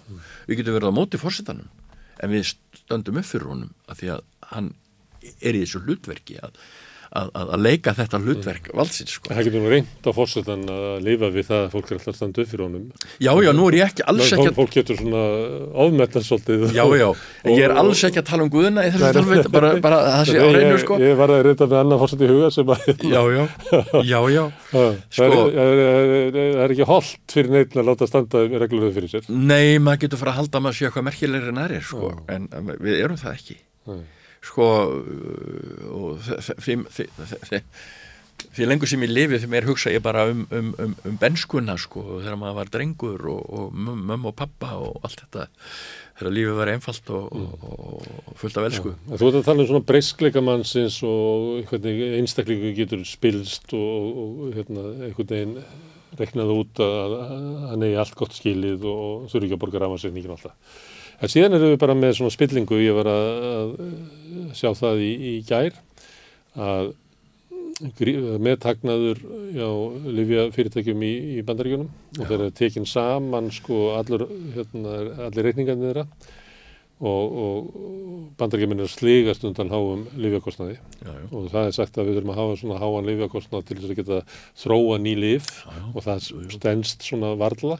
En svo þegar reikningarnir eru skoðar þá fer mun hærri upp að til hluthafanna. heldur, heldur, heldur, heldur en til rannsóknum þannig að það, það er allar rannsókn allar livjarannsóknir í bandaríkjunum uh mhm. -huh. eru minni effort til þess að búa það til heldur en er bara mókað út úr ég veit það Já, þetta er allt, þetta er allt, þetta er allt rekkið á, á grundviti lígi og, og blekkinga, það er nú það, það er nú það, það er, svo komast menn í þessar stöður að geta mjölka þetta svona og þannig raun og veru er þetta bara glæpasamtök. Bara reyngabæli. Ekki þannig, þetta eru bara glæpamenn sko, mm. bara glæpamenn. Það er engin, það er engin, það er engin sko, það er engin uh, göfu hugsun og bakvið það sko, það er bara eigin mægi og og, og fleiri villur og ofgnótt að öllu sko. og engin hamingja. Engin, það fólk getur ekki verið hamingsamt og ættu kannski ekki að trúa fólkinu þegar það er að réttlæta, réttlæta Nei, maður verður sko, sko málið er þetta hvernig getum við hvernig getum við alveg, nú erum við vandraði með að já, já, að menta unga fólki og svona, hvernig getum við alveg það upp sko með krítiska hugsun? Að láta ekki, láta ekki ljúa sér alla daga og láta ekki reka sig eins og hjörð. Mm sko, við erum svo miklar hjarð, hjarðir sko. Og við Íslingar sko við hlaupum eftir sko nýjum ströymum svona og svona alveg bara eins og það bara kemur upp eitthvað flagg og bara allir þangað og, og, og, og við erum alveg ótrúlega svona ístöðulegs skakvart eh, tilbóðum hinnum glansandi tilbóðum heimsins sko. Við erum svo mikið selvofa Já sko við erum svona þessi litla þjóð hér á svo skeri og við erum einhvern veginn fjarrri öðrum þjóðum. Og ég held til dæmis að held til dæmis að þjóðverjar og, og, og þessi þessar Európa þjóðir þessar þær, þær, þú sviftir þeim ekki svona til. Ekki, ekki á sama hátt okkur. Þú veist það eru það er bara fyrir jólinn það, það er alltaf eitthvað nýtt sko tæki eða tól sem að heilar alla. Er það vegna, eh, út af hérna, við, út af svona, svona kultúrist að við séum með takmarkari sögun aðrir eða er þetta bara kannski fámennið að, að, að koma tískur og, og það er hérna sveifla svona til í öllum samfélagum en á Íslandi veginn þá skrapaði botnin, hann er að hverfur í allt sem áður var, ég finna Við getum farið í einhverja stórborginna og þá sjáum við eitt svona gamlan hippa og eitt gamlan pöngara og það, það deyri ekki allt út. En hérna á Íslandi stundum er eins og sko það nýja skrapi bara botnin og þau gamla bara hverfur. Já, já, við, það, það er einhver sko, ég veit ekki, þetta er, það, ég veit ekki, það er alltaf sko varasamt að aðlæfa en, en, en mér finnst við vera svona daldið skamsín, svona, við, við, við hugsaum ekki á dýftina og það er nú sagt sko að þú tekur Norðurlöndin sem er nú skora nú hæst yfirleitt á öllum uh, konunum í heiminum um, um velferð og bestu þjóðfjölegin og mm. besta liv og allt þetta hvernig eru þau samansett sko þau eru samansett af þetta, þetta, þetta er orð, það er orðin ykkur til ykkur svona ykkur ykkur, konsensus ykkur, ykkur samstaða um ykkur gildi og það eru stjórnmálaflokkar verkaliðsreifingar, það eru háskólanir og það er þetta og það er Jú, Lútersk þjóðkirkja í öllum þessum löndum sem hefur mótað fólkið og kent í svona vinnusiðferði að vera sparsamur og, leggja fyrir og steyðja nángan og hjálpa stað og svona sko. Og sömstæðar er kirkja það sem varð svona líðræðisbylting sent á 19. öldinni, kom svona leikmannakirkjan inn og jú, var svona, jú, jú, já, já. og hafði öruglega sín áhrif á Já, þróun sósjaldemokratíunar. Já, já, og það er sagt sko að til dæmis á norðu, að sko skandinavísku löndin, Já. þau, þau, þau eru fyrir mik miklum áhrifum af líðháskóla hefðinni sem að presturinn Grundvik í Danmörku byrjaði.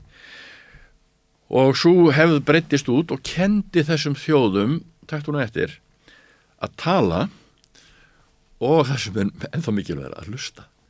Já, svo kemur allir Íslands sem að líðskóla hefði náði aldrei sömu hæðum og í Skandinavíu og farðu nýr á alltíki og þar kunna menn hvorki að tala niður hlusta svo ég alhæfi nú svona og tali nú aldrei svona svona í grínu um þetta en, en, en þá er einhvern veginn sko kultúrin einhvern veginn svona hann er, hann, hann er aldrei grunnur og, Mm.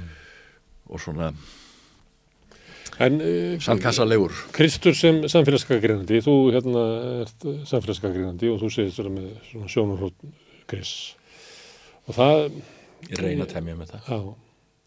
Við vorum með þráð hérna fyrir uh, nokkru vikum þar sem vorum að tala í tilefni að því að var að koma út bókin Eimriðar uh, Elítan, spillingarsaga. Já. Að þá uh, rættu við höfundi þar og síðan um bókina og svo fór ég svona að ræða um bláu höndina og, og kolkrabban, bakherbyrgi, valhallar og annað slikt. Og ég hafði samband við þig að því að þú fjöxt svona bank frá bláu höndinni. Mm, Já, fannst þú vera að segja eitthvað sem að þú ætti bara ekkert að segja að það kæmi þeim íla, er það ekki rétt? Jú, jú, það var, það er alveg rétt sko, ég, það var þannig sko, á, ég, ég, þetta, ég man þetta eins og þetta hefði gæst í gær sko, það var nýjástagur 1999 Mm. og ég hafði hlustað á gamlarskvöld á fórsættisráð þeirra að tala í sjónvarpi og, og biskupinn í, í me- messunni í domkirkina út útarpinu Mm. og hann flutti fína ræð og talaði um fáta til endinu, Mm. hann fekk nú bátt fyrir það, sko, notabenni og svo fórsetinn klukkan í sjónvarpinu klukkan eitt og, og, og ég sitt nýri, nýri í miðbæ og ég horfi yfir sundin blá og sé esjuna og, og hugsa með mér það er allt í sölu í Sélandi þá seljur okkur genin sko í gegnum gára og þá selja hérna hálendið og virkja og eiðilegja allt lífríkið og svona sko og ég hugsaði sko ef, ef, við- ef við getum selt esjuna þá og myndum græða því þá, þá værum við örglega til í það Mm. og ég skrifa þessa sögu og, og hún er í salti hjá mér að hún byrtist í morgunblæðinu 12, 10. apríl um vorið Já. og ég las hana upp reyndar á fundi sama daginn, það var nú tilviljun sko á, á, á, á, á fundi sem var gegn sko gagnagruninum hjá, hjá íslenskri erðagreiningu um að taka allar sjúkraskrar allra íslendinga og gera þær að söluvöru og, allt sannast eins og sagt er að búið að selja þetta erlendu fyrirtækjum og uh, þessu var náttúrulega andmælt. Það kom nú bara bref frá forsætisráðherra og brefhaus forsætisráðherra Íslands til biskupsins hvort að þessi saga væri sko bóskapur kirkjunar Mm. og það hefði náttúrulega þær svona það, það fór í gang svona ferli sem endaði með því að ég hætti á biskustofu og, og ég var náttúrulega rekin úr eh, sko svona rítar í kristniháttíða nefndar Mm.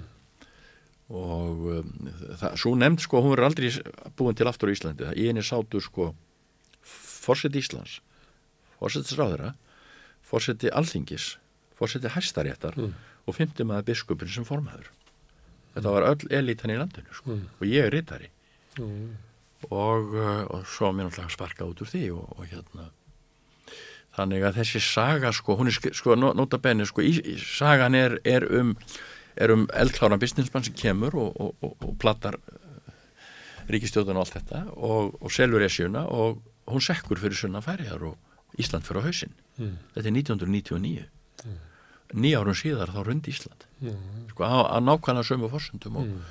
það var bara inn í mér einhver existensial, einhver tilvistaleg svona, einhver tilfinning ég bara satt heima og segi við erum einhver réttir leið. Þetta er, er, þetta er alltaf fara til fjandans. Mm. og ég skrifa þessa Það er svona óskilgrindur uh, uggur. Þetta er óskilgreindur uggur sko, veistu það ég og þú tekur marka á honum. ég, ég tók marka á þessu, veistu það ég, ég, ég skrifa hann svo mikið að ræðum sko. Uh, ég er nú reynda að koma nú eftir laun en, en ég er að jarða af og til og, og, og ég seti ræðunum mínar á vefin bæði texta og hljóðuptökur ég fekk 23.000 flettingar í fyrra, ég er búin að fá 19.000 eða 17.000, 18.000 nú í ár fólk hlustar á þetta mm. og þegar ég skrifa ræður alveg sama hver það er sem ég, ég ætla að tala yfir ég get ekki byrja fyrir en ég fæ þráðin ofan sko. mm. það kemur til mín hugmynd og ég hef svo oft lendi því að ég tala eitthvað neginn og svo kemur fólk til mín eftir að segja sko, ná, ná skilt sko hinn um látna eða látnu og segir hvernig, hvernig vissir þetta að, að, að, að þetta var svona mikið í lífi þessara látna mannesku ég hef ekki hugmynd um það þetta bara kom til mín kvíslað að mér mm. og það er þetta sko að ef þú lefir í einhvern veginn, ef þú reynir að lefa einhvern veginn í þengslum við því stóra samengi og, og reynir að íhuga það og þá, þá, þá, þá færðu hugbóð um það sem að þá færðu eins og leiðarvís þetta er eins og kompá sem segir sko býtunum við það sker þarna sko, ekki siglað ángað farðu hérna Ég er ekkert að segja þetta að maður sé sko, komist slisalust í gegnum lífið en, en ég er búin að fá svo margar svona vísbendingar að það er, það er ekkert að sko, ganga hjá því að þær eru, þær eru úr, úr hinnu stóra samengi sko. mm. og það, það er það sem við þurfum að fá meira af því hér, á, hérinn í þjóðfélagið mm. En þú fyrst að kenna, að kenna á bláhundinni Það var ekki Já, það er svona, þetta er svona líkingabál sko Já, Já. Þetta viðbröðin voru í engu samræmi við það að þú ert bara að skrifa um þetta. Ég er bara skrifstofumadur og, og biskustofu sko og, og, og hérna... Og mistir, eh, í, þeir var ítt í börstu? Já, já, já, já. Og þú fyrst ekki að rita hérna eina fínu nefnd? Nei, nei, nei, nei, og svo fór ég, og ég sagði við biskupin, nú, nú hérna, nú vinn ég nú fer ég bara, ég, fer, ég, ég ætla ekki að vinna hér lengur á þessu, þessu stofnun ef þú stendur ekki með mér, sko. Mm til þess að verja tjáningafrelsið mm. ég, ég náttúrulega hafði tjáð mig og, og lótið gælda fyrir tjáningu mína sko. rittfrelsið sko mm. bara grundvallar atrið í stjórnarskráni mm. og þá mér bóðið að fara vestur í vestur á Mella og leysa þar af í nýju mánuði mm. og Birkubur hingdi í forma sorgnemnda þar og prestinn þar og sagði, heyrðu hann, Örbarður er, er á lausu og getur leist ykkur að leist af sko. Mm. þá var prestur þar að fara í námsleifi mm og uh, það var haldið sorgnendafundur um þetta og, og, og, og það fóru þrýr uh, fulltróður á sorgnendinni, þeir fóru nýri stjórnar á morgunin eftir. Spurðum leiði og rættu við tvo herramenn þar og spurðu hvað þeir hefðu um það að segja að ég myndi leysa af í Vesturbænum í nýju mánuði. Mm. sko, notabenni ekki fast starfveldur mm. afleysing sko. Og þetta er nú voru fylgjur höfðingjar að þeir sögðu sko viljum ekki að gera í þessu að svo stöndu Þannig að, eh, þannig að ég hef náttúrulega verið þarna svona upp og, og, og, og náðu miskun þeirra sko. Sjáðu bara hvernig þjóðfélaginu er stýrt og þetta er ekki sögursagnir því einn af þessum þremur sem fónir í ráðuniti saði hann staðfest þessa sögur. Já. En þú ert í einhverjum vafa um að það er svona, svona skuggastjórn í landinu sem að Jú, maður, maður þekkir mann og, og, og, og svo eru þessir útsendar og svona og þú veist svona, svona mm, hlaupa, hlaupa menn, svona sendlar sem eru út um allt að, að hlusta og svona og gefa skýslur í á hennum hástöðum sko en, en, en allt vald, búið sem það er rauða vald eða, eða bláa vald eða græna eða hvað þetta heitir sko það er allt sama marki brent því að það eru, það eru, það eru, það eru breyska manneskjur í öll, öllu þessu þjóðfélagi. En allar það þannig að, að þetta draga þá álið þetta ertu með bláa höndina? Ég tók þetta með mér hérna, Já. sko, ég ætlaði að vera að taka í hana sko, tattu ekki hérna þú voru að helsa þessari bláa hönd sko en þú sér að hún er alltaf slöpp og hún er svona, hún, hún, hún er hól Þetta er ekki tröst handak Nei, þetta er nú bara ekki gríni gert því að Já. ég nota þetta, þetta er, ég kefti þetta ekkert til að þurka golfhanska. Blotna á vellinum en um, nei, nei, það er auðvitað þetta sko þegar að menn um, sko einhvern veginn uh, verða sko hluta einhverju grúpu sem eru valdagrúpu og við viljum halda völdum. Við þurfum að gera það og þá þurfum að halda þessum frá og svona. Já. Sko í, þetta finnst mér, mér hugnast ekki þetta og ég, ég get ekki farið inn í svona klúpar sko. En er það eh, samt ekki þannig að, að, að þú getur afskrifa allt þannig, það er bara öll mannana verk eru þessum merkibrend, ég meina samfunni hugssjónin, hvernig endaðu hún, já, já. ég meina verkarisreifingin, ég meina þarna situr fólk og kosið áratugum saman og sveigir allt undir þessu heldur ekki svona félagsfund?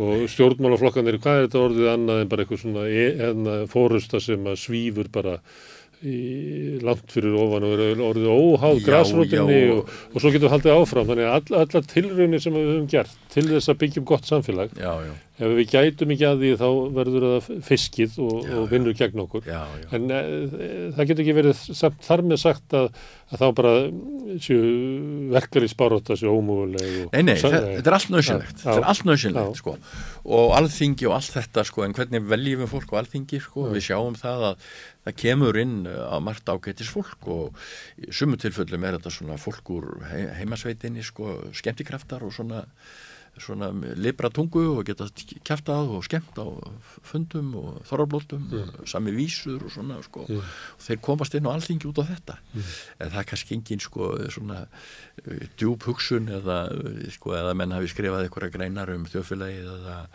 sett fram einhverjar uh, merkar kenningar eitthvað slíkt, þetta er meira svona á snakk uh, nótum og Ég get alveg sagt þetta stundum verður maður gáttar á því hvað er yfirlega lítil pólitík í mörgum sem eru í pólitík. já, já. Ég var einu sinni Það er bara lítil áhuga á pólitík. Já, ég var einu svona prestastefnu og það var einn klerkur sem tók mig af síðu og svo sagði mér, þú ert að fara í frambóð þú farið í frambóð, þú bara ringir í hann hérna veist, og hann bara, þú fæði bara sæti strax sko. svo ég sagði nei. Mm. ákur ekki, ákur ekki? Ég er ekki nóg mikill refur Hann stundu sagt að, að besta fólki til þess að fara í tildekki störf eru þau sem sækist ekki eftir því. já, já. Þannig að besta þingi væri samsetta fólki sem þurft að draga það reyn Já, gargandi. ég veistu að ég held sko, nú, nú tók ég þátti því ég var kosin til þess að vera í stjórnlagaráði. Og það var mjög merkileg, merkileg starf. Það var merkileg lífsreynsla að vera með þessu ólíka fólki og finna hvað fólk hafði sko margar frumlegar og flottar hugmyndir. Og að við skildum ná saman að, að, skrifa þessa, þessa stjórnarskráður, þessa stjórnarskráður tillögu sem er talin jafnvel svo besta sem hefur verið gerði í veröldinni sko. Já. Og, og, og, og ég hef oft verið að velta því fyrir að þá, þá erum við kosin sem einstaklingar. Það var, það var kostning um alland og, og þjóðin kaus þessa 25 einstaklinga. Og, og sumir sem þar voru efstir sko, þeir eru sko með margfalt fylgi í atkvæðum á við, á við þingmenn. Þingmenn geta verið nú aldingi með nokkur hundru atkvæði en, en, en sá sem var með flest atkvæði sko, Þorvaldur Gilvarsson, hann var með yfir 20.000 atkvæði eða hvað það var sko bara svona sem dæmi en þá hefur ég verið að hugsa um þetta veitir, þú ert prestur og þú ert gaman prestur. Þannig að þú manst hérna prestkostingar. Það voru. Já, Ekki voru þær, leitu þær, þær alltaf til bestu niðurstöðu. Eftir því? Nei, nei, nei, nei, nei. nei. Getur hlaupið allur fjandinn í, sko, getur hlaupið allur fjandinn í presskostingar, sko. Það er fólk sem hefur alveg, var alveg, sko, hafði bara, sko, ástríðu að, að, að taka þátt í presskostningum og, og, og gera úr þeim eitthvað skipulag, sko. ræja fólk og svona. Já, já, já, já. Það, En- fylgir, það fylgir persónum kostingu. Já, já, ég tók þátt, ég var, ég var kosin svona prestu grindvikinga á sín tíma en svo hef ég feng, svo hef verið skellt á nefið á mér sko, en það er svo merkilegt sér að Bræja heitin Freyrisson minn góði vinnur í, sem var prestur í Garðabæ sagði alltaf við mig, minn ekki hafa ágjör af því að þú var sér skellt á nefið á þér opnast alltaf aðraðir og þegar ég lít tilbaka, það eru svo guðs lifandi fegin að sumt sem ég sóttum og fekk ekki. Sko, að ég fekk, það- að ég fekk það ekki sko. Já, já. ég fekk alltaf rétta embættið. En ég ætla að segja við þig að, að hérna, ég held að, að, að það væri jafnvel miklu betra að velja á alþingi með slempi úrtæki. Jafnvel bara með sko gerfugrindinni það er að segja að velja bara fólk sem er ótengt og, og, og þannig að það kom bara svo þrjum ár heiskjur í lofti. Eru þú verið valinn til að sitja á alþingi næstu fjögur árin?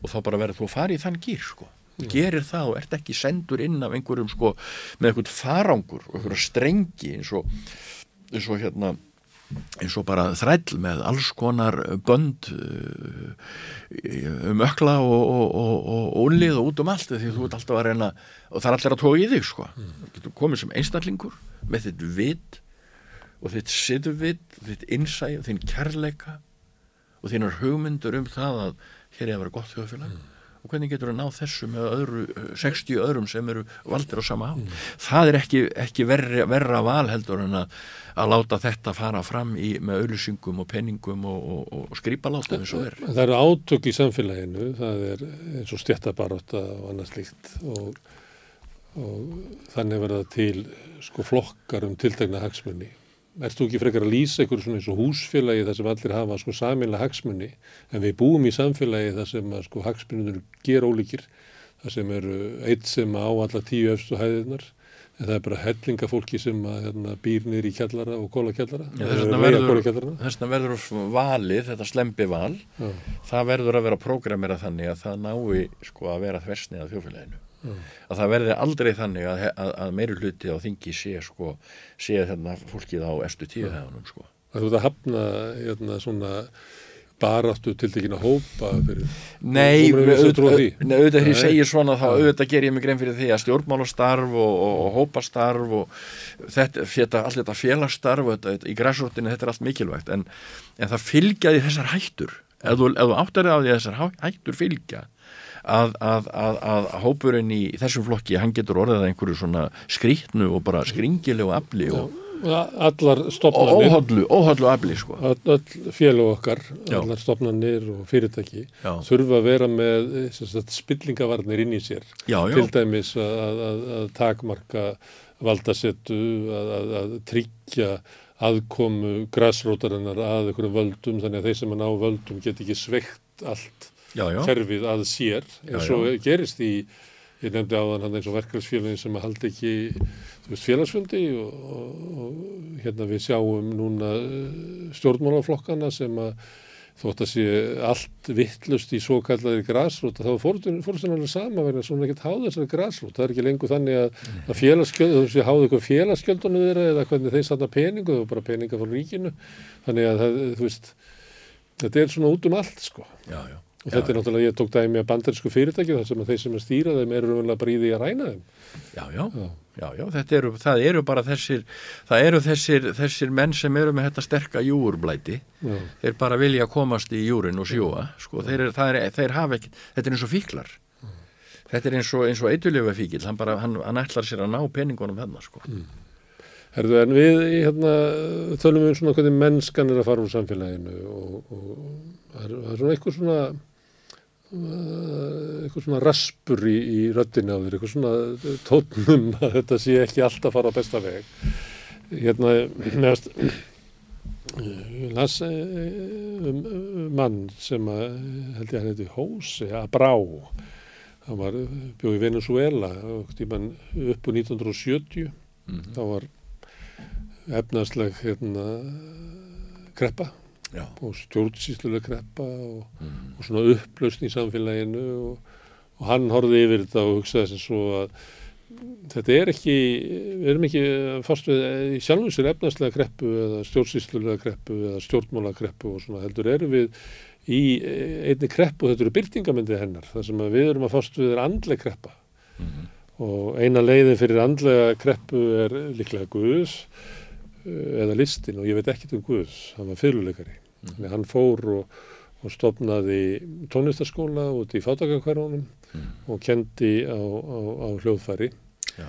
og margt fallet sem hann segir um tilgangi með því til dæmis að, að uh, fátækur drengur sem kemur heimdi sín með fyllu, hann er fylluleikarin þannig hann fær eitthvað já. og þú kannast við þetta þannig að þetta var svona raunverulegt starfend að óksitta og dapnaði og fólk mm. verið að reyna að endur það geta annars þar í heiminum og mm. þetta gata af sér sko kynsluð af, af stórgóðsluðum hljóðfærarleikurum gata af sér mm. Simón de Bolivar og ungmennan hljómsveitina sem að, mm. að hefur, ég veit ekki hvort hann er komið til Íslands en hún ferðast um heiminn og spilar klassiska tónlist með allt öðrum hætti heldur en nokkur hefur heyrta dásalega svona lífrænt og gefandi en matið hans um að sko vandi, við leysum ekki vanda okkar með því að alltaf ráðast og efnaðslu kreppuna eða þetta, eða þetta, eða þetta, eða þetta. Þetta verður við bara að leysa hérna andlu kreppu sem að samfélag okkar er í. Já, ég er alveg sammála því og auðvitað, sko, ég gerir mig grein fyrir því að okkar samtal hefur verið kannski aldrei svarsýnt á köflum, sko, maður sér alltaf syndinni í öllu, ja. en það er nú bara til að gleyma því ekki að við erum ekki, við erum ekki englar, sko, við erum fallinir englar. Já, þú sagðir það að ef við gerum ekki, ef við, hérna, ef við tökum ekki stýrið á bílunum sem að leitar út, já. þá náttúrulega keirum við bara út. Keirum út í skurð, sko. Þannig að við þurfum alltaf að rétta það. Já, ég held að við þurfum það er ekkert sem að gefur okkur þar leysögnu annað en sko þessi, þessi brilljant, sko hugsaði bara þessi þetta, þetta brilljant þessi stórkoslega hugmynd sko til og framlag til menningarsögun er að koma með engiðistrúna mm. að það sé, það sé einn guð að baki öllu, það sé, sé ein hugsun og hún sé góð. Það er nú ekki allir ánæði með þetta? Nei, nei, það, það veit ég, sko, þú, það, þú getur snúður öllu og eðilegt allt, sko, en þetta er þó það besta sem við eigum Já, þetta er það besta sem við eigum. Mm. og, og takt eftir því að við tökum bara til dæmis, sko, þetta, þetta, þetta, þetta uh, graf undan öllum, öllum hugmyndum og allt það, en, en, en sko uh, Nobelsveluna hafar á liðinu frá 1901 til 2000 og 100 árum. Sko, þá, þá öll, ekki bara bókmyndir, þetta er allt. Mm. Já, 63% af þeim eru, eru, eru kristina trúar.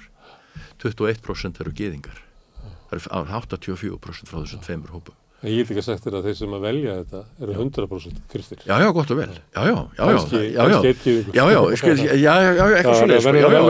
Já, já, já, já, gerum alveg grein fyrir því. Maðurinn sagði, þú er átt að því að það voru við sem að gá okkur nafnið homo sapiens en vitibóttum aður það verður ekki annar sem kallar okkur það. Nei, nei, nei, sko ég ger maður genn fyrir þessu sko, allt, allt svona val eru þetta einhverju takmörkunum háð, en það er þó sko gróskan er mest á meðal þessara þjóða mm. sem hafa byggt upp þessi þjóðfélög þar sem maður reyndir að fara eftir svona einhverjum grunngildum og, og, og, og reyna að skapa einhver þjóðfélag þar sem að, þar sem að fólk fær að njóta fegurðurinnar og læra músikina og allt þetta og hefur veldið fyrir þér að, að það er hverki tónlist í veröldinu nema á þessari jörð?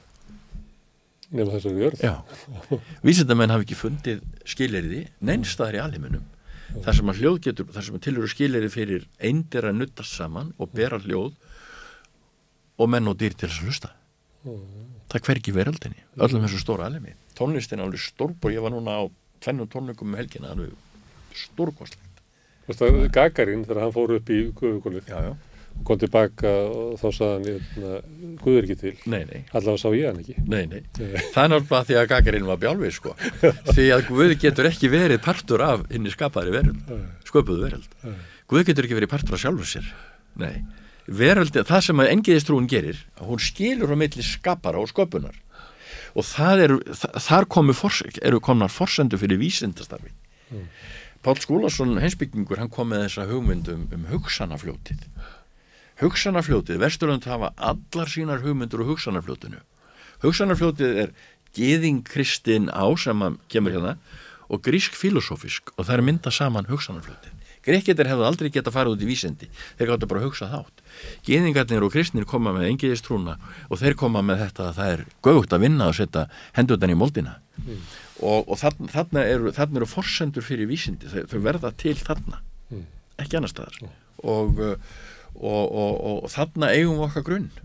Og uh, við höldum að þessi þetta bara að, að, að þykjast að hans ekki til. Það er okkar stærsta villa. Stærsta villan er svo að átta sig á því hvers vegna jólinn eru. Mm. Barður, ég ætla ekki að fara að, að andmæla lýsinguðinni á, á, á, á hversu frjó kristin er. Allra síst á aðvöldunni það var gott að fá það hingað að spjalla saman. Takk að þið fyrir og við látum þetta vera lokin í þættirum í kvöld. Ég þakka öllum gestur mínu sem hafa komið yngað og ykkur sem hafa verið að hlusta. Minn ykkur á að þetta er saminuverkefni okkar sem eru að búið til þetta hérna og gestana sem komið yngað og ykkur sem hafa hlustuð hvet ykkur til þess að dreifa efninu ef ykkur líkar til þess að fleiri geti séða uh, minni á að við erum á Facebook og YouTube og öllum hlaðvarsautum við erum í útvarpinu 89,1 á Stórhauðborgarsvæðinu og líka á spilaranum.is, það er dasgránu okkar og við erum alveg inn í sjónvarp. Þeir sem verður hjálpa okkur við að byggja upp samstöðuna, ég bend ykkur á að þið getur gert áskrifendur, þá farið inn á samstöð.is, það er hnappur sem ástandur áskrift, það kostar bara 2000 krónur á mánuði sem að, mér er sagt að sé ekki hátt verð fyrir alltaf efni sem að hér er búið til því sem að vilji geta borga meira og því sem að kjósið getur látið uh, áskölduna að renna sem félagsgjöld inn í alþjóðufélagið og það er alþjóðufélagið sem á og reykur samstöðuna. Ég þakka fyrir í kvöld og segi góða nótt. Hvernig getur við réttlætt að helmingur eblingakvönna býr við slæma andlega heilsu?